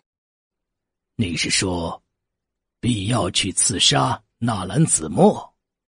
龙腾问道。下面跪着的少年铿锵有力，正是。他甚至已经早就准备好，提前换了一身黑衣进宫。漆黑的衣裳在灯火的映衬下，勾勒的他的身姿肩宽腰窄，劲瘦有力。大胆！龙腾一拍桌子吼道：“你可知道自己说的是什么话？那还是北狄来跟南晋和谈的使臣，你这是要置两国和谈于何地？”皇上，霍继光喊了一声。霍征却是不慌不忙，继续接道：“今日保和殿后殿的比武，皇上也见到了。虽然我朝阮明心将纳兰子墨打成重伤，然这人的实力却是不可小觑。此人根骨奇佳，从前就一直被北狄大剑师左丘衡一直贴身带着，亲自教导。如是此时不铲除。”将来等他继承北狄大剑师之位，难免不会怀恨在心。然明心师妹如今已经到达剑师境，下一步就是大剑师境界。皇上，大剑师之争不是普通的战争，当以国之为重啊！霍老侯爷也望向皇帝，剑师境的含义，皇上当然明白。龙腾也凝眉，颇有些凝重的问道。爱卿觉得，阮明星真有可能突破大剑师境界？看着下面一直跪着、低垂着头的少年，龙腾说道：“抬起头来回话。”霍征仰头看着龙腾的下巴，斟酌着又斟酌，他回复道：“不说别国，在南境，他是左右突破大剑师的人选。”似乎是觉得单纯的这样说不足为信。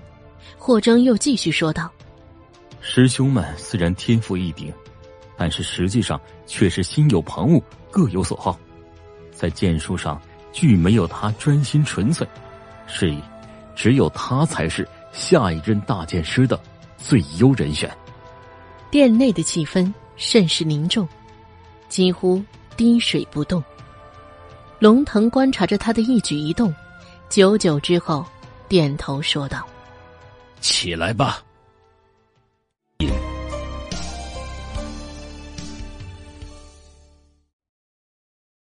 第二百六十七章，霍征站姿挺立，龙腾看着他，轻轻拍手，殿内嗖的一下窜出来一溜黑衣人。霍老侯爷不动如山，霍征也是知道皇帝是有隐卫的，也是没有一点表情变化。龙腾满意的点点头，这些人朕今晚借于你用，卿可随意差遣，定要将此事解决的不留痕迹。是，霍征定不负皇上重望。霍征抱拳行礼，面容肃杀，对着黑衣人一挥手，一群人趁着夜色，悄无声息的淹没在黑暗之中。皇帝看着他的背影，不由勾唇，点着霍征的背影。霍老，你看他。霍继光也跟着笑，奉承道：“还不是皇上允许他胡闹。”龙腾似是有感叹：“现在的年轻人哦。”这个夜晚，注定是个不眠之夜。第二日，满城风雨。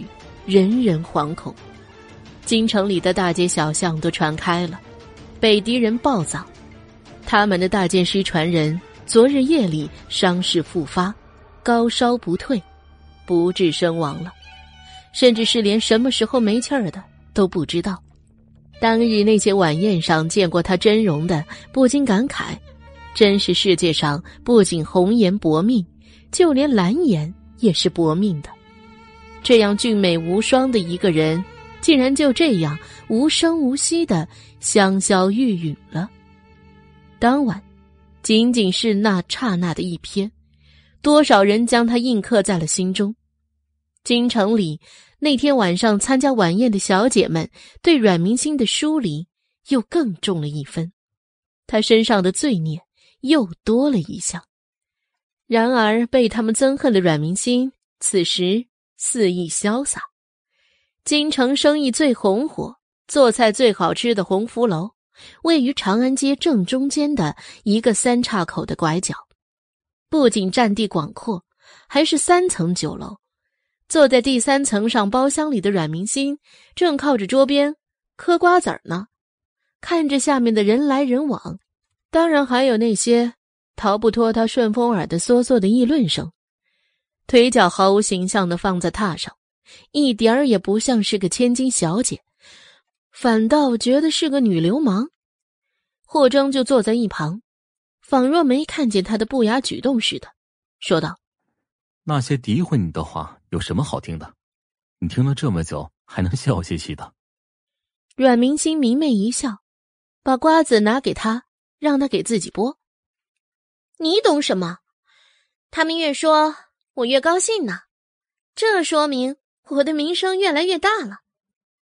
霍征无奈，这样诬赖你的名声有什么好的？谁说这是诬赖？阮明心笑说：“这明明就是夸赞，好吧？这是在夸我武功高强呢。”霍征真是对他无语了，也就只有他能够把这样骂人的话自动过滤成自己喜欢听的。不过想到昨日的比武，那一剑直破九品的防御。霍征也不得不承认，他武功进进迅速，心底为他高兴，手上剥瓜子的动作就快了起来，很快就是小小的一把小山。阮明心笑嘻嘻的接过，一把放进了嘴里，嚼得喷香，秀美的小脸上满脸都是幸福的味道。阮明心看着霍征继续自发的给他剥，他笑着问道：“哎，我那一剑本该是当场毙命的。”既然他没死，怎么半夜就死了？是不是你又去给他补了一剑呢？他一拍霍征的肩膀：“行啊，你真没看出来，够狠，竟然分毫不差。北狄那伙人竟然都没有看出来，一副与有容焉的样子。”霍真微笑：“那只能说他自己不长眼睛，非要往你肩上撞，跟我有什么关系？”真不是你，阮明星观察，霍真依旧是分毫不差，如刚才样的温暖的微笑。他瞅了半晌，结果他又递来了瓜子仁，这次一颗一颗慢慢的嚼着，不错过他脸上一丝一毫的表情。霍征不动声色的给他递水，阮明星看着看着，心里就有了底，不再多说。明心。霍征突然抓住了他的手，有些欲言又止。阮明星的眸若秋水，眨呀眨的，不知道他要干什么，唇角嫣然一笑：“哼，师兄，你是准备轻薄于我吗？”霍真微恼：“你一个女孩子家乱说话。”我就说最后一句嘛，如果是师兄的话，明星可以。装作看不到。阮明心眨眨眼说道：“回到霍府，刚进入自己的卧房，屏风后面就出来一个蒙面黑衣人，恭敬道：‘少主这边既然已经无甚大事了，还请早日跟属下一起回国。’霍征猛地转过身来，怒道：‘你跟踪我！’黑衣人看着霍征。属下不敢。霍征看了他好一阵子，冷笑着说道：“你说我不是父亲的孩子，我就不是这霍府里的人了。要是谁人都随便冒出来，把我的身世胡乱编造一通，我就要信吗？这少主，黑衣人被霍征一挥手打断。他终于沉寂了一会儿之后，从怀中掏出一物，递到霍征的眼前，说道：“既然少主不相信属下，那请看一看这个，您就会明白了。”深夜吱吱的响声在窗户上撬动。阮明星忽的醒了过来，紧紧抓住床边的剑，屏神凝视。黑影进来，昏暗的黄豆灯光经过剑的表面折射，反射汇聚成一道长长窄窄的黄色强光，打在黑衣人的脸上。看惊人的脸，在离他的脸不到一寸处，阮明星险险的收住剑尖，恼怒道：“你怎么都不知道躲一躲的？”从前一定会说，相信他不会伤害他的人，今晚无动于衷，甚至有些失魂落魄。你怎么了？阮明星将剑插入剑鞘，也不管自己还穿着白色中衣呢，就上前去看他的表情，担忧的问道。霍征看着他的脸，看了许久，才说道：“星儿，陪我去喝酒。”声音是满满的无力与忧伤。阮明星看着天色，外面已经漆黑。转眼又见着眼前的他神色不对，当机立断道：“等我一下。”霍征出去，阮明星随意的拿了一件衣服披在身上，三下五除二的就绑好了腰带，穿好了鞋。霍征见他这么快就出来，还愣了一下。眼睛在他不戴珠钗的头上扫了扫，一袭青丝如瀑如布，顺滑柔亮的反射着月光，在上面莹莹亮亮的。阮明星的玉手在他眼前晃了晃，霍征才回过神来。走吧。然后带头走在前面，几个起落，他们就出了阮府的后院。阮明星跟在他的身后。看着晚上与白天不大相同的他，是真的很想问问，到底发生了什么事情，让一个一向强悍的他，竟然沦落到了需要借酒浇愁的地步。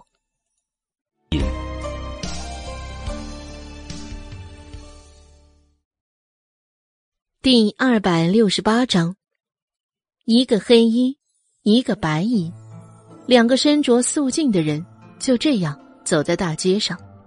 灯光昏暗了点，远远看过去就是两个朦朦胧胧的黑白无常正面走过来，一路上吓跑了不少夜游的人。然而，就算是有酒馆卖酒的人，也早就睡了。阮明星亦步亦趋的跟在他的旁边，时不时的抬眼看着他，他在等着他亲自跟他说，却也不知道那个人也正在等着他的问候。两个人一路。就这样静默无言，终于在走过来三条街，快要走出城东的集市了，才在边沿上看见了一家卖面的小摊，灯笼下的棉布随风飘摇，飘飘荡荡。阮明星辨认了半天，才将几个字给认全了，然后就不由得皱起眉头，担忧的看着霍征。都走了这么一路了。就这卖阳春面的老板，还在这支着摊呢。有酒吗？他表示怀疑。看他今晚不喝到酒，就誓不罢休的样子。看到有人来，忙碌的中年大叔停了下来。客官，抱歉啊，我们这儿的面刚刚卖完了，小的正收拾着回去呢。您看，他为难的看着前面的这个俊俏男子跟漂亮清秀的女孩。霍征心情不好，正要上前，阮明星见势不对，赶紧拉住他，自个儿上前笑着说道：“店家，我们不用吃面，有酒吗？”虽然不抱希望，但是还是为他问一问吧。小老儿为难了，霍征一把将钱袋甩在桌上：“这些够了吧？”老头眼睛一亮。有的有的，就就是是平常小老儿自己买给自己喝的烧白酒，怕二位客官嫌弃啊！哈哈，废话少说，有酒就拿上来。霍征不耐烦的一屁股坐在板凳上，老头笑得见牙不见眼。两位客官稍等啊，小老二这就给两位拿来。说着就蹲下身去，从面摊的下面不知哪个旮旯里掏出了一罐泥封的酒坛子。老头刚将酒递上来，霍征就抢了过去。老板一时间没有反应过来，愣了愣，然后才下去继续收拾他的摊子。长竹竿上一盏黄灯笼明晃晃的晃着，偶尔两只飞蛾扑腾了上去，然后消失在了灯笼内。夜格外的寂静。阮明星看着霍征，几乎是动作粗鲁的一把劈开了酒坛上的泥塑封，皱了皱眉。霍征像是没看见，或者说他此时根本就没有一点注意身旁的人和事，眼中只有那手中的酒坛子。他揭开泥封下面的红布封口，你一碗我一碗的把阮明星跟自个儿身前的海碗满上，海碗。还是刚才霍征要的，老板犹犹豫豫，不好意思拿上来。小店生意本就是路边卖面食为生的，这酒呢，又是小老头自己准备带回家去的。面摊上自然是没有合适的酒碗，更别提酒杯了。阮明星不问，霍征也不说，两人就这样你来我往的干了起来。那股豪迈的劲儿，看得边上偷瞄的老头都忍不住眉头直抽搐。心到现在的年轻人呐，大半夜的，可别出什么事情才好。然而很快，这个老头就不用担心了，因为又有一个深夜出来游荡的俊挺少年，走到了他的面摊儿，正好坐在那喝酒的两人桌上，看样子。似乎还是认识的，老板，再来一个碗。龙逸轩侧着身子，对着老头喊道：“阮明星的眸子一缩，没想到会在这里遇到他。嘿，巧啊，遇到你们。这种时刻，这种地方，要说巧遇，还真是笑话。于是老头忙不迭的送上一个来。”但龙逸轩还没接到手，就被阮明星阻止了。他推着老头手上的海碗说道：“老板，不用给他了，这人与我们不熟。”老板为难的看着龙逸轩，龙逸轩轻笑：“你们喝酒，我也来喝酒，怎么就喝不得了？”这是我们的酒，你要喝，上别处喝去。阮明星接到，一点儿也不留情面。龙逸轩正要说话，老板开口了：“这位公子啊，小店儿确实是不卖酒的，他们这坛子酒是小老儿准备给自己的，您看，那就把你剩下的酒都拿出来，本公子都给你买了。”龙逸轩豪气的说道。老头更加为难了：“这这，可可可是小老儿就只买了那一坛酒啊，已经被这位公子给买下了。”阮明星笑着看他，龙逸轩被看得脸热。老板也察觉出他们三个人恐怕是有些过节了，为着自身着想，默默的退了下去，也不在这边偷看了。正所谓知道的越多，死的越快。家里的老婆孩子还等着他带钱回去，明天继续开店养家呢。看着对面的那个喝的连理都不想理他的霍征。龙逸轩气结，心思一转，就对着阮明星说道：“这么大半夜的，你们就这样出来喝酒，这要是被有心人看到，再传了出去，多不好啊！”阮明星眨了一下眼睛，看着他无所谓的说道：“这有什么关系？我们堂堂正正的，难道还怕人说不成？”龙逸轩被他一顶，缓了缓变换策略。虽说你们两个都心无旁骛，可是别人又不清楚你们之间是怎样。阮四小姐终究是女儿家，名声何其重要。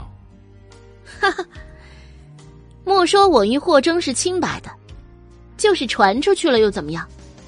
我们本就是师兄妹，一起喝个酒怎么了？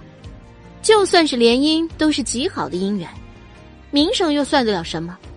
我阮明心，何曾在乎过半点那些虚无缥缈的名声？此话一出。龙逸轩顿时瞪大了眼睛看着他，就连一直不理会两人的霍征都停下了喝酒的动作，直直的看着阮明星。他笑了一下，带着温热的酒气喷出。阮明星看着他昏黄的光线下有些泛红的脸颊，眼睛是半眯着颓然的，眼神却是极度的有神，不知是醉了还是没醉。阮明星凝视着他。就觉得这天下再也没有比他更好看的人了。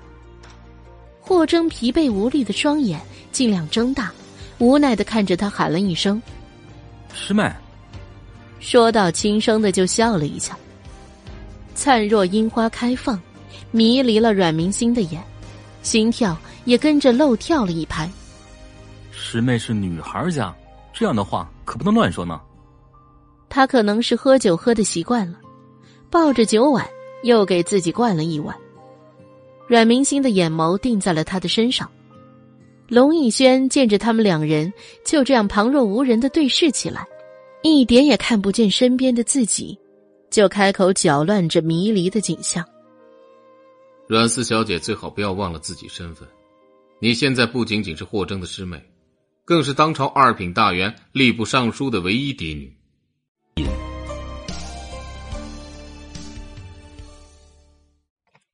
第二百六十九章，龙逸轩那疾言厉色的口气下，掩藏着他深深的嫉妒，以至于口不择言。他从来没有想过自己会用这么严厉的语气对他说话。当年京郊的那个小女孩，后来临沼县陪他同生共死、患难与共的女孩，如今已经长成了绝代风华。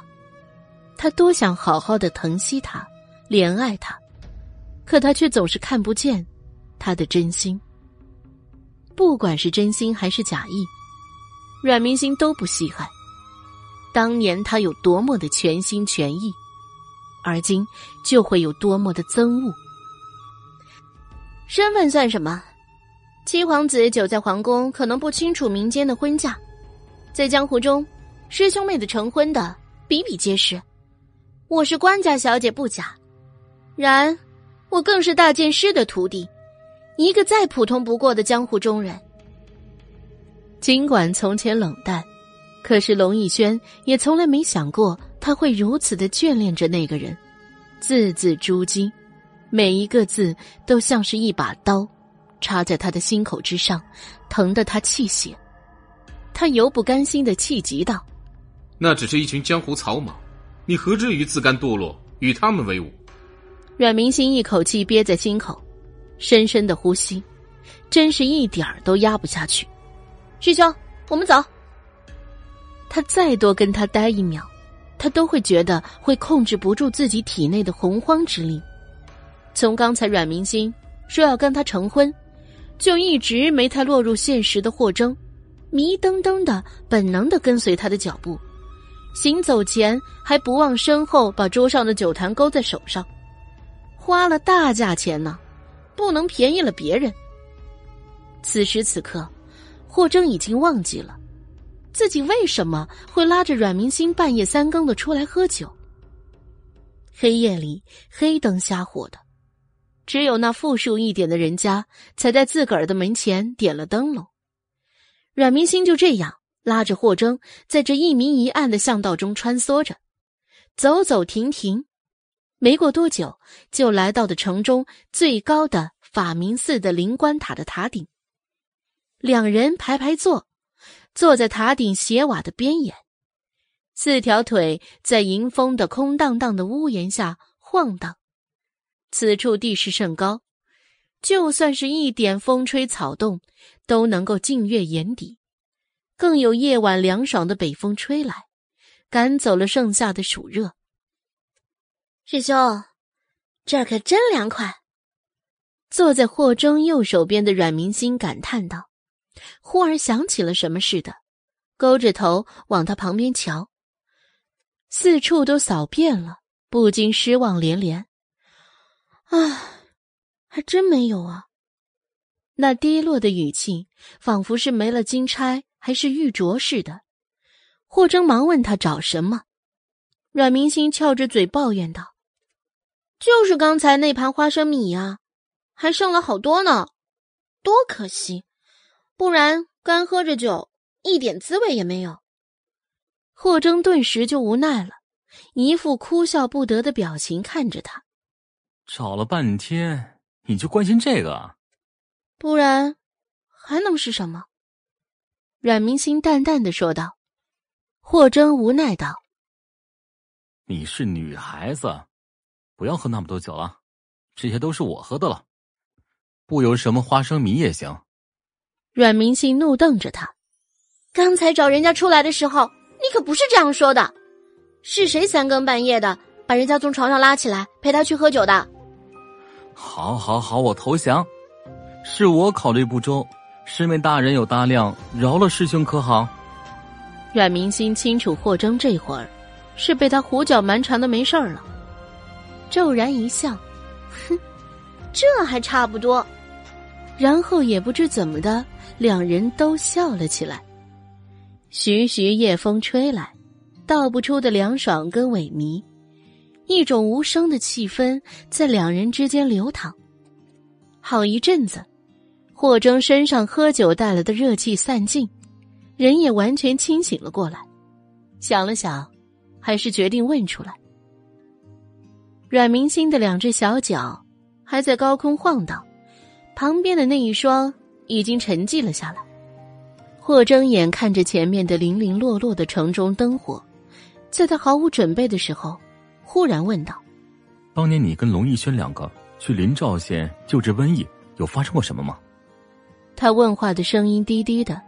眼角余光小心翼翼的偷窥着他的神色，不错过一丝一毫。啊？什么？刚刚刮了一阵东南风，从阮明心吹向霍征，将他的声音带出老远。阮明心没有听清楚，追问道：“师兄刚说什么？我没听见。”霍征的神色变了变，说道：“啊，没什么。”就是刚才问你有没有注意到刚才龙逸轩的眼神了吗？阮明星停止的双腿又动了起来，语气轻快的说道：“我注意他干什么呀？我只注意师兄。”他笑嘻嘻的，语气轻佻的对着霍征说道：“ 霍征咳了咳，释放自己的尴尬，宠溺的揉揉他的脑袋：“你呀，说你什么好？”阮明星的头顶在他手心拱了拱，那就不说呀。不过霍征还是说了，有些事情随着年龄的增长，说的越多，越会被人所重视。他像是感叹似的说道：“翻过年你就十三岁了，时间过得真快了。”忍不住又揉了揉他的脑袋，把他一头没有任何珠钗的乌发揉得有些小碎发飞起来了。再过两年就要及笄了。阮明星抬头看他，师兄想说什么？霍征微微一笑，说道：“我们明星长大了就该谈婚论嫁了呀，怎么这么大个人可还没想过吗？”虽然很温柔，可是阮明星不喜欢他这副用长辈的口吻似的对他说话，打落他在他头顶作乱的手。两只眼睛直直的看着他，即便是在这漆黑的夜里，都能看清里面闪动着光芒，认认真真的，一字一句的说道：“这还用想吗？当然是要嫁给师兄了呀。”霍征愣了一下，随后轻笑着说：“他尽是胡说。”内心心底的苦涩被他深深的掩埋。见到那道圣旨时。他是多么的开心，可现在就有多苦涩。阮明心不甘心了，我才没有胡说。这世上除了霍长燕，我谁也不嫁。夜色极凉，少女一脸认真。她据理力争的说道：“我从六岁的时候，我就说了要嫁给你，你不当真。十岁，我还说要嫁给你，你还当我小孩玩呢。如今你也说了，再过两年就该嫁人了。你也问我了，自己有没有中意的人选？有啊，我中意的，就是师兄你呀。从小到大，我唯一想要嫁的人。”就只有那个叫做霍长燕的一个人而已。霍征张了张嘴，想要说什么，他立刻伸手将他嘴巴堵住。如今我都十三了，已经长大了，你再也不能说我还小这个理由来挤兑我。少女的神情无比认真。今天我就把话撂在这儿了，我就要嫁给你，就要嫁给你，就只嫁给你。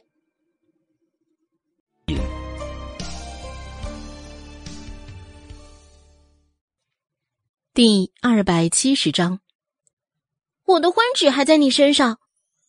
阮明星负气的一口气噼里啪啦的说了一大堆，坐在那里呼呼喘气。小媚眼儿恨恨的看着他，仿佛要是他再敢找理由推脱，他就绝对不会放过他。霍征确实不负他所望，没有再找理由反驳他，因为他现在整个人都呆愣住了。仿若醍醐灌顶，心神荡漾，久久回不过神来。不过头一回被自己喜欢的女孩表白，前两次他都觉得他不是认真的。虽然已经看清自己的心意，可是单相思哪有两情相悦来的满足？这边霍征才刚刚把话听下去，那边。阮明心又再接再厉，悠悠的指着前面的房屋灯射说道：“师兄，你看，这大好的人间烟火，就在脚下。现在我身边的人是你，除了你，还会有谁会在这大半夜的陪我跑出来吹着冷风呢？”他轻笑着说道：“嘿，不若，咱俩就这样组成侠侣，就此闯荡江湖，怎么样？”说完，他一双眼睛闪亮亮的看着他，笑着说道：“霍征，转头与他对视，温柔的脸上泛着笑意。然而，就算是抛开身份不说，他还知道他身负巨仇，大仇还未得报。看他说的这么轻松，想来又是随口说说罢了。刚才他还希冀来着，他自嘲的笑了笑。”脸上不动分毫，摸摸他的头，好。不管你是随口说说也好，有意为之也罢，在我的心里，你永远都是我这一生所珍重的。得到了心上人的肯定回答，阮明心就放心了，看着他开心的笑了起来，说道：“既然要闯荡江湖，怎么能不豪情万丈呢？来，拿酒来。”手一伸，对着霍征喊道：“霍征，宠溺的笑了笑，索性今晚就不醉不归吧，也不约束他了，伸手就把旁边的酒递给了他。龙逸轩找到他们的时候，就看见两人肩并着肩，坐在高高的塔顶边上，阮明星欢乐的手舞足蹈，嬉笑颜开。霍征扶着阮明星，小心他会掉下去的时候。”就看到了那个站在他们正下方仰望着的少年。灵官塔，即便是夜晚也灯火通明，是京城里的一道奇妙的景观。他站在灵官塔下，塔内的灯火透出门外，照得他的面目清晰，周围一片亮堂，唯有身后拉得长长的影子将他陪伴，显得落寞又萧条。他比他还要小上三岁，然而仰望中对着他的那股眼神却无比的坚定与挑衅。霍征愣怔了一下，想起刚才酒桌上他劝说阮明星的话，还有那股看着他热切的焦急的眼神。在阮明星还在喝酒的空档中，两个男子就这样谁也不让谁的对视良久。最后，龙逸轩长长的看了阮明星一眼，看着他毫无防备的娇憨，看着他率性而为的活泼，心底是隐隐发痛的，然后就离开了。霍征像个胜利者一样，劝慰着他不要再喝了。阮明星不肯听，趴在他身上去抢酒坛，然而酒坛早就被霍征倒了，回到他手上的时候空空如也。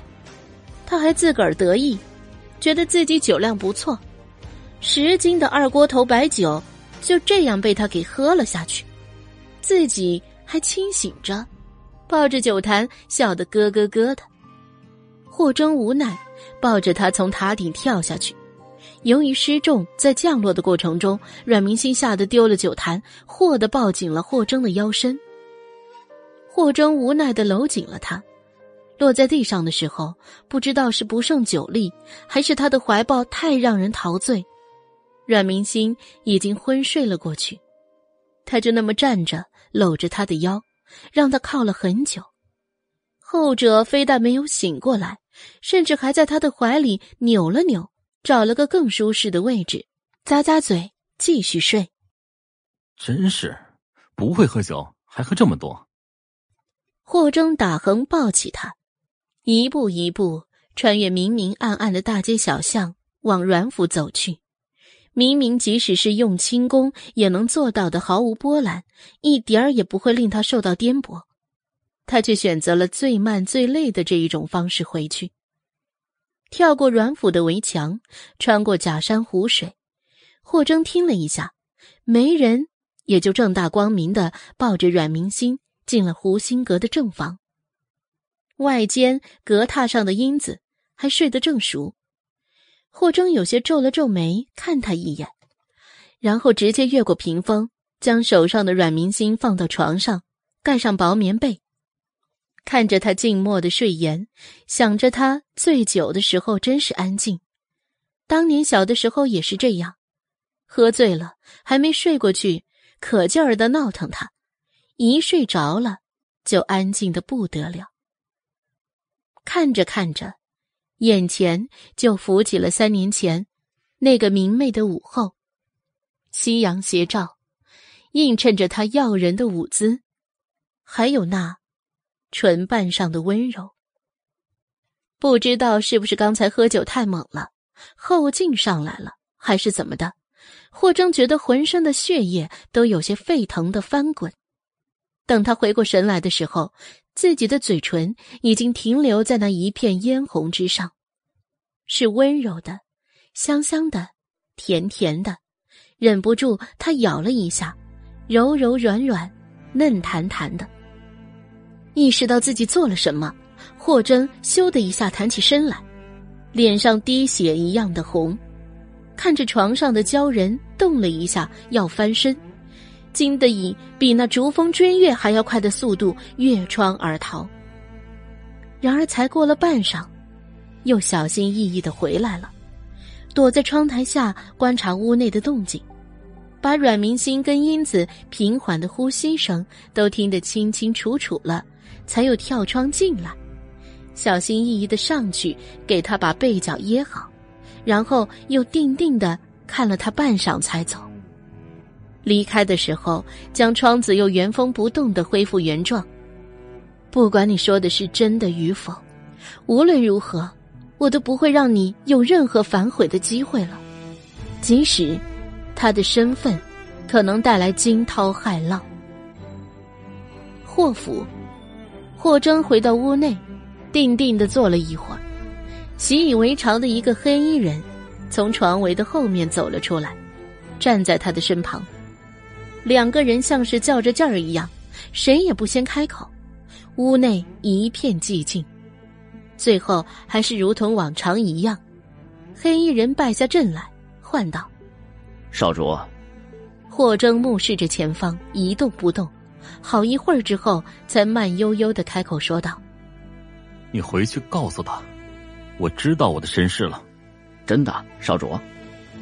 黑衣人惊喜：“那您何时动身，跟属下一起回去？主上非常的想您。最后一句，黑衣人说的很是诚恳。现在局势还未定，我是不会回去的。况且这里还有爷爷，他还没有想好，到底要如何跟爷爷开诚布公。